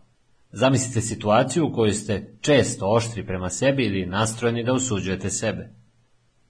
Budući da je samokritičnim osobama mnogo lakše da budu prijatne i blage prema drugima, pokušajte da zamislite da se suočavate s prijateljem ili detetom, a da ta osoba ima iste mane kao vi ili je načinila istu grešku. Čujte tu osobu kako govori strašne i bolne stvari koje sebi govorite. Loša sam osoba ili nikada neću uraditi ništa kako treba. Sad zamislite kako se suočavate s tom osobom. Iskusite ljubav i osjećanje koje biste osjetili prema nekome ko pati. Kakve biste reči ili gestove koristili? Ako biste želeli da popravite odnos koji je u krizi, prvo pomislite na jednu stvar koju druga osoba čini, a koja vas uznemirava i tera da reagujete burno ili da tu osobu izbjegavate. Sada zamislite tu osobu kako radi tu iritantnu stvar i zamislite kako odgovarate na idealan način. Kakav bi vam se osjećaj javio u telu? Da li bi se ono ohladilo umjesto da se zagreje? Šta biste želeli da kažete i kakvim tonom? Kakav položaj biste zauzeli? Mnogima je potrebna pomoć da nauče kako da se opuste. Izaberite scenariju koji se ponavlja i koji vas često navodi da se osjećate iritirano ili nestrpljivo. Vožnja u gustom saobraćaju u mnogima od nas provocira ovakve odgovore. Onda zamislite sebe u toj situaciji, kako osjećate unutrašnji puls i pokazujete blagost prema drugima. Ako pokušavate da popravite svoj odgovor zbog gužve u saobraću, zamislite da ste u automobilu, da su mišići opušteni, disanje je duboko i ujednačeno, a telo vam je hladno, dok vozači oko vas trube i ponašaju se agresivno. Možda nekom treba i da mahnete i pustite ga u svoju traku. Četvrto poglavlje. Činite mala dela. Mala dela su suština kajzena. Tako malim koracima koji deluju trivialno, čak smešno, mirno ćete ploviti pored prepreka koje su vas ranije poražavale. Polako, ali bezbolno, stvorit ćete apetit za stalnim uspehom i postavit ćete stalnu, novu rutu za promenu. Mala dela formiraju osnovu većine Kaizen programa za promenu iz očiglednog razloga. Bez obzira na to koliko se pripremate ili vežbate pomoću malih misli ili malih pitanja, na kraju ćete morati da uđete u arenu akcije. Ovo važi ako vam je plan da postavite temelje za novi biznis ili da se suočite s teškim članom porodice. Ali budući da je ovdje reč o Kajzenu, prva dela bit će veoma mala, toliko mala da vam se mogu učiniti neobičnim ili smešnim. I to je u redu. Imati smisao za humor korisno je kada pokušavate da promenite svoj život.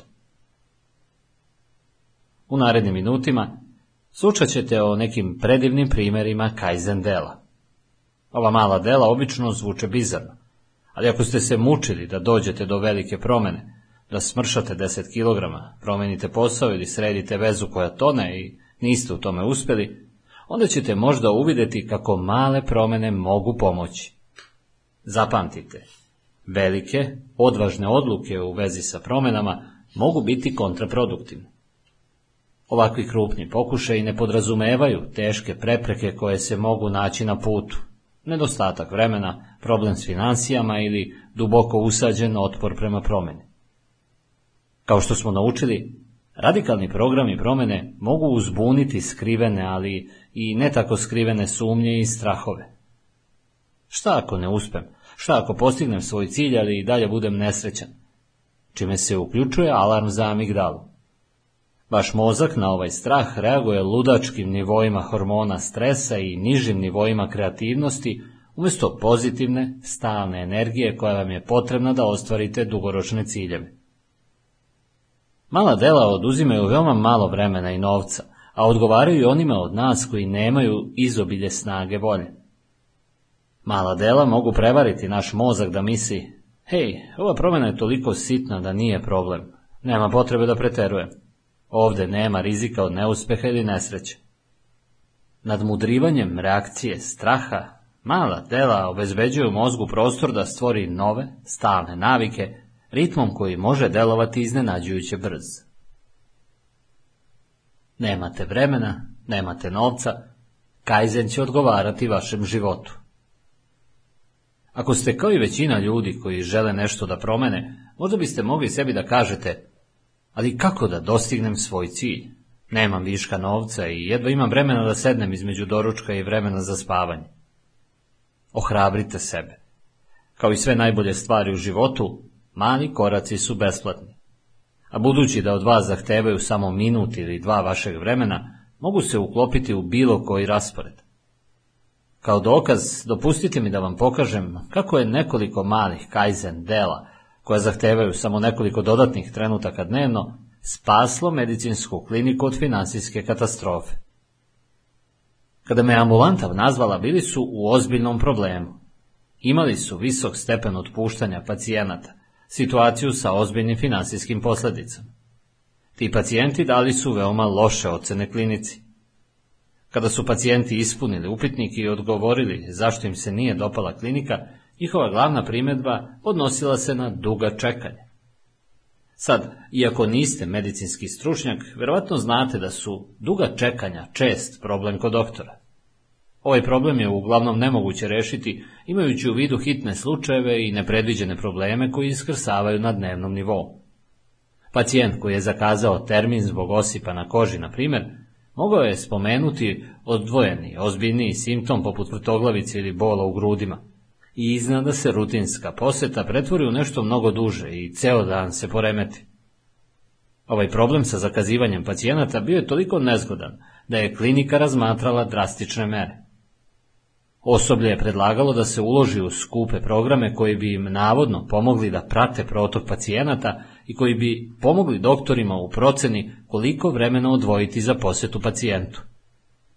Druga ideja bila je unajmiti medicinsku sestru koja bi telefonom detaljno ispitala pacijente da bi se tačno odredilo koliko će vremena biti potrebno tokom posete doktoru.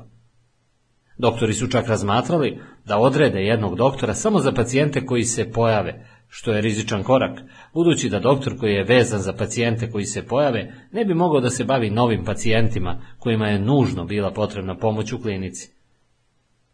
Nije delovalo da bi jedno od ovih rešenja uspelo, niti se uklapalo u već nategnuti budžet klinike. Svakodnevni život klinike postojao je sve napetiji, dok su različite grupe doktora, sestara, recepcionera s mnogo posla krivile druge za smanjenje broja pacijenata i zbog nezadovoljnih klijenata. Ova klinika bila je u ozbiljnom i stvarnom problemu. Ali imao sam nadu, zato što je Kaizen imao prirodnu prednost u medicinskom okruženju. U medicinskom modelu idealno rješenje je uvek najmanje efikasan tretman, onaj koji funkcioniše bez mnogo nepotrebnih rizika. Doktori neće izvoditi hiruški zahvat ako lek može da pomogne, a ne žele da daju lekove, ako jednostavna promjena životnih navika ili odmaranje mogu pomoći i biti dovoljni za izlečenje. Bilo mi je potrebno da klinici pokažem kako da usmere svoje poslovne promjene i da rade na poznat način. Okupio sam osoblje i tražio im da mi ispričaju o najboljim i najgorim iskustvima koja su imali kao korisnici nečega. Većina je govorila o pokvarenim računarima, o problemima u bankama i sličnim mukama.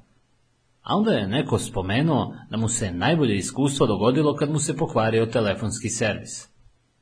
To je bilo najbolje iskustvo, pitao sam. Ono što je to iskustvo učinilo toliko prijatnim, rekao je, jeste što se predstavnik korisničkog servisa momentalno izvinio zbog problema i zbog toga što sam čekao predstavnika. Posle dva dana isti predstavnik se javio da proveri da li je problem bio rešen. Drugi ljudi su se složili da bi se njihovo najgore iskustvo moglo pretvoriti u dobro uz izvinjenje ili iskreno iskazivanje zabrinutosti. Svi znaju, rekli su, da stvari mogu da se pokvare pre nego što bi trebalo i da banke prave greške. Ono što iskustvo to tako čini pozitivnim ili negativnim, jeste ono što se dešava u tih nekoliko minuta kada objašnjavate svoj problem ljudima. Grupa je zaključila da pacijenti, kao i korisnici bankovnih usluga ili oni koji imaju računare, zaista treba da razumeju da se greške dešavaju i da doktori ne mogu uvek da kontrolišu svoje vreme. Pacijenti su zapravo mrzeli osjećaj predavanja, ne samo svog tela, već i svog vremena nekom drugom. Bio je to savršen trenutak za Kaizen pitanje.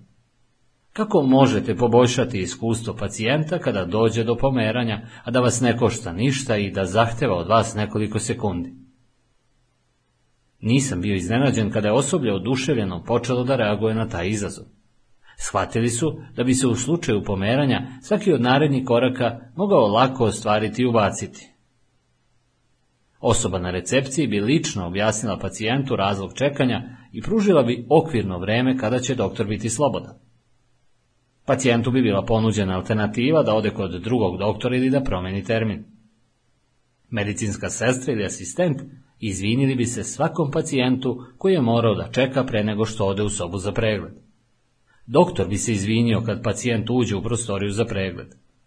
Pre nego što napusti prostoriju, doktor bi zahvalio pacijentu što je izabrao da dođe kod njega. Na kraju, osoba na recepciji još jednom bi zahvalila pre nego što pacijent izađe kroz vrat. Ove promjene sastojale su se od kratkih rečenica, uglavnom izvinjavam se i hvala vam.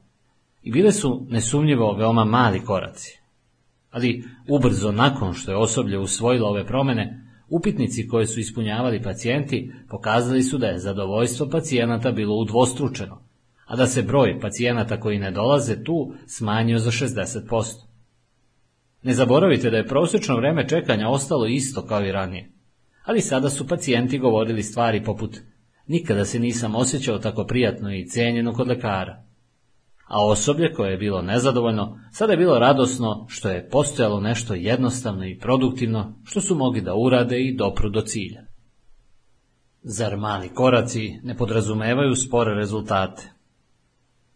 Kaizen koraci su možda mali, ali često vode brzoj promeni. Moje iskustvo s klinikom pokazuje mi da je ponekad potreban jedan mali korak do dramatičnog poboljšanja.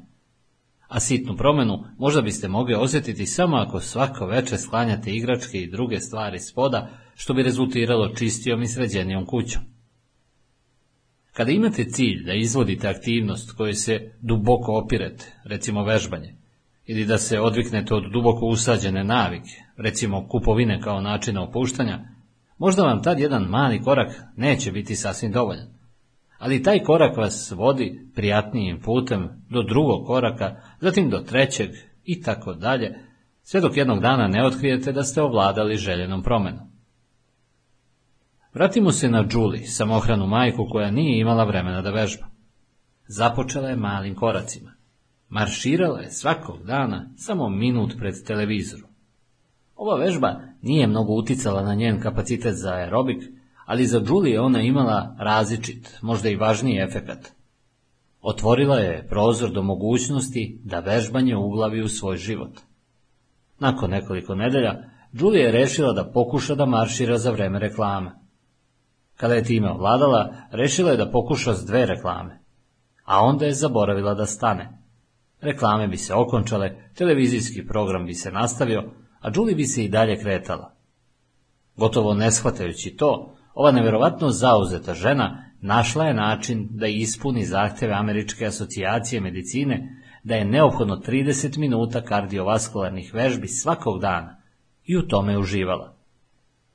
To joj je samo po sebi postalo navik, ona koja bi joj nedostajala ako bi je propustila. Mali koraci, saznanje da smirujete strah i gradite novu naviku, zahtevaju poverenje i optimizam.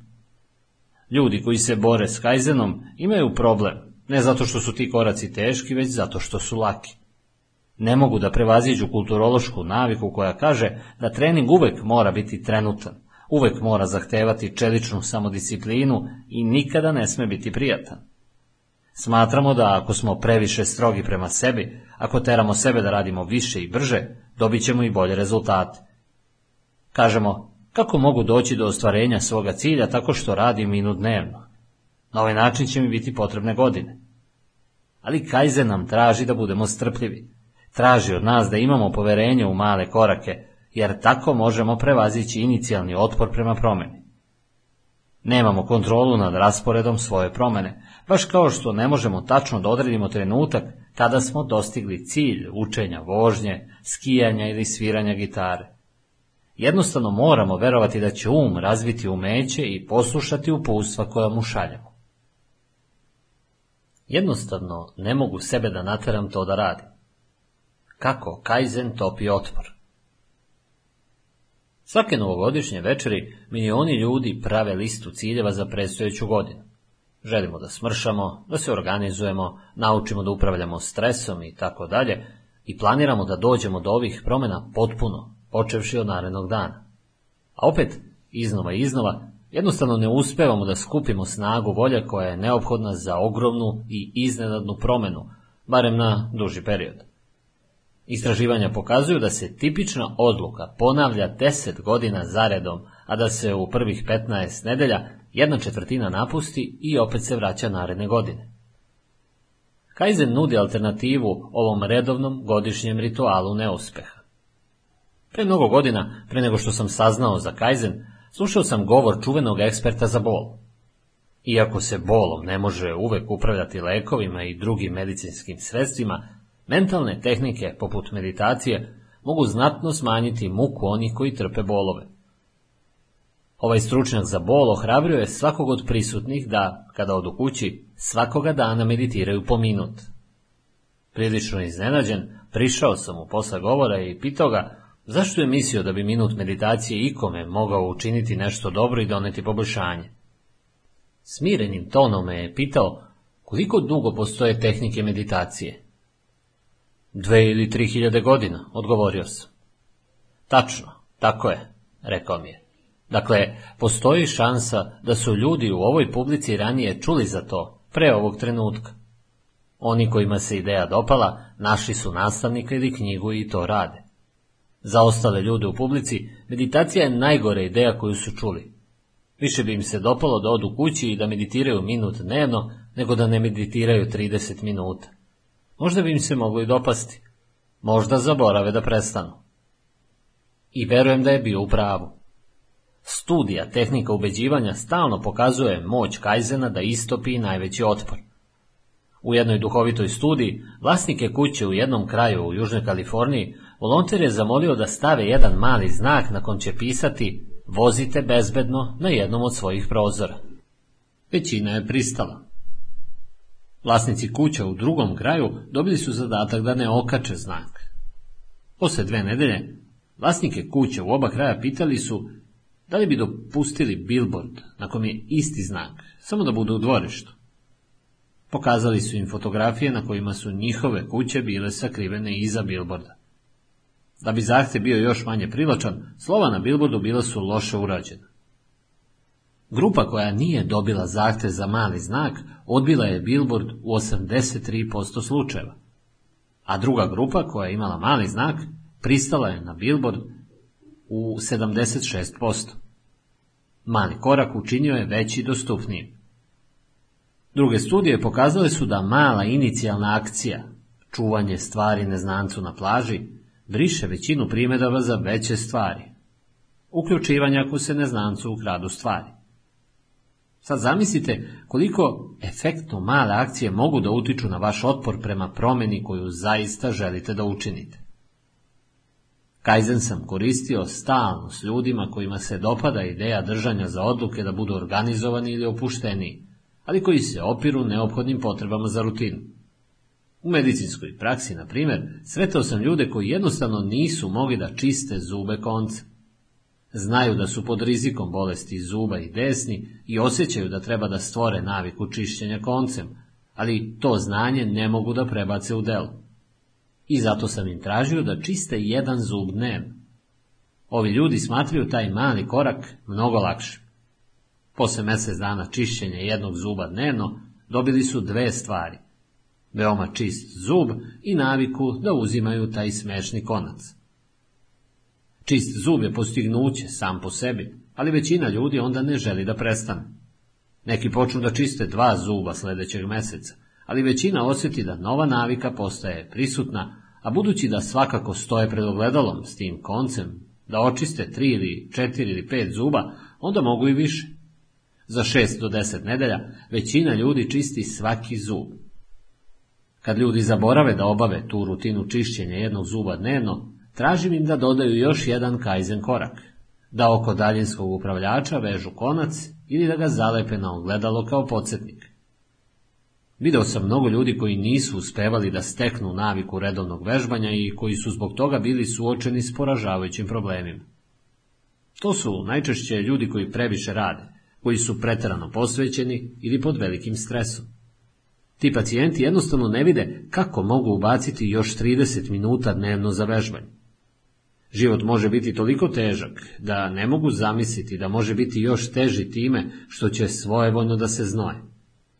Možda se plaše da saznaju kako će im stare navike izgledati iz nove i zdravije tačke gledišta. Naravno da mogu da razumem i da saosećam. Za te ljude bezbolna i lagana priroda kajzena ima određenu privlačnost. Ljudi koji apsolutno mrze da vežbaju, mogu započeti onako kako je Julie počela, tako što će marširati u mestu pred televizorom jedan minut dnevno. Ubrzo potom stvorit će naviku i bit će spremni da svojoj rutini dodaju još nekoliko minuta, zatim još više, sve dok ne budu entuzijastički posvećeni zdravom režimu vežbanja. Kaizen savjet Za blistavo zdravlje možda bi bilo najbolje da postavite niže ciljeve. Samo nekolicina pozitivnih promjena može imati iznenađujući utjecaj na vaše zdravstveno i sveukupno stanje. Nedavne istraživanja pokazala su da gubljenje 10% telesne težine, ako pretpostavimo da je osoba i imala problem s gojaznošću, vodi do radikalnog poboljšanja kada je reč o riziku od dijabetesa, povišenog krvnog pritiska i apneji tokom spavanja. Studije Univerziteta Adelphi pokazuju da se ljudi koji su traku za trčanje koristili samo 4 minuta dnevno, 4 dana u nedelji i postizali 70% maksimalnih otkucaja srca, iskusili 10% povećanja aerobnog kapaciteta, što je isti procenat koji imaju oni koji su vežbali 20 minuta dnevno. Jednom sam upoznao ženu koja je želela da vežba, koja je čak kupila skupu taku za trčanje i postavila je u kući. I dalje je, međutim, izbegavala vežbanje. Jednostavno ne mogu da se nateram na to, razmišljala je. I vratila se Kajzenu. Prvog meseca je stajala na traci, čitala novine i pila kafu. Sljedećeg meseca, kada je završila s kafom, šetala je minut na traci i svake nedelje povećavala je za minut. U ovim početnim mesecima Ljudima bi ovi njeni mali koraci delovali besmisleno, ali u stvari nisu bili. Razvijala je toleranciju za vežbanje. Uskoro su njeni mali besmisleni koraci postali odlučna navika trčanja kilometra i po dnevno svakog dana. Primetite samo da je postepena nadogradnja programa u potpunoj suprotnosti od uobičajene šeme, koja podrazumeva da osoba počne prvih nekoliko nedelja s ludačkom aktivnošću, ali se onda vrati na svoje udobno mesto na kauču. Dok planirate svoje male korake prema promjeni, ne zaboravite da ćete ponekad, uprkos najboljim planovima, doći do zida otpora. Ne odustajte. Umjesto toga, pokušajte da smanjite broj koraka. Ne zaboravite da vam je cilj da zaobiđete strah i da učinite da vam koraci budu toliko mali da jedva primećujete trud. Kada su koraci dovoljno lagani, um će preuzeti i preskočiti prepreke da bi postigao cilj. Povremeno Kaizen zaista stvara promjenu sporije, zahtevajući male korake sve vreme, od tačke A do tačke B. Ako shvatite da postajete frustrirani zbog brzine promjene, zapitajte se. Zar nije spora promjena bolja od onoga što sam ranije iskusio, što je nikakva promjena? Jedan zanimljiv primjer ove strategije prikazat ću vam preko žene koja je odrasla u Engleskoj. U 13. godini shvatila je da četiri kašičice šećera koje stavlja u kafu nikako nisu dobre za njeno telo. U snagu volje i samokontrolu mogla je da smanji tri od četiri kašičice, ali navika korištenja te jedne ostala je uporno prisutna. Kad je shvatila da joj snaga volje nije toliko snažna da se odupre posljednjoj kašičici, Uzela ju je i pokušala da izvadi zrno šećera pre nego što je stavi u svoj čaj. Narednog dana pokušala je da izvadi dva zrna pre nego što ubaci kašičicu u šolju. Nastavila je ovu praksu i svakoga dana vadila je zrno ili dva više. Kada se ova priča desila, imala je 45 godina i svoj čaj i dalje pije bez šećera. Novogodišnje odluke u Kaizen stilu. Evo nekih najpopularnijih novogodišnjih odluka zajedno s Kaizen koracima koje su neki od mojih klijenata koristili na putu do uspjeha. Odluka. Želim da jedem zdravije. Mali koraci. Prvi. Odvojite prvi zalogaj grickalice koja goji. Radite ovo mjesec dana. Ovaj proces vam pomaže da naučite da jedete manje u odnosu na velike porcije. Drugi. Narednog mjeseca bacite svaki prvi i drugi zaloge. Treći. Zatim bacite tri zaloga i još mjesec dana i tako dalje, sve dok ne odlučite da više ne želite grickalicu ili dok ne ostane zaloga. Četvrti. Kada ste se oslobodili grickalice, fokusirajte se na usporavanje procesa jedenja tokom obroka. Dok jedete, spuštajte hranu između zaloga. Stavite ruku na krilo i žvaćite pažljivo. Uzmite ponovo hranu kada progutate prethodni zalogaj. Odluka. Vežbati. Mali koraci. Prvi. Ako ne možete da naterate sebe da ustanete s kauča, kupite gumu za stiskanje dok gledate televiziju ili pritiskajte staru tenisku lopticu. Ovo će vam sagoreti malo kalorija i navići ćete telo da se ponovo kreće. Drugi. Kad budete spremni da se krećete, šetajte jednom dnevno oko kuće ili koristite stepenice umjesto lifta. Treći. Prođite pored još jedne kuće dnevno ili idite još jednim stepenicama dok vam navika ne postane čvršća. Četvrti. Da biste pojačali apetit za vežbanjem, razmišljajte kojom biste aktivnošću volili da se bavite. Plivanjem, skijanjem, tenisom.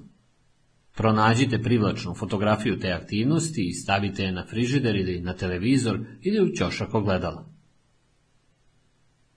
Odluka. Štednja novca. Mali koraci. Prvi. Postavite sebi cilj da štedite samo dolar dnevno. Jedan od načina da to uradite jeste da promenite svoju dnevnu kupovinu. Možda biste mogli da pređete sa velike, relativno skupe late kafe na malu, običnu kafu. Možda možete na internetu da čitate besplatne novine umjesto da kupujete u prodavnici. Svaki ušteđeni dinar stavljajte sa strane. Drugi. Još jedna taktika za štenju novca jeste da dnevne troškove delite s prijateljima. Kupite jednu veliku šolju i podelite ju u dve manje. Kupite jedne novine i pročitajte kad prijatelj završi. Treći. Ako budete štedeli dolar dnevno, na kraju godine imat ćete 365 dolara. Sastavite listu stvari koje biste želeli da uradite s tim novcem i dodajte po jednu ideju svakog dana. Naučit ćete da mislite unapred o većim finansijskim ciljevima, a ne o trenutnim, jeftinijim zadovoljstvima. Odluka. Bolji društveni odnosi, upoznavanje ljudi. Mali koraci. Prvi.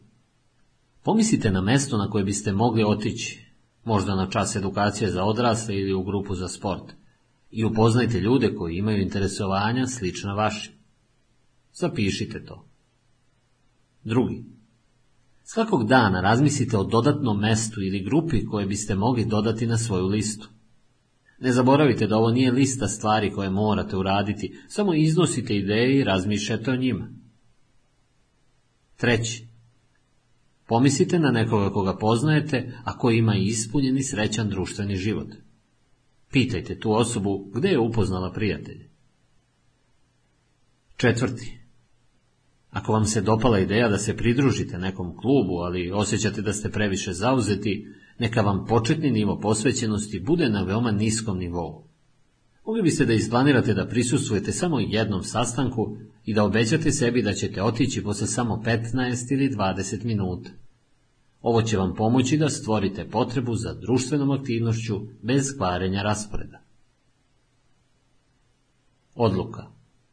Tražiti povišicu. Mali koraci. Prvi. Sastavite listu razloga zašto zaslužujete više novca za svoj rad. Svakog dana dodajte jednu stvar na spisak. Drugi. Posvetite minut dnevno vežbanju zahteva upućenog šefu. Treći. Povećavajte ovo vreme dok ne osjetite da ste spremni da obavite ovaj razgovor. Četvrti. Prije nego što zapravo zatražite povišicu, zamislite da vaš šef loše reaguje, ali da izlazite kroz vrata i svejedno osjećate uspjeh i ponos zbog svog truda. Ovaj korak, zapravo korak vajanja uma, pomaže vam da se borite s bilo kakvim prisutnim strahovima. Odluka. Koristiti vreme produktivnije. Mali koraci. Prvi. Sastavite listu aktivnosti koje vam oduzimaju vreme, ali koje nisu korisni ili stimulativne. Gledanje televizije, obilazak radnji i čitanje stvari koje vam ne prijaju i nisu produktivne, a to je čest izvor loše korišćenog vremena. Drugi, sastavite listu aktivnosti koje biste voljeli da pokušate, a koje bi bile produktivnije od trenutnih. Svakog dana dodajte po jednu stavku na svoju listu. Treći, kada identifikujete produktivnije aktivnosti koje biste voljeli da obavljate, pokušajte da im date šansu, ali je ograničeno, ne mnogo uznemirujuće. Ako želite da vodite dnevnik, uradite to, ali obećajte sebi da ćete zapisati samo tri rečenice dnevno. Ako biste volili da idete na časove joge, mogli biste početi tako što ćete samo sedeti u hodniku studija za jogu i gledati učenike kako prolaze. Uskoro ćete osjetiti kao da više učestvujete u svojoj aktivnosti. I jedva da ćete primetiti da manje vremena provodite gledajući televiziju. Četvrti. Svakog dana zapišite ime jedne osobe za koju osjećate da živi produktivno. Zatim zapišite jednu stvar koju ta osoba radi drugačije od vas. Kaizen rešava problematične navike. Kada ljudi pokušavaju da se odviknu od nezdrave navike ili zavisnosti, jedan od najvećih izazova jeste velika verovatnoća da će kraći uspeh pratiti vraćanje na staru, lošu naviku. Nije važno da li je u pitanju zavisnost od cigareta, brze hrane, alkohola, droga ili nečeg drugog. I kada se ljudi oslobode zavisnosti i budu dobro više meseci, često se vraćaju starim navikama. Međutim, postoji nada. Svedok sam da mnogi ljudi prestaju zauvek pomoću mali koraka. Ovaj konkretni niz kaizen koraka za zavisnost počeo sam da preporučujem kad sam primetio često vraćanje pušača koji su prestali, a onda se vratili navici. Cigarete su mi prijatelji, rekli bi mi. Ponekad su se smejali kada su to govorili, ali i njihovo osjećanje bilo je stvarno. Mnogi od ovih pušača, otkrio sam, odrasli su u porodicama u kojima roditelji nisu bili sposobni za stalnu brigu. Kao deca brzo su naučili da svoje probleme zadržavaju za sebe i da se nikom ne poveravaju kad su uznemireni ili kada ih nešto muči. Ovo oslanjanje na sebe često vuče za sobom veoma lošu strategiju za borbu sa životnim nedaćama. Razlog je to što smo biološki umreženi, tako da tražimo podršku kad smo pod stresom. To nam je u prirodi. Obratite pažnju na to šta dete radi kada ga uveče probude oluja ili noćna mora. Dete instinktivno trči u krevet roditelja i traži pomoć. Dete se hvata za mamu ili tatu i onda, nakon nekoliko trenutaka utehe, zaspi u naručju roditelja. Kada ovaj prirodni proces borbe pokvare roditelji koji nisu fizički, psihički ili emotivno dostupni, na snagu stupaju oslanjanje na samog sebe i stoicizam. Dok ovo nezavisno dete raste i sazreva, cigarete ili hrana ili druge substance postaju mu prijatelje od kojih su zavisni, jer omogućavaju stalnu utehu i oslonac, ali s neželjenim nuspojavama bolesti, gojaznosti ili nečega gore. Ako ovakva osoba pokuša da se oslobodi zavisnosti bez traženja pomoći, male su šanse da će i uspeti. Život bez ovog prijatelja jednostavno je previše strašan i plaši. Jedna klijentkinja, Rachel, bila je žena u srednjim četrdesetim, čiji se život uklapao u šemu koju sam upravo opisao. Kao dete, Rachel je odlučila da ne dopusti sebi da se ikad na ikog oslanja. I nije. Naučila je samu sebe da postane finansijski nezavisna i mogla je da vodi svoj dom i karijeru bez pomoći. Ali nije razvila sposobnost da od drugih primi utehu. Rachel je mogla da nabroji samo nekoliko prijatelja u čijem je društvu uživala, ali nikada im se nije poveravala, niti im je otkrivala intimne i lične stvari. Izlasci i veze svodili su se na odnose s muškarcima koji su bili na distanci. Ali svima nam je potreba neki oblik spoljašnje podrške, a Rachelina podrška bile su cigarete.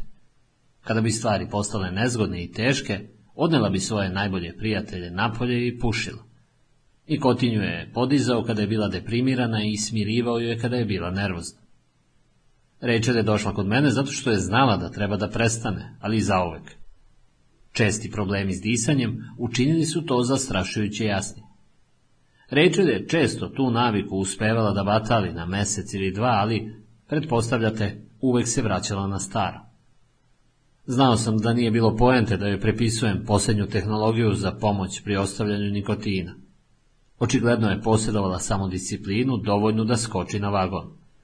Ali jedno od najčvršćih uporišta uspeha u životu jeste to da li će se neka osoba okrenuti drugom ljudskom biću u vremenima straha i muke. Ako je Rachel zaista mislila da uspe, morala je naučiti da veruje, da pronađe prijatelja, nekog pouzdanog ko bi mogao zameniti cigarete. I oboje smo znali da je zdravlje bilo ugroženo. Sva je prilika da nije imala nekoliko godina da troši na terapiji i da detaljno diskutuje o svom detinstvu pre nego što ponovo ostavi cigarete. Niti je imala strpljenja. Pretpostavljao sam da bi takva intenzivna terapija bila preveliki i strašan korak za nju. Prvi mali korak koji je Rachel preduzimala bio je da zove moju govornu poštu jednom dnevno. Sve što je trebalo da kaže jeste Zdravo, Rachel. Bila je iznenađena kada je shvatila da ju je ovaj sićušni korak činio nervozno. Onda je razumela vrednost tog koraka. Ako provedete ceo život u izbjegavanju zavisnosti od nekoga, jednostavan čin pozivanja govorne pošte utiče na obećanje koje ste sebi dali da vam ne treba druga osoba. Kada je ovaj korak postao manje zastrašujuć, dodali smo još jedan poziv pre nego što uzme da popuši cigaretu. To nije bio pokušaj da se Rachel posrami da bi prestala. Složili smo se da će i dalje pušiti koliko god želi cigareta, samo je trebalo da se javi pre nego što zapali. Zdravo, Rachel je, rekla bi. Sada pušim cigaretu. Budući da je Rachel naučila da ne žudi za ljudskim društvom, pokušavao sam da kod nje razvijem potrebu za tim, ali na način koji je ne bi plašio. Isto tako sam stavljao i jedan korak između Rachel i njenog najboljeg prijatelja. Ovo smo radili mjesec dana. A onda sam zatražio od Rachel da zapiše u dnevnik svoje osjećanja.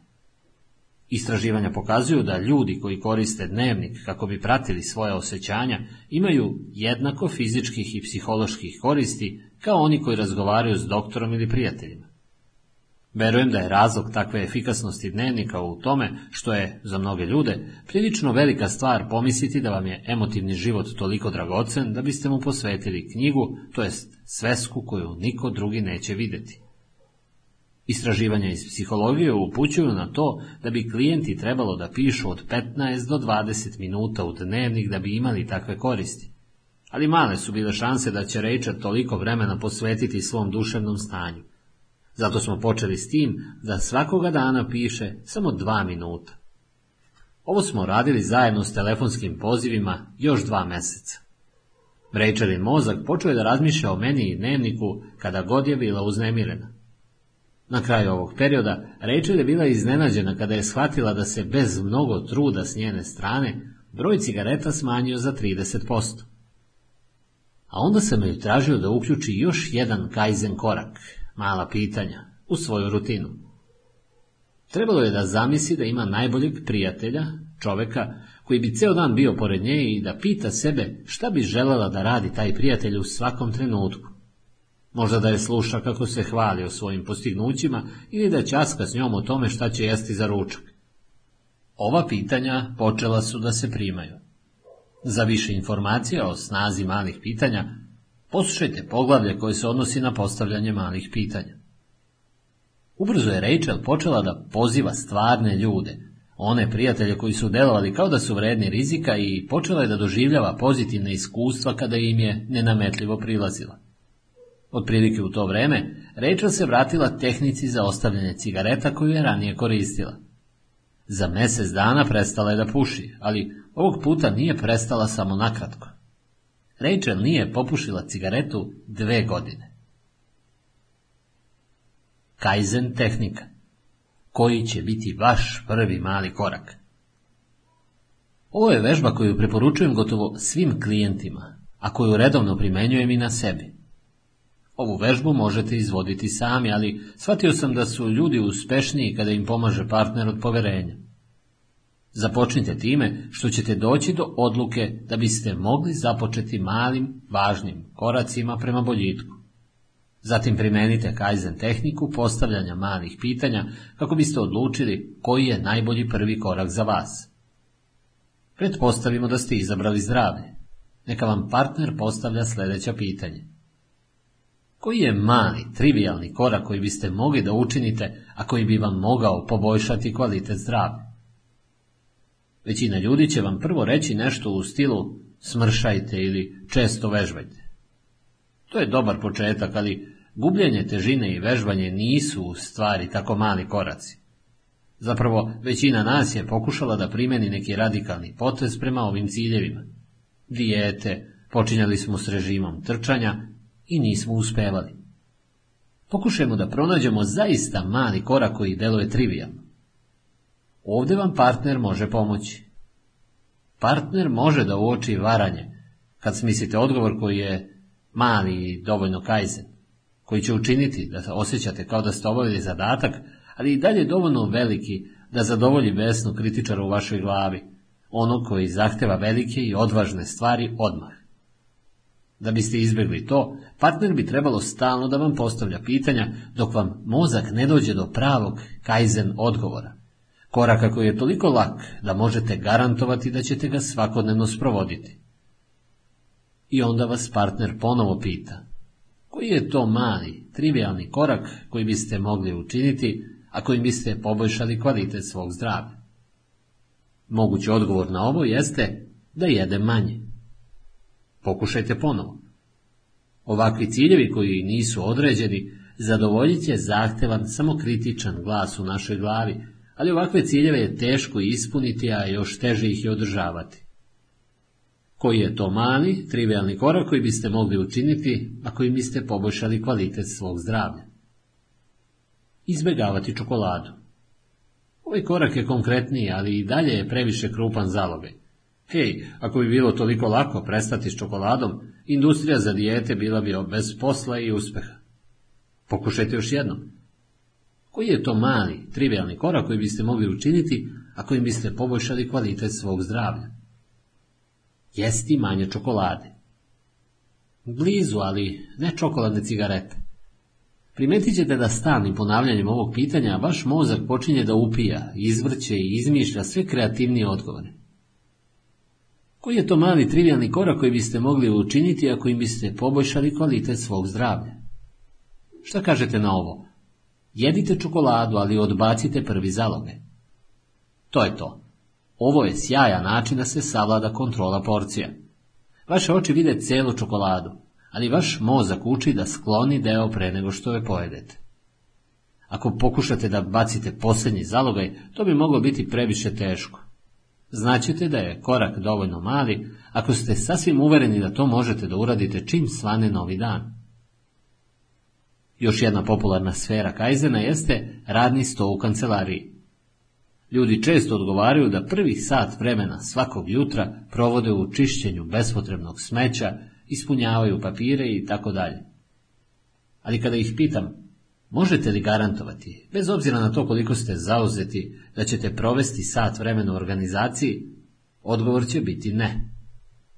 Na kraju čovjek reši da provede samo dva minuta u sređivanju papira na kraju dana, možda samo jednog papira ili možda da tražite savjet od neke organizovane osobe, ali samo jedan.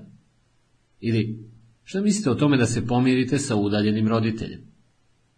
Neka ekstravagantna žurka mogla bi imati parališući efekat na obe strane. Šta mislite o tome da pozovete roditelja umjesto toga na večeru ili da samo razgovarate telefonom? Najbolji prvi korak jeste onaj za koji možete reći, bez obzira na to koliko sam uplašen da razgovaram s majkom ili ocem, znam da mogu učiniti ovu jednu malu stvar.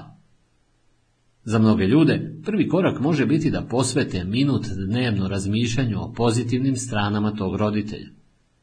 Još jedan prvi korak, koristan ako je roditelj stroga i autoritativna figura, jeste da provedete minut dnevno pitajući se koje su nesigurnosti i strahovi tog roditelja. Ova mala aktivnost pomaže da se ocu ili majici da ljudskost. Time što vodite računa da je taj prvi korak zaista mali, dajete sebi najbolje šanse i izglede za uspjeh. Kada jednom iskusite radost prvog koraka, možete odlučiti da li je prigodno da krenete drugim. Znaćete da ste spremni kad trenutni korak postane automatski, bez mnogo muke, čak prijatan. Ali ne dopustite da vas neko natera da ubrzate promjenu ako vama to ne deluje ispravno. Samo koristite vežbe o kojima smo govorili da biste odredili svoj najbolji drugi korak, ponovo se osiguravajući da ćete imati garantovane rezultate. A onda prelazite na treći korak i tako dalje, sve dok vam mozak ne prevaziđe otpor i dok vas sam prirodno ne ubrza. Ako ikad osjetite da ste iscrpljeni ili da smišljate izgovore da ne obavljate aktivnost, vreme je da smanjite korak. Peto poglavlje Rešavajte male probleme. Toliko smo naviknuti da živimo sa sitnim nelagodnostima da nije uvek lako identifikovati ih, a kamoli doći do ispravki. Ali ove nelagodnosti mogu se ponekad akumulirati i na kraju vam blokirati put do promene. Time što ćete trenirati sebe da uočite i rešite male probleme, moći ćete da izbegnete mnogo bolnije lečenje u budućnosti. U posleratnom periodu, nakon drugog svjetskog rata, Toyota je počela hrabrim eksperimentom. Jedan od darovitih menadžera kompanije, Taichi Ono, promenio je jedno od fundamentalnih pravila pokretne trake. Pre nego što je ono došao, gotovo sve automobilske kompanije pratile su istu proceduru. Svaka šasija išla je na liniju za proizvodnju, dok su radnici jedan za drugim obavljali svoje funkcije. Trebalo je da radnici obavljaju jedan zadatak koji im je bio pripisan i to je bilo sve. Inspektor za kontrolu kvaliteta ispravljao je svaku grešku u procesu na kraju trake. Ono je imao drugačiju ideju, na koju je očigledno uticala ideja doktora V. Edwardsa Deminga o malom i stalnom napretku. Ono je stavio kabel na svakom kraju trake i svaki radnik koji bi primetio grešku mogao je da povuče kabel i prekine traku. Ono se potrudio da svi inženjeri, dobavljači i radnici na traci budu spremni da u potpunosti identifikuju problem i pronađu rešenje, po mogućstvu na licu mesta. Svaki drugi proizvođač smatrao je ovu ideju absurdnom, kršenjem osnovnih postulata masovne proizvodnje. Kako bi kompanija mogla brzo da proizvodi ako bi se traka stalno zaustavljala kada bi je radnik povukao da ispravi manji problem? Nasuprot ovom uobičajenom mišljenju, onova metoda pokazala se kao najuspešniji način za sastavljanje automobila. Popravljanje malih šteta na licu mesta sprečavalo je mnogo veće probleme kasnije. Nažalost, nije svaki biznis naučio iz iskustva Toyota i onda se dešava da se previdi nešto što deluje kao manji problem. Kompanija ulja i gas, British Petroleum, na primjer, ignorisala je 356 malih uljanih mrlja koje su se desile između 2001. i 2007. godine. Dva put su prijavljivani problemi, ali su i stručnjaci iz naftne industrije ignorisali. Tek 2010. British Petroleum je bio prisiljen da prepozna posljedice ignorisanja ovih malih upozorenja. Te godine eksplozija na naftnoj bušotini dovela je do toga da se 200 miliona galona sirove nafte prospe u Meksički zaliv. Bila je to najgora naftna mrlja u istoriji. Radoznala, ali prava rock'n'roll legenda, pokazuje moć uključivanja malih kaizen koraka da bi se postigao boljitak i da bi se sprečile skupe greške. Helenovi ugovori s promoterima koncerata zahtevali su ne samo da pre koncerta imaju M&M bombone, već da izvade sve bombone brown boje. Ako bi neka brown ostala u čini, koncert bi bio otkazan, ali bi Van Halen bio plaćen. Na prvi pogled, ovo bi moglo delovati kao čist primjer narcističkog ekscesa rock'n'roll zvezde.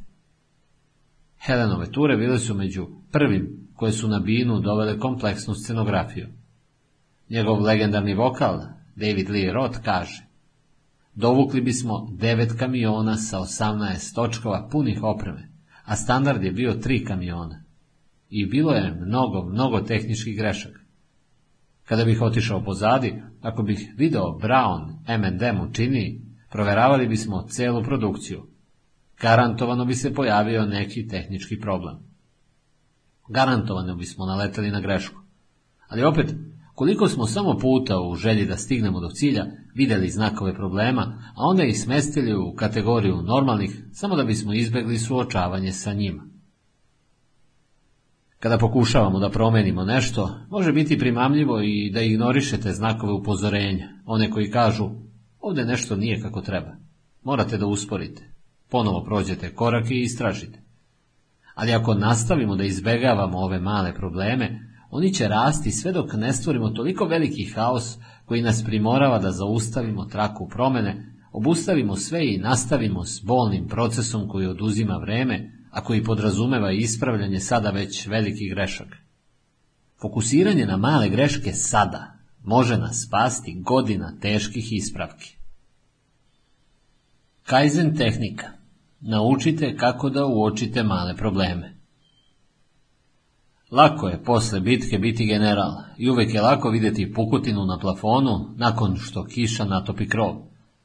Ali moguće je naučiti sebe da vidite jasnije male znakove upozorenja. Pokušajte da sa sljedećim vežbama izoštrite vid za male probleme. Pod 1.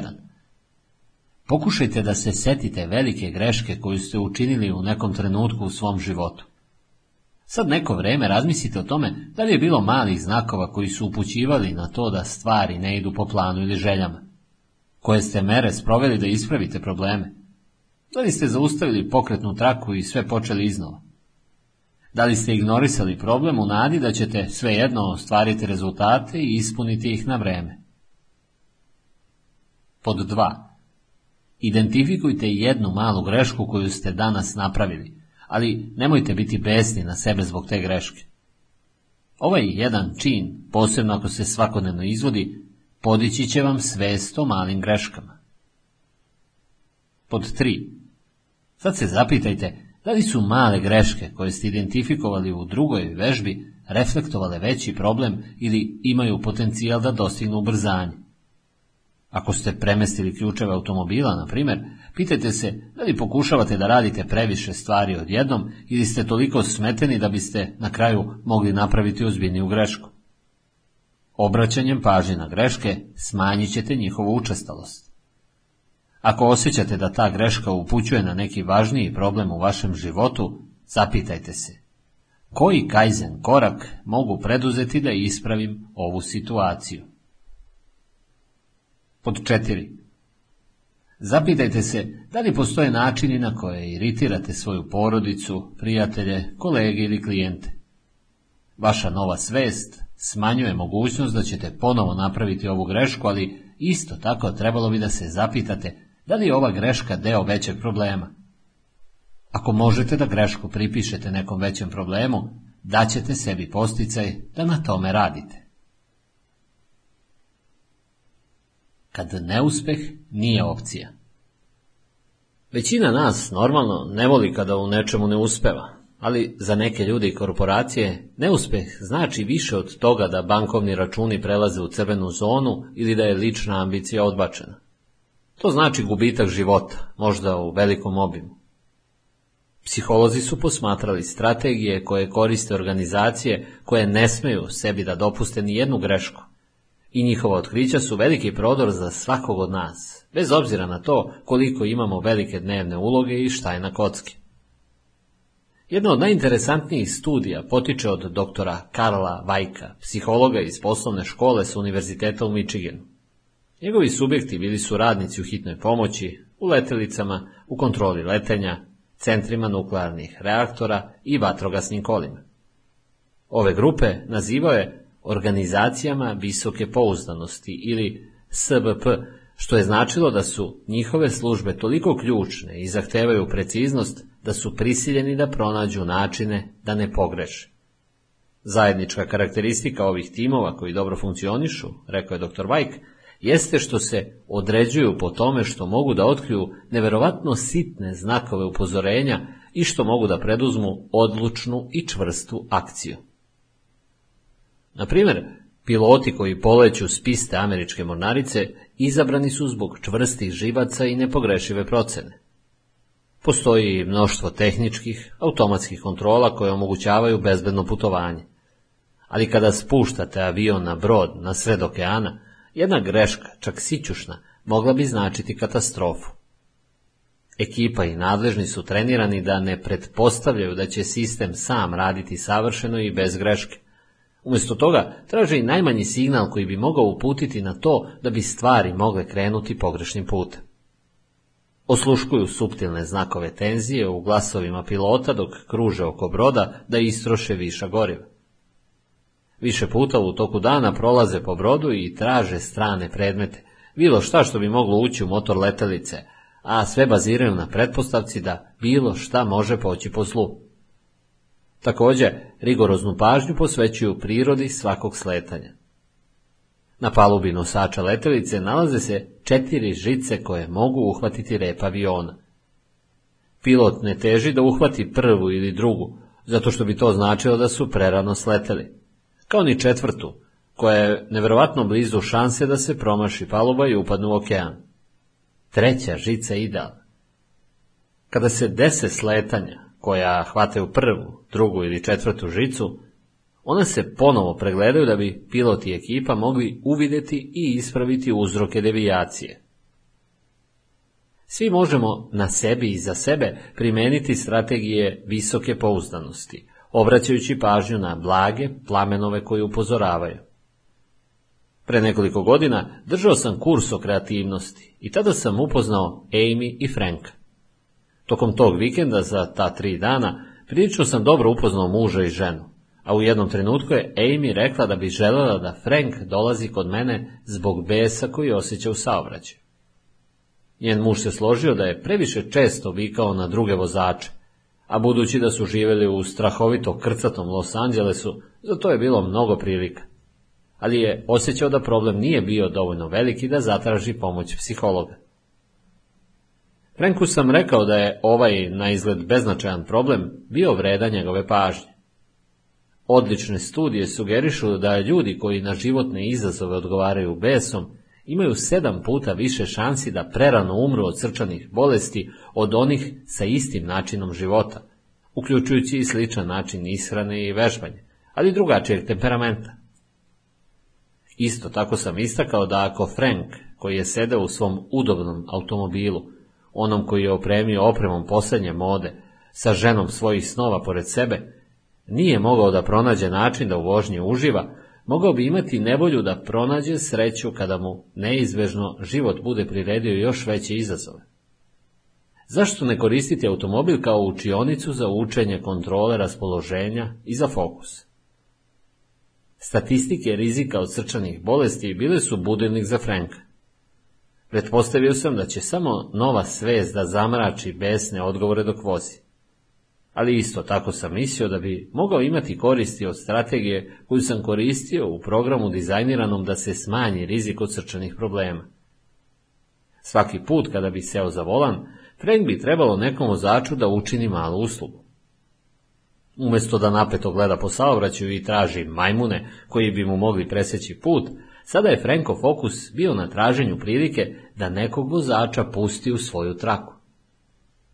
Još jedna tehnika svodi se na slušanje blage muzike umjesto vesti, kako bi mozak bio opušten, a ne stimulisan. Vrlo brzo, Frank je rekao da su mu strpljenje i dobro raspoloženje bili na nivou, i to ne samo u toku vožnje. I bio je zahvalan Amy što je ovaj mali problem rano uočila ali shvatio sam da je Amy imala možda malo neobičan sokolov vid kada je u pitanju uočavanje malih problema i intuitivno prepoznavanje njihove važnosti. Za nas koji ne radimo pod pritiskom situacije koje nose poslovi visokog rizika, može biti teško primetiti te male stvari, a da ne govorimo o tome da nam može biti veoma nezgodno da primetimo potencijal da naprave ogromnu havariju. Pokazat ću vam tri okolnosti u kojima smo svi mi naročito skloni da propustimo male životne probleme. Onda ih možete pratiti s dodatnom pažnjom, kao što to činite sa slepim uglom u retrovizoru, pa redovno proveravate. Mrtav ugao broj 1. Na početku staze promene. Lorel mi je došla zato što je brak bio u ozbiljnom problemu. Jedna od najvećih žalbi bio je nedostatak empatije supruge. Ako bi ga nazvao prijatelj koji ima problem, gotovo da nije imao interesovanja za to. Prezirao je vreme i energiju koja je Laurel posvećivala svojoj porodici. Ovo je često dovodilo do žestokih svađa zbog vremena koje je provodila pomažući ljudima ili zbog socijalizacije i aktivnosti koje je smatrala normalnim i prigodnim. Primetila je nedostatak njegove empatije kad su počeli da izlaze, ali imala je želju za stalnom vezom i pretpostavila je, pogrešno, da će se ta neprijatnost poboljšati. Ne govorim o tome da treba da primenite rigidne standarde za potencijalne partnere ili prijatelje. Setite se moje klijentkinje Grace, koja je odbijala da izlazi s muškarcima koji nisu želeli ili umeli da plešu ili čiji poslovi nisu bili dovoljno prestižni. Ali nije mudro praviti se lud za nešto što vam se ne dopada. Više obazrivosti možda bi pomoglo da Lorel i njen suprug prevaziđu razlike pre nego što se brak pretvorio u paprikaš, besa i prezira. Iz ovog razloga prijatno se iznenadim kada mi dođu parovi sa malim problemima u vezi. Često se izvinjavaju što me muče, ali im odgovaram. Hej, dobar je znak što imate dovoljno jasan uvid i što možete da uočite male probleme i što dovoljno cenite svoju vezu da biste na njoj radili. Naravno, ovo važi i za stvari koje se ne tiču direktno veza i odnosa. Ako osjećate bolove u kolenu na svojoj prvoj fitness šetnji, da li zaista to želite da ignorišete? Usporavanje tempa ili smanjenje razdaljine koju prelazite ili posjeta lekaru ako je bol uporan, stvari su koje možete učiniti da sprečite ozbiljnu povredu. Ukoliko želite da budete dizajner interijera, ali uporno kasnite na časove dizajna, zar ne bi trebalo da se zapitate da li ste zaista posvećeni ovoj karijeri? Lorelina priča ima srećan kraj. Shvatila je da je i ona imala određenu odgovornost za trenutni problem, budući da se vezala za muža uprkos nepoželjnoj karakteristici. Ovo je otvorilo mogućnost da mu priđe sa strpljenjem, dobrotom, čak radoznalošću. Mrtav ugao broj 2. Blizu linije završetka. Jedan od mojih klijenata, veliki bolnički lanac koji je tražio novog izvršnog direktora, prikazuje kako može doći do poteškoće i da se ne osjeti opasnost kada je cilj na vidiku. Bilo je to vreme prevrata i krize u organizaciji i odbornici su rešili da angažuju nekog ko ima odlučan stav u preuzimanju odgovornosti. Članovi odbora bili su oduševljeni kad su pronašli kvalifikovanog kandidata od poverenja. Isto tako bili su radosni kada su se našli na nekoliko koraka od linije završetka, a da mi nisu tražili da obavim svoju uobičajenu evaluaciju. Kad je odbor debatovao da li da ponude mesto tom kandidatu, mogao sam da se uključim u njihove nedoumice i samo da postavim jedno pitanje. Koja je pitanja kandidatkinja vama postavila? Članovi odbora nisu mogli da se prisete gotovo ni jednog pitanja koje im je kandidatkinja uputila. Delovalo je da je dobro informisana o kompaniji i da je koncentrisana na to da dobro proda sebe i ono što ima da ponudi. Nagovestio sam da bi to mogao biti opasan znak, s obzirom na to da bi novi izvršni direktor morao umeti da sluša mnogo ljudi pre nego što donese odluku šta da se radi. Nedostatak radoznalosti govorio je o njenoj nespremnosti da sasluša. Da je imala sklonost za akcijom, manje za razumevanjem, kao i da bi radije zahtevala poslušnost nego što bi inspirisala. Članovi odbora su me ljubazno saslušali, ali pritisak da reaguju bio je previše snažan. Vrlo brzo su kandidatkinji ponudili posao i prihvatila je. U narednih šest meseci nova izvršna direktorka napravila je nečuvenu štetu. Odstranila je visoko motivisane i talentovane članove za koje je osjetila da su ignorisali njene zahteve. Zahtevala je stvari koje su pokazivale nedostatak razumevanja o svojim zaposlenima. Na primjer, želela je nedeljni izveštaj o tome kako ljudi provode vreme, dodajući već zauzetom osoblju dodatni zadatak pored regularnih izveštaja. Načinila je još jedan korak koji je donao više nevolje. Sasekla je broj asistenata medicinskih sestara uprkos protestima i žalbama osoblju.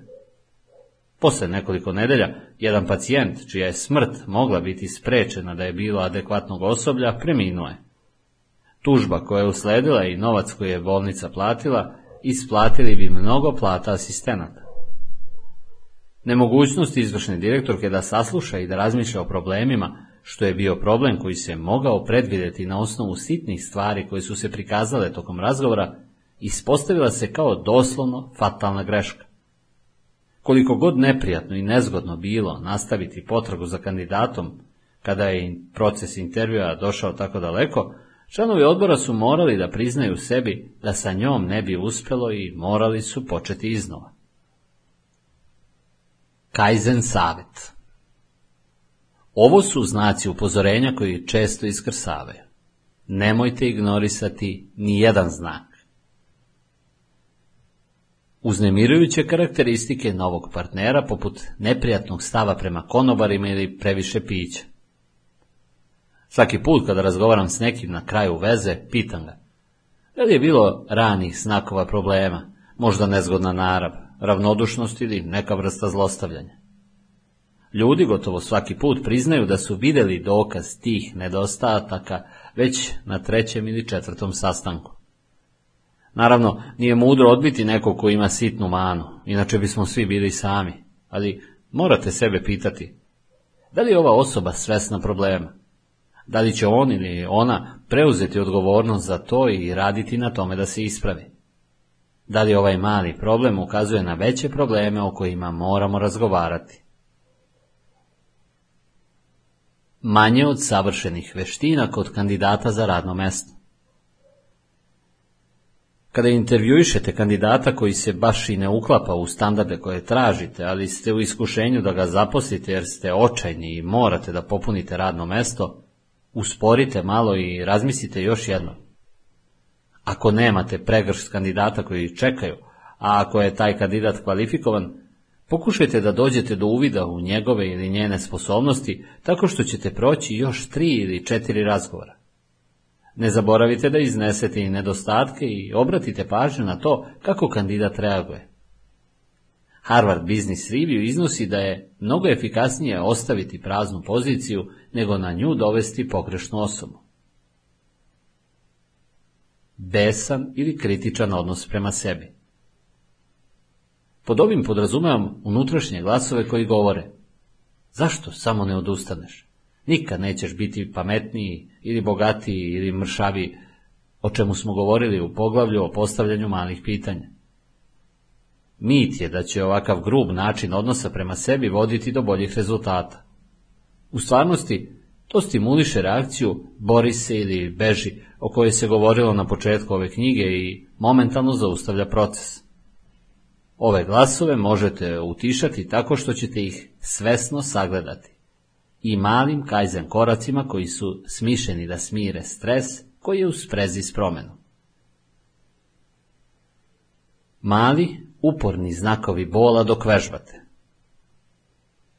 Potpuno je normalno da osjetite slabost u mišićima i upalu tokom i posle vežbanja, zato što telo gradi mišiće tako što ih kida. Ako počnete program vežbanja malim kajzen koracima, verovatno na početku nećete ni osjetiti upalu. Ali ako osjetite bol u zglobovima ili ako vam postane veoma teško da dišete, vreme je da smanjite ili možda napravite pauzu od nekoliko dana. Kad gurate kroz bol, možete stvoriti ozbiljnu povredu koja bi mogla uticati na vaš fitness plan. Ako je bol uporan ili ako osjetite bol u grudima dok vežbate, treba da posjetite lekara. Bilo kakav otpor prema malim koracima koje ste sami izabrali. Glavni je izazov smisliti toliko male korake da oni ne predstavljaju nikakav problem. Ukoliko je unutrašnji glas oštar ili besan što ne dolazi brže do promene, zahtjevat od vas veće korake koji mogu biti praktični. Zapamtite, računajte na ponavljanje malih koraka koji bi programirali vaš mozak za promene koje želite da napravite. I mali signali koji vas teraju da se odupirete malim koracima da morate da terate sebe da ih obavljate, znak su da je korak ipak previše veliki, da samim tim poziva amigdalo u akciju, a oštri glasić u vama se budi i meša se. Mrtav ugao broj 3. Prevelika kriza. Ponekad je teško uočiti male probleme, zato što, paradoksalno, šteta koju mogu doneti može biti toliko velika, da možemo pretpostaviti da izvor takvog horora mora biti u duboko komplikovanim problemima. Ovo je istina za brak, karijeru, zavisnost, korporacije, čak i za svetske, zdravstvene katastrofe. Mnogi Amerikanci nisu svesni da dijareja svake godine ubija milione dece po svetu. Da bismo ovaj broj objasnili, to je jednako avionu punom dece koji bi se svaki sat vremena srušio. Globalni stručnjaci za zdravlje i vladine organizacije pokušali su to da smanje velikim merama, skupim rješenjima poput boljih sistema navodnjavanja do novih oralnih terapija za dodatnu hidrataciju za ovu decu. Ovi pokušaj su korisni i zdravi, ali pokazuju nesvesnost za veoma male probleme koji vode ka dijareji, prljave ruke, U državama u kojima je najčešća fatalna dijareja kod dece, sapun je obično poklon u kući, ali samo od 15 do 20% ljudi ga koristi pre nego što uzima hranu ili bebe. Kada ljudi održavaju ruke čistim, dijareja može biti smanjena za 40%. Lakše je naučiti čoveka da spreči dijareju tako što će prati ruke, nego da se ubacuju novi sistemi po kontinentu ili da se dobavlja terapija nakon što bolest uzme danak. Srećniji primjeri bio bi New York i pristup zločinu. 80. godina u prosjeku je bilo 2000 ubistava godišnje i oko 600.000 krivičnih dela. Samo u sistemu podzemne železnice putnici su žrtve za 15.000 prestupa godišnje. Frustrirani političari i predstavnici policije pokušavali su da smanje velike zločine odvažnim koracima, povećanjem broja policajaca, pojačanjem budžeta i tako dalje. Budući da je zločin došao do tako van serijskih dimenzija, pretpostavili su da bi samo najskuplje i najveće tehnike mogle da smanje te statistike. Ali uprkos trudu i velikim troškovima, zločini su nastavili da rastu. Enter William Bratton bio je 1990. godine angažovan da smanji zločine u metrou New York. Na Brattonovu filozofiju uticalo je predavanje na koje je išao, o teoriji slomljenih prozora, koju su 1982. godine postavila dva kriminologa, James Wilson i George Kelling. Teorija o slomljenim prozorima govorila je da, ako je grad, kraj ili ulica tolerisao manje zakonske prekršaje, praktično je pozivao na ozbiljnije zločine. Wilson i Kelling su primetili da su deca bacala kamenje na prazne zgrade i slomila jedan okvir prozora. Pošto taj prozor nije bio popravljen, ubrzo su slomljeni i ostali. Ali ako bi se prozor koji je inicijalno polomljen brzo popravio, vandali bi se klonili te zgrade i ostali prozori bili bi netaknuti. Ovaj scenarij bio je simboličan, smatrali su Wilson i Kelling, za veliku istinu o zločinima generalno. Ljudi su spremni da prekrše zakon u kraju u kojem su mali zločini neprimećeni ili gde se ne kažnjavaju. Ako niko u kraju ne može da se nosi s pijanicom koja je glasna i ne ponaša se primereno, da li će građani pokušati da se umešaju kada dođe do pljačke ili će pozvati policiju zbog toga? Kada je bratom došao u New York te godine, sa sobom je donao i filozofiju koja je nalikovala na Kaizen. Opirući se manrednom pritisku da primeni radikalne i krupna rešenja za problem zločina u metrou, problem koji je bio kao kuga i uticao na milione građana koji su se svakodnevno vozili i išli na posao iz posla, Braton je, umjesto toga, izolovao manji problem. Rešio je da se fokusira na beznačajne zločine koji su uticali na kvalitet života putnika u saobraćaju, ali koji ih nisu dovodili u fizičku opasnost. Ovi zločini uključivali su mokrenje u javnosti, skitnice, preskakanje metalne obrtaljke na ulazu u metrostanicu. Zamislite koju je Braton hrabrost imao dok je ciničnim i besnim njujorčanima saopštavao da će se koncentrisati na preskakanje obrtaljke umjesto na ubistvo. Ali držao se svog plana. Umjesto da vrši velike, ali nedovoljno česte racije kriminalaca, Braton je policajcima zadao da hapse one koji preskaču šipke, ali svaki dan, pa je u isto vreme držao njih 15 ili 20 vezanih na metro stanici, gdje bi ih drugi putnici, ne televizijske ekipe, mogli vidjeti. To je imalo dramatičan efekat, ne samo na male zločine, već i na velike prestupe. Kada je policija obavljala provere povodom onih koji preskaču šipke, često bi među njima pronalazili kriminalce koji su traženi za veće prestupe. Također je postalo jasno da će se potencijalni pljačkaši zaustaviti ranije. Oni očigledno nisu bili spremni da plate za privilegiju vožnje podzemnom i pljačke ljudi. Jedan od Bratonovih načelnika, Miles Ansboro, našao se u rešavanju malog problema.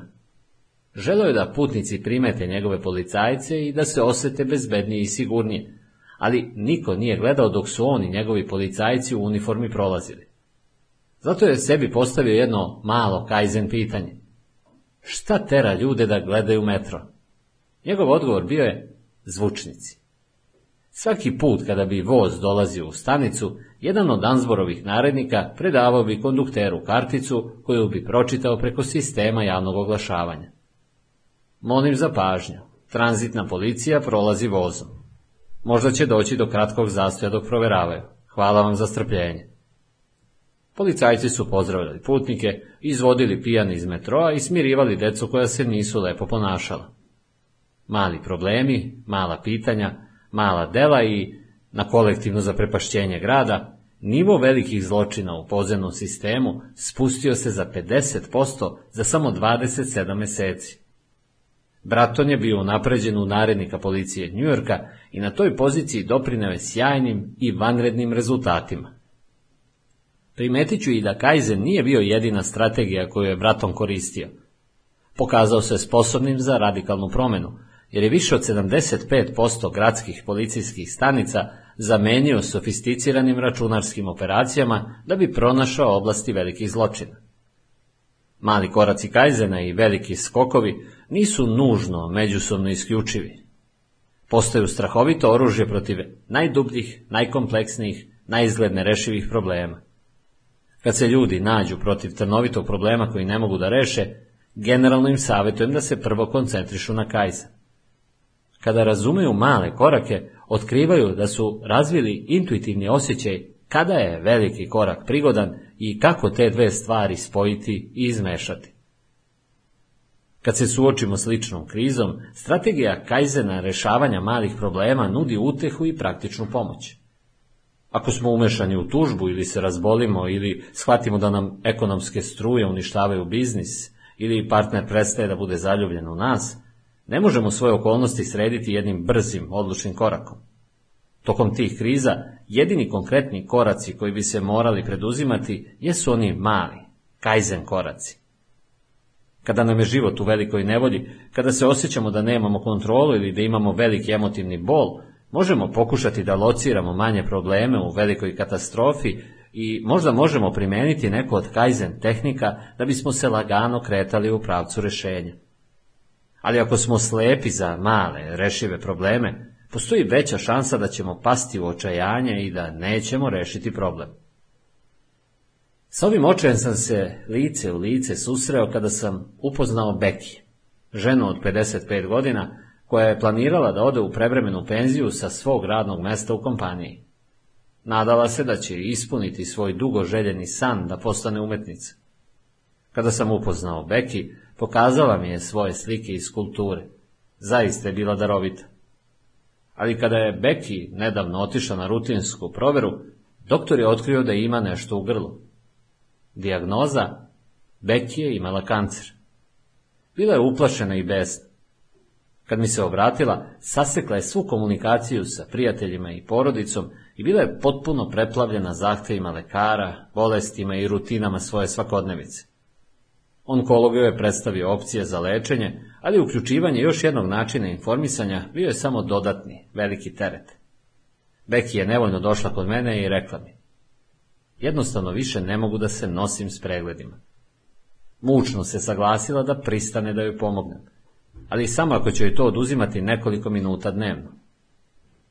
Tražio sam od Beki da mi kaže koji joj je cilj za ovaj period života. Složili smo se da je primarni cilj da se reši kancera, ali budući da nijedno od nas nije smatralo da je moguće kontrolisati proces bolesti, tražio sam joj da nabroji još dve stvari. Rekla je, želim da učinim svaki dan koji imam najboljim i želim da obavim više stvari. Pod obavljanjem stvari mislila je na papirologiju, kancelarijski posao i održavanje kuće koliko god je to mogla. To je bio niz izazova koji su bili mali u poređenju s kancerom, ali su teško vreme učinili još težim. Znao sam da je Beki bila potrebna pomoć sa obavezama. Imala je previše toga da obavi, čak i za zdravu osobu. Beki je bila odlična u pružanju pomoći drugima, ali je bila zastrašena kada je trebalo tu pomoć da primi. I što je više pomoći bilo potrebno, teže je bilo da je traži. I zato smo krenuli malim koracima da pomognemo Beki da svoje prijatelje ponovo vrati u život. Svakog jutra Beki je pisala listu zadatak. Stavljala je zvezdicu pored svakog zadatka za koji bi joj bila potrebna pomoć i opisivala bi kakva bi joj konkretno pomoć bila potrebna. Ovaj dnevni spisak obaveza držao je Beki da ne potone u zbunjenosti i poricanje, a razmišljanje o idealnoj pomoći držalo je fokusirano da traži pomoć na siguran način. Tokom narednih susreta nisam je ohrabrivao, niti sam predlagao da zaista traži pomoć od prijatelja, ali sam joj davao komplimente kada bi joj lista postajala sve kreativnija. Lista je isprva bila sažeta, na njoj je bilo stavki poput Žela bih da mi prijatelj samo kaže tako si hrabra ili žela bih da mi prijateljica opere veš. Za nedelju dana lista je postala detaljnija i emotivnija. Želela bih prijatelja koji bi sedeo sa mnom dok telefonom rešavam probleme ili ispunjavam papirološke poslove. Pisala je. Žela bih prijatelja da ide sa mnom u wellness društvo, da vidi kako je. Žela bih prijatelja koji bi me zagrlio kad plačem. Beki je sama počela da se povezuje sa svojim roditeljima i najbližim prijateljima, a sadnice liste želja urodile su plodom. Iako su je lečenja isisavala energiju, postala je smirenija i imala je više kontrole nad svakodnevnim životom. Pre nekoliko meseci video sam Beki, kada je lečenje već bilo završeno, a kancer je nekoliko godina bio u remisiji. Neko vreme smo razgovarali o njenom zdravlju, a onda me je zaustavila. Hvala ti za dar Kajzena, prošaputala je. Šesto poglavlje. Darujte male nagrade. Bilo da želite da trenirate sebe ili druge u usađivanju boljih navika, male nagrade su savršen način ohrabrivanja. Ne samo da nisu skupe i da su zgodne, već stimulišu unutrašnju motivaciju koja je neophodna za trajnu promenu. Male nagrade nisu dovoljne samo kao posticaj da se dobije određeni zadatak i naročito onaj koji iscrpljuje, već su optimalne prirode. Ovo važi u slučajima kad se nagrada koristi kao deo inicijative u kompaniji i kao stimulacija za lični život. Obratimo pažnju na taj omraženi korporativni alat, na kutiju za predloge radnika. U najboljim verzijama programi predloga funkcionišu kao ono kabel na automobilskoj traci, o čemu smo govorili u prethodnom poglavlju. Ohrabruju radnike da gledaju i traže probleme koji su vidljivi. U Japanu programi za predloge su naširoko popularna kaizen tehnika na koju reaguje gotovo tri četvrtine zaposlenih.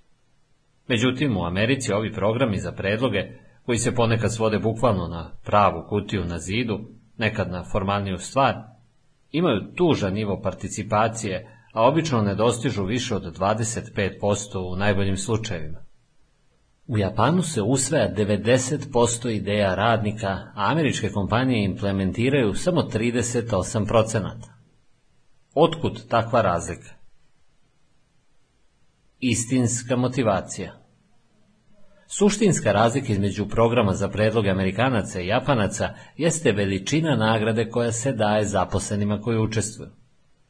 U Americi radnicima se obično daju velike novčane nagrade, proporcionalne novcu koji bi uticao na očuvanje novca kompanije. Ovo je pristup koji ima dobru nameru i sasvim je zdravorazumski osmišljen, ali skoro nikad ne uspeva. Ovo ohrabruje radnike da se fokusiraju samo na ideje koje su grandiozne i velike, dovoljno velike da utiču na finansijske nagrade. U stvarnosti, samo nekolicina može doći do hrabrih i velikih ideja, a još manje ljudi može doći do predloga koji zaista mogu uspeti. Pod ovim sistemom, manje ideje bi možda mogle biti praktičnije ili korisnije, ali to ne nosi momentalnu finansijsku dobit, pa su zanemarene. Ali u Japanu vrednost prosečne nagrade je 3,88 dolara, mnogo manja od američkog proseka od 458 dolara. Za najbolji predlog godine Toyota daje nagradu koja se naziva predsjednička nagrada i koja se dodeljuje na formalnoj ceremoniji. Ova nagrada nije fancy sat, novi automobil ili voucher za kupovinu. To je naliv pero. I to je toliko efektivna nagrada da se glavni čovek Toyota, Eiji Toyoda, hvali. Naši radnici donose milion i po predloga godišnje i 95% predloga iskoristi se u kompaniji. Nagrade, kao dragocen psihološki alat, nisu ništa novo. Deo su akademskog vokabulara još od sredine 20. veka, kada je behavioralni psiholog B.F. Skinner osmislio svoju filozofiju pozitivnog ohrabrenja kao načina da se ponašanje oblikuje sistemom nagrade. Ono što je neobično u Kaizen pristupu nagradama jeste njihova veličina. Japanski izvršni direktori vole male nagrade, ne zato što su cicije, iako nas Kaizen ohrabruje da pazimo i vrednujemo novac, već zato što koriste osnovno pravilo ljudske prirode. Što je veća spoljašnja nagrada, veći je i rizik da se umanji prirodni poriv za boljitkom. Velike fancy nagrade otklanje ono što je dr. Edwards Deming, jedan od najvećih zagovornika Kaizena, nazvao istinskom motivacijom. Dr. Deming je razumeo da većina ljudi želi da bude ponosna na svoj rad i da žele da ponude korisne predloge. Ali velike nagrade u novcu u korporativnom svetu mogu postati poruku da je radnik samo šraf u mašini, koji mora biti uključen u to ludilo zbog mogućnosti ličnog dobitka. Velike nagrade mogu postati cilj za sebe, čime bi se uzurpirala prirodna žudnja radnika da pronađe stimulaciju i kreativnost u samom poslu. Pored toga, kada velika nagrada stigne, motivacija čoveka da nastavi s novim i poželjnim ponašanjem ima tendenciju da izbledi ili nestane. Ali male nagrade ohrabruju unutrašnju motivaciju zato što predstavljaju oblik prepoznavanja, a ne materijalnu dobit, čime se signalizira da kompanija ili šef cene unutrašnju žudnju radnika da se popravi i doprinese. Southwest Airlines ovo radi tako što nagrađuje dobar rad voucherom za hranu od 5 dolara. Njihovi radnici nagrađuju jedni druge pisanim ljubavnim izveštajima. Ako vas ovi postice i podsjećaju na prljavi slatkiš koji se daje detetu skitnici, pokušajte da postavite pitanje prijateljima ili radnicima. Šta čini da se osjećate cenjeni? Lista je obično ispunjena besplatnim stvarima ili onima koji ne koštaju mnogo, kao što su komplimenti od šefa ili zahvalnica, kompliment od nadređenog ili da vam neko donese šolju kafe kada radite kasno. U privatnom životu male nagrade pokazuju zahvalnost i čuvaju prirodni osjećaj zadovoljstva u dobro obavljenom poslu. Ako su u prijateljstvu ili braku, može se održavati smisao za humor, pa tako i onaj koji nagrađuje i koji je nagrađen mogu imati jednako zadovoljstvo. S obzirom na to da većina nas pati zbog pretrano napetog rasporeda i finansijskih poteškoća, nagrada je i ako neko odvoji vreme da vam za nešto zahvali. Poznavao sam jedan par. Suprug je imao veliki rizik za bolesti srca.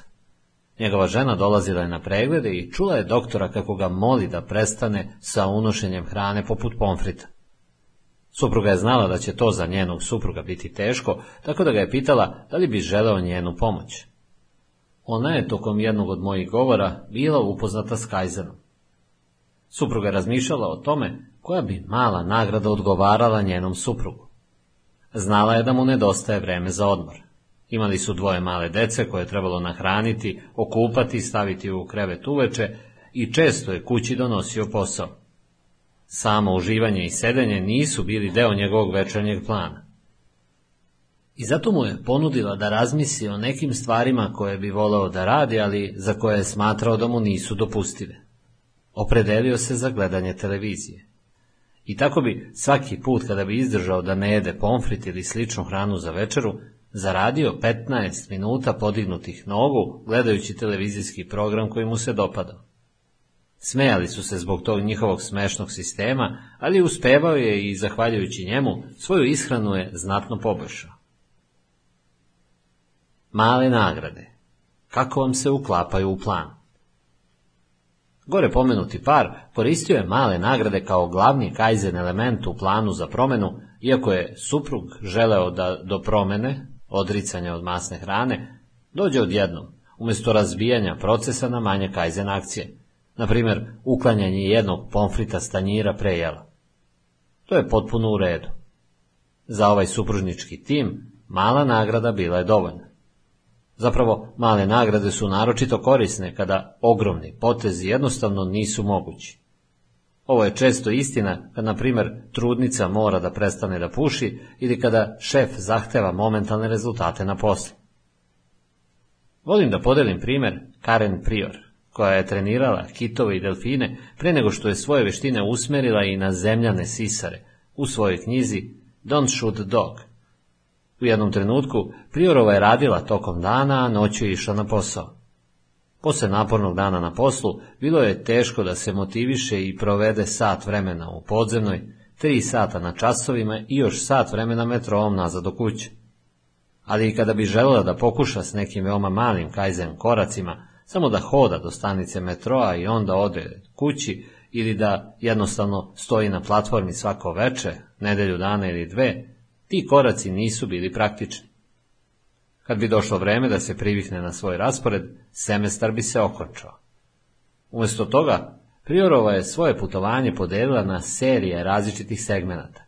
Šetnja do stanice metroa, menjanje vozova, stepenice do učionice. Svaki put kada bi ispunila neki segment, dozvolila bi sebi kockicu čokolade. Na ovaj način trenirala je sebe da svaki segment putovanja poveže sa zadovoljstvom. Za nekoliko nedelja, kaže, mogla sam da odem do učionice bez čokolade ili bez unutrašnje borbe.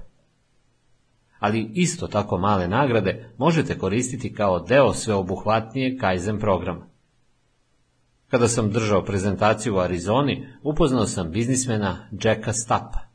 U svojoj dugačkoj karijeri, Jack je instinktivno i oštrovno koristio Kaizen da, korak po korak, stvori svoj biznis koji je donosio milione. Ali u 44. godini dobio je i ozbiljan reumatoidni artritis i bio je hospitalizovan s više od 20 oteklih zglobova. Svaki trenutak bio je mučenje. Vezan za invalidska kolica i uz šaku lekova za bolove, Jacku je bilo savjetovano da ni pod kakvim uslovima ne misli o vežbanju. Kad mi je Jack ispričao svoju priču u Arizoni, postao sam radoznao. Nisu se vidjela očigledna ograničenja koja mu je reumatoidni artritis doneo. Bio je pokretan i vežbao je svakog dana. Kako je prevazišao i pobedio taj poremećaj? Svoj uspjeh pripisao je malim koracima i malim nagradama. Svakog jutra, kada bi se probudio u bolovima, rekao je sebi da sve što treba da uradi jeste da izađe iz kreveta. Kada bi se uspravio, Jack bi se u glavi potapšao po leđima. Bravo, dečko, bravo, Jack, rekao bi. Ovaj kompliment, kratak ali iskren, bio je njegova nagrada. Onda je rekao sebi, ako bih mogao samo da prošetam ulicom do teretane, uživao bih u časkanju sa osobljem. Kada je stao na traku za trčanje, Jack je počeo šetnjom od samo dva minuta, nagrađujući sebe pohvalom i ohrabrenjem. Minut po minut, nagrada za nagradom, i Jack je polako uspeo da uđe u kondiciju. Kada sam ga upoznao, bio je u sedamdesetim godinama i pobedio je u takmičenju bodybuildera za svoju starost. Postoji mnoštvo sjajnih načina da se nagrade uključe u Kaizen plan. Jedna klijentkinja piše sve zadatke koje ne želi da obavi. Ako ispuni te zadatke, na kraju dana nagradi sebe tako što 10 minuta provede u džakuziju. Drugi ljudi koji pokušavaju da promene ponašanje poput paljenja cigarete posle večere, dobit će od partnera 10 minuta masaže leđa ili stopala. Ovo nije samo nagrada zbog toga što nisu pušili. To im pomaže da se misli sklone s cigarete tokom tog dragocenog vremena. Kaizen tehnika. Savršena nagrada. Dobro razmislite pre nego što se odlučite za malu nagradu. Želite da nagrada ima sledeće karakteristike. Nagrada bi trebalo da bude prilagođena cilju. Za Karen Prior čokolada je bila savršeno ohrabrenje da stigne na čas. Mala neškodljiva stvar. Ali za muškarca kome je doktor rekao da smanji lošu hranu, čokolada bi bila kontraproduktivna. Nagrada bi trebalo da bude prilagođena osobi. Ukoliko pokušavate da ohrabrite drugu osobu da postigne neki cilj, ne zaboravite na to da je nečija nagrada nekome teret i muka. Nekim ljudima je veliki vetar u leđa da dobiju kompliment svaki put kada naprave pozitivan korak prema cilju. Drugi misle da su česti komplimenti snishodljivi. Za određene klijente, naročito za one koji oklevaju da kontaktiraju sa mnom van zakazanih poseta, koristim telefonske pozive kao nagradu. Svaki put kada postignu mali uspeh, pozovu me da bih im čestitao.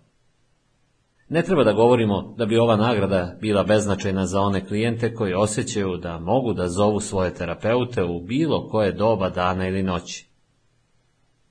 Pronalaženje prigodne nagrade za drugu osobu može biti izazov, pa biste možda mogli da pokušate sa ovom tehnikom. Ako je problem sa osobom koja vam je prijatelj ili partner, pitajte, kako znaš da si voljan?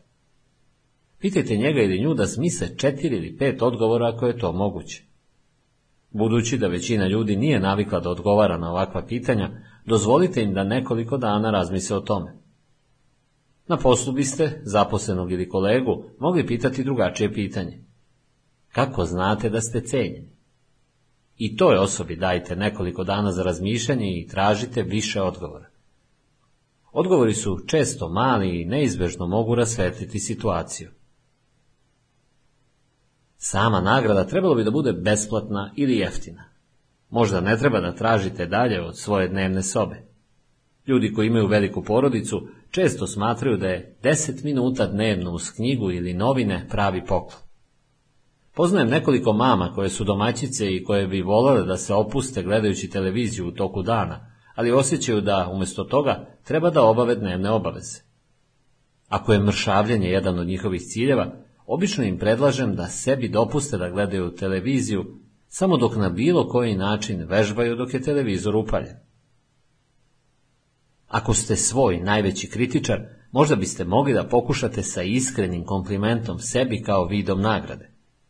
Druge dobre ideje uključuju kupanje u kadi, kratke šetnje, slušanje omiljene muzike, razgovore s prijateljima, masažu ramena ili stopala ili nekoliko trenutaka ispijanja kafe u luksuzu svog kreveta. Sedmo poglavlje Identifikujte male trenutke. Kaizen pristup životu zahteva sporiji tempo i uvažavanje malih trenutaka. Ova prijatna tehnika može voditi do kreativnih proboja i do osnaživanja veza i može vam davati svakog dana vetar u leđa prema boljitku. Jedan od primjera Kajzena koji je snažno uticao na mene ilustrovan je u knjizi Plagues and Peoples Williama McNeila. McNeil prikazuje dramatičnu sliku da je kuga za tok ljudske istorije učinila mnogo više od bilo kog faktora iako je bila skoro ignorisana na časovima istorije. Ali poenta, skrivena u nekoliko kratkih stubaca, ogleda se u tome kako je kuga izlečena. Pomislio sam, a možda ste i vi, da je način lečenja ove bolesti fokus na ljude koji imaju bolest. Da njih treba izložiti tehnologiji koju imamo ili koju možemo smisliti, pa ćemo na kraju doći do leka. Stvarnost je da su mnoge kuge bile izlečene na različite načine. Boginje je, na primjer, kao jedno od najvećih pošasti svih vremena, izlečio britanski lekar Edward Jenner. Primetio je da grupa žena, sve su bile mlekarke, nije dobila boginje. Isprva niko nije obraćao pažnju na njega, a godinama je bila poznata ova slučajnost. Smatrali su da su morali brinuti o većim stvarima ali Jennerovo obraćanje pažnje na ovu činjenicu vodilo ga je do revolucionarnog otkrića. Genijalno je pretpostavljao da su ove mlekarke ranije imale kravlje boginje, što je riziko i nosi posao, a da im je izloženost tome dala ono što danas nazivamo imunitetom na boginje, koji su veoma slične kravlje. Ova teorija odvela ga je do savršene tehnike vakcinacije.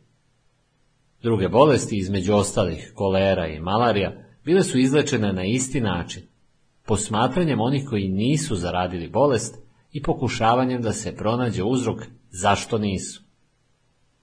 Jennerova priča izaziva popularno uverenje da promjena i progres potiču iz momentanih izliva inspiracije. Filozof, naučnik ili umetnik sedi sam na svojoj mansardi u agoniji sve dok eureka, božanska inspiracija ne dođe ali mnogi sjajni momenti napretka došli su iz svakodnevnog praćenja malih stvari. Govorimo o trenucima koji mogu delovati obično ili zamorno, ali u sebi sadrže koren važnih promjena. Obraćanje pažnje na male stvari može delovati lako, ali potrebni su poštovanje, mašte i radoznalost. Evo samo nekoliko primjera kako su mali trenuci izrodili boljitak, čak revoluciju, u biznisu. Stewardesa američke kompanije obratila je pažnju na to što mnogi putnici nisu jeli masline i salate. Pomislila je da bi to moglo biti korisno i prosledila informaciju dalje. Na kraju je otkriveno da je kompanija hranu plaćala po broju stavki koje su bile u salati. Cena salate koja je imala od jedne do četiri namirnice bila je manja od salate sa pet do osam sastojaka. A nepojedene masline ispostavile se bile su peta stavka u salatama američke kompanije. Kada je kompanija izbacila masline i prebacila se na salatu s četiri sastojka, sačuvala je 500.000 dolara godišnje. Predsjednik kompanije 3M jednom je primetio pismo od kupca koji je tražio uzorke mineralnog peska koji je kompanija koristila za šmirku. Predsjednik William McKnight bio je radoznao povodom ovog neobičnog zahtjeva i kontaktirao je s kupcem da bi saznao još detalja. Zbog dobijenih informacija došlo je do saradnje koja je vodila do vodootpornih papira za šmirglanje i do drugih proizvoda koji su pomogli da 3M postane prvoklasna organizacija. Godine 1892. predsjednik American Expressa, J.K. Fargo, putovao u Europu i nosio pismo s kreditom da bi mogao da dođe do dodatnog novca ako mu bude potreban. U to vreme takva pisma bila su jedini način da se dođe do keša na putovanju, ali efikasnost je bila ograničena. Fargo je kasnije objasnio. Onog trenutka kada sam skrenuo sutabane staze, nisu bili korisniji od vlažnog papira za pakovanje. Ako je predsjednik American Expressa imao takvu vrstu nevolje, pomislite samo s čim su se obični putnici suočavali. Nešto se u vezi s tim mora uraditi. Ono što je stvorio zbog obraćanja pažnje na ovu neugodnost bio je ček za putnike, prethodnik sada univerzalne kreditne kartice.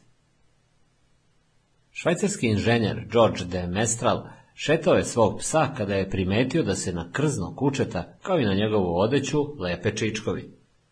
De Mestral je dopustio da ga tvrdoglavi mali čičkovi zainteresuju, a ne da ga samo iritiraju. Zbog obraćanja pažnje na to, stvorio je Velcro. Dave Gold, vlasnik prodavnice alkoholnih pića, obraćao je dodatnu pažnju na efekat koji je već poznat preprodavcima. Kada god stavim natpis da nešto košta 99 centi, to ode za tren oka. Shvatio sam da je to bio magičan broj. Pomislio sam, da ne bi bilo zabavno imati radnju gdje bi sve bilo dobro kvaliteta i sve koštalo 99 centi. Gold je tako napravio lanac radnji, sve za 99, kojih sada ima 332. Dok je bio na odmoru sa svojom porodicom, izumitelj Edwin Land fotografisao je svoju trogodišnju čerku. Očekivala je da će vidjeti fotografiju tada i tamo. Umjesto da njeno nestrpljenje smatra detinjastim, Land je u tome video mogućnost. Posle pet godina izumljen je prvi instant aparat. Šta vas sprečava da vidite kreativne mogućnosti u maslinama, broju 99 ili žalbama deteta? Iako niste zainteresovani da koristite Kaizen radi stvaranja milijarderske kompanije, mali trenuci vam mogu pomoći da prevaziđete mentalnu blokadu. Uzmite primjer Georgea, policajca koji je prezirao svoj posao, ali nije mogao da smisli prigodniju karijeru. Tražio sam mu da pronađe trenutak u kome je uživao u svom policijskom radu. Dok je zapisivao ove male trenutke, primetio je da se nešto ponavlja. Najveće zadovoljstvo osjećao je kada je razgovarao sa zatvorenicima u Marici, dok ih je ispitivao o problemima koje imaju i davao im savjet. Čak je volao da se vraća u zatvor kod zatvorenika, samo da bi nastavio razgovor. George je ubrzo shvatio nešto što mu je sve vreme bilo pred nosem. Želeo je da bude savjetnik. George sada noću ide na kurseve psihologije a policijski rad mu je sad zanimljiviji, jer skuplja iskustvo koje će mu služiti u novoj karijeri. Kada uključujete neki plan za promjenu, ali vam je dosadno, ne možete da se smirite ili ste zapeli, pogledajte oko sebe i pronađite skrivene trenutke koji će vam doneti užitak. Ljudi koji su najuspešniji u poboljšanju navika u zdravlju, oni su koji vežbanje ili dobru ishranu mogu da pretvore u nešto uzbudljivo i nešto što će im doneti ponos. Moji klijenti su me naučili da ovo važi za sve ostale ciljeve. Zato nemojte pretpostavljati da će sreća doći sa vašim farmerkama u manjem broju ili novim, zdravim brakom ili organizovanim ormarom. Umjesto toga, fokusirajte se na trenutke promjene koji vam donose zadovoljstvo. Znam da to zvuči teško, ali većina ljudi može da smisli makar jedan trenutak u kome je osjetila užitak. U današnjoj šetnji sam se setio koliko je lep kraj u kojem živim, reći će ljudi. Ili, danas sam jeo jabuku i setio sam se kada sam radio u voćnjaku za ujak. Tog leta sam stvarno uživao. Kaizen tehnika. Negovanje svesti o malim trenucima. Da bi se video potencijal malih trenutaka, potrebni su radoznalost i otvoren um. Negovanjem ovih kvaliteta poboljšat ćete šansu da prepoznate kreativni potencijal, kada god vam se nađe na putu. Evo niza koraka koji vašem umu mogu pomoći da ostane otvoren, zaigran i budan za male trenutke, čak i u situacijama koje su veoma emotivne. Pod 1. Gledajte osobu koja ima suprotno mišljenje od vas kada je reč o gorućim društvenim stvarima poput abortusa, kontrole oružja ili školskih vaučera. Korisnije ako je ta osoba neznanac, recimo neko ko sedi pored vas u avionu, nego blizak prijatelj ili član porodice. Po dva. Uključite tu osobu u razgovoru u kojem vi postavljate pitanja samo s jednim ciljem, da biste otkrili razlog za njegovu ili njenu tačku gledišta. Pod tri. Pokušajte da se ne svađate, da se ne ubeđujete ili da zvučite kao da osuđujete. I pod četiri, znate da uspevate kada osjetite da ta osoba postaje sve opuštenija i prišljivija i kada počne da prihvata vaše interesovanje i poštovanje. Odnosi. Niz malih trenutaka. Kaizen pravi osnovu za snažnu vezu. Trenutak po trenutak otkrivamo jedni druge i gradimo poverenje. Kada je bio profesor psihologije na Univerzitetu u Washingtonu, dr. John Gottman sproveo je studiju u kojoj su parovi koji su se dobrovoljno prijavili bili u specijalnim zgradama koje su služile da se posmatra njihovo ponašanje. Prirodna interakcija ovih parova posmatrala se kroz njihove svakodnevne rutine. Subjekti su povremeno bili prikačeni na monitore da bi se pratila svaka biološka promjena dok su diskutovali o problemskim situacijama ili drugim stvarima. Ovo je neuobičajena postavka za naučnu studiju, ali ono što nas tera da ozbiljno shvatimo Gotmana jesu izvanredni rezultati. Pomoću ovih mera mogao je da predvidi uz 93% preciznosti da li će par biti srećan u braku ili nesrećan, a možda i razveden za četiri godine. Jedno od glavnih otkrića studije bilo je da je u uspješnim vezama pozitivna pažnja nadjačala negativnu na dnevnom nivou faktorom od 5 do 1. Pozitivna pažnja nije se ogledala samo u dramatičnim potezima poput vrhunskih rođendanskih žurki ili kupovine kuće i snova. Ticala se i sitnih gestova poput prijatnog glasa kad se javljate partneru, a ne ogorčenim ili užurbanim tonom kojim bi govorio da vas partnerov poziv prekida u važnom zadatku. Ispitivanja o zakazanim pregledima kod zubara ili o drugim važnim stvarima koje osoba ima tog dana. Spuštanje daljinskog upravljača, novina ili telefona kad partner ulazi na vrata dolaska kući u dogovoreno vreme ili makar poziva ako kasnite. Ovi mali trenuci mogu biti veći pokazatelji veze pune ljubavi i poverenja od inovativnijih koraka, romantičnog putovanja ili skupih poklona. Moguće je da je razlog to što mali trenuci ukazuju na stalnu negu i brigu. Još jedna primjena Kajzena na veze jeste neophodnost da budemo zainteresovani za detalje partnerovog života. Umjesto da očekujemo da nas partneri zabavljaju dramatičnim gestovima ili pričama, možemo pokušati da cenimo kvalitete koje posjeduju i stvari koje svakodnevno čine. Kad mi ljudi kažu da im je dosadno u trenutnoj vezi, predlažem im da počnu s Kajzenom. Možda biste i vi mogli da pokušate. Trenirajte sebe da se fokusirate na male, pozitivne aspekte svog partnera. Umjesto da se koncentrišete na velike mane ili da čekate kočiju ili putovanje u Pariz, cenite ga zbog malih gestova, zbog prijatnog glasa ili blagog dodira. Mnogi ljudi tokom ovog procesa čine grešku, a to je da partnere hvale samo za stvari koje čine. Tako si dobar kuvar, kažemo, ili sjajno si pokosio travu. Ali ako partner dobija komplimente samo za usluge koje pruža, može se osjećati kao zaposleni. Umjesto toga, pokušajte da identifikujete jedan trenutak svakog dana kada možete da pohvalite partnerovu ličnost ili izgled. Pokušajte sa dopada mi se kako ti kosa izgleda ujutru ili dopada mi se kako si uzbuđen kada idemo da gledamo neki film. Priznavanje ovih malih trenutaka pruža partneru sigurnosti da je voljen kao osoba, a ne samo kao neko ko donosi hleb. Usmeravanje pažnje na male trenutke istovremeno je i lako i teško. Koliko je to lako, podsjećaju me trenuci dok gledam decu kako se igraju i uče. Apsolutno su usmereni na trenutak. Tako su sposobni da osete zadovoljstvo i budu deo aktivnosti. Kad mozak počne da se razvija, dolaze i druga dva kapaciteta. Jedna je sposobnost da se prizove prošlost, a drugi sposobnost da se predviđa budućnost. A ove sposobnosti su krucijalni dodaci koje kao vrsta imamo u alatu za preživljavanje. Sposobnost da se setimo gde smo vidjeli neprijatelje i sposobnost da predvidimo s kojim bismo se problemima mogli suočiti kada ih vidimo bile su ključne.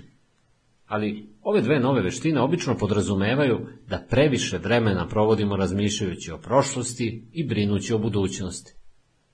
Kajzenom možemo povratiti više tog dragocenog vremena detinjstva. Sposobnost da osjetimo zadovoljstvo u trenutku, da budemo fascinirani ljudima oko sebe i onim što rade. Kaizen savjet Većina nas provede mnogo vremena misleći o prošlosti i anticipirajući budućnost da propuštamo male trenutke. Kad god se nađete izgubljeni u brizi ili žaljenju, pokušajte sa ovim. Pod jedan. Zapitajte se. Da li moram da naučim bilo šta na osnovu ove brige i žaljenja? Pod dva. Ako je odgovor da, onda napravite korak ka toj promjeni. Ako je odgovor ne, a često jeste, okrenite se oko sebe i pronađite predmet ili osobu koji vam pružaju najjači osjećaj zadovoljstva.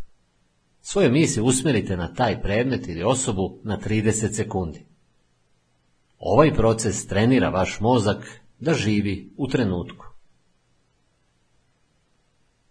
Osmo poglavlje Kaizen za život dok doživljavate uspeh zahvaljujući kajzenu koji primenjujete za jasne ciljeve kao što su gubitak težine ili napredak u karijeri, ne zaboravite da se držite njegove suštine. Optimističnog uverenja da imamo potencijal za stalni napredak. Nadam se da sam vas ubedio da je kajzen moćna metoda za ostvarivanje jasnih ciljeva ili za popravljanje lošeg modela ponašanja. Lepota i izazov Kajzena jeste u tome što zahteva veru. Ne nužno religiozni vid vere ili rigidnu posvećenost, već poverenje u moć tela i mozga da mogu da vas odnesu tamo gde želite da budete. Malim koracima usmeravate svoj mentalni kompas da ide novim putem, omogućavajući svome umu da se odmori. Vera često dobija oblik nežnog, strpljivog stava u trenucima izazova. Nije važno da li su ti izazovi na izgled nepremostivi ili zamorno svakodnevni. Ako imate problem s tim da se vežete za rigorozni plan za poboljšanje zdravlja, počnite čišćenjem jednog ili dva zuba ili pažljivo perite ruke pre jednog obroka. Ukoliko želite da se osjećate srećnije ili smirenije, počnite u automobilu i vozačima ispred vas dajte dovoljno prostora i razumevanja. Ako želite da imate više sreće u ljubavnom životu, svakog dana činite male stvari, pune ljubavi za prijatelje, poznanike ili neznance. Ako imate želju da oslobodite kreativni potencijal, pokušajte da postavljate sebi novo pitanje svakog dana. Čekajte odgovor sa poverenjem. Umjesto da se agresivno naterate da uđete u mentalno stanje hitre promjene, Dozvolite sebi da se skokovi dese sami, po svom rasporedu, u svoje vreme. Iako je Kaizen moćna sila za napredak u karijeri, gubitak i laže, poboljšano zdravlje i druge ciljeve, mnogo je dublje nego jednostavan nalaz za prelazak linije finiša. Pokušajte da sagledate Kaizen kao proces koji se nikad ne završava. Nikad ga ne stavljajte u fioku, zaboravljenog, kada dostignete cilj. Kaizen nas poziva da vidimo život kao mogućnost za neprestani napredak, za visoke standarde i potencijal koji se širi. Kada je Kaizen prvi put bio usvojen one večeri kada je Amerika ušla u drugi svetski rat, namera je bila da se poboljša kvalitet proizvodnje. U to vreme u Americi proizvodnja nije bila problematična industrija. Uspešno je proizvodila dobra visoko kvaliteta pristojnom brzinom. Kaizen se koristio kada je rad zahtevao neophodnost da sistem koji postoji, a koji je već radio, bude uspešniji. Baš kao što će takmičar na maratonu koji je postavio rekord nastaviti da traži način da prestigne svoje najbolje vreme, vi možete tražiti strategije da stalno poboljšavate svoju životnu igru. Ako odvojite trenutak da pokažete uzbuđenje povodom intelektualnih ili umetničkih napora neke mlade osobe, možete pomoći da dete otkrije radost učenja. Ako provedete minut ili dva svakoga dana pišući prijatnu belešku koju biste stavili u torbu voljene osobe ili u kutiju s ručkom detetu, možda možete spasti sebe bolova koji dolaze kad veza zahladni zbog nedostatka brige i svakodnevne nege. Ako želite da održavate standarde fizičkog zdravlja koji su već visoki, zabavite se malim prilikama da se popnete na još jedan sprat ili eliminišete još nekoliko kalorija brze hrane.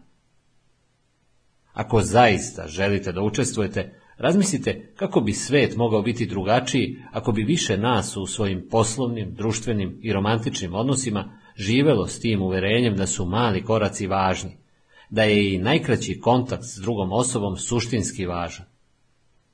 Kajzen nam pruža mogućnost da malim činom pažnje i još kraćim trenucima saosećanja i radoznalosti promenimo sebe i na kraju čovečanstvo. Možemo se koncentrisati na to da budemo velikodušni u svakodnevnim mislima i delima, da ne štedimo svoju dobrotu za važnu osobu ili važan događaj, već da je slobodno koristimo kada su deca besna na nas ili kada naš radnik zaslužuje mali kompliment. Možemo sebe ceniti tako što ćemo poći malim koracima prema poboljšanju zdravlja i odnosa. Možemo ceniti druge tako što ćemo im postavljati mala pitanja. Ovo nije lako uraditi, a samo vi možete odrediti mesto Kajzena u svom svetu. Ali kada počnete da uključujete Kajzen u svoju rutinu i otkrijete njegove moći, počet ćete da odgovarate na jedno duboko pitanje. Šta je važnije u životu nego da pronađemo mogućnosti u svakom trenutku?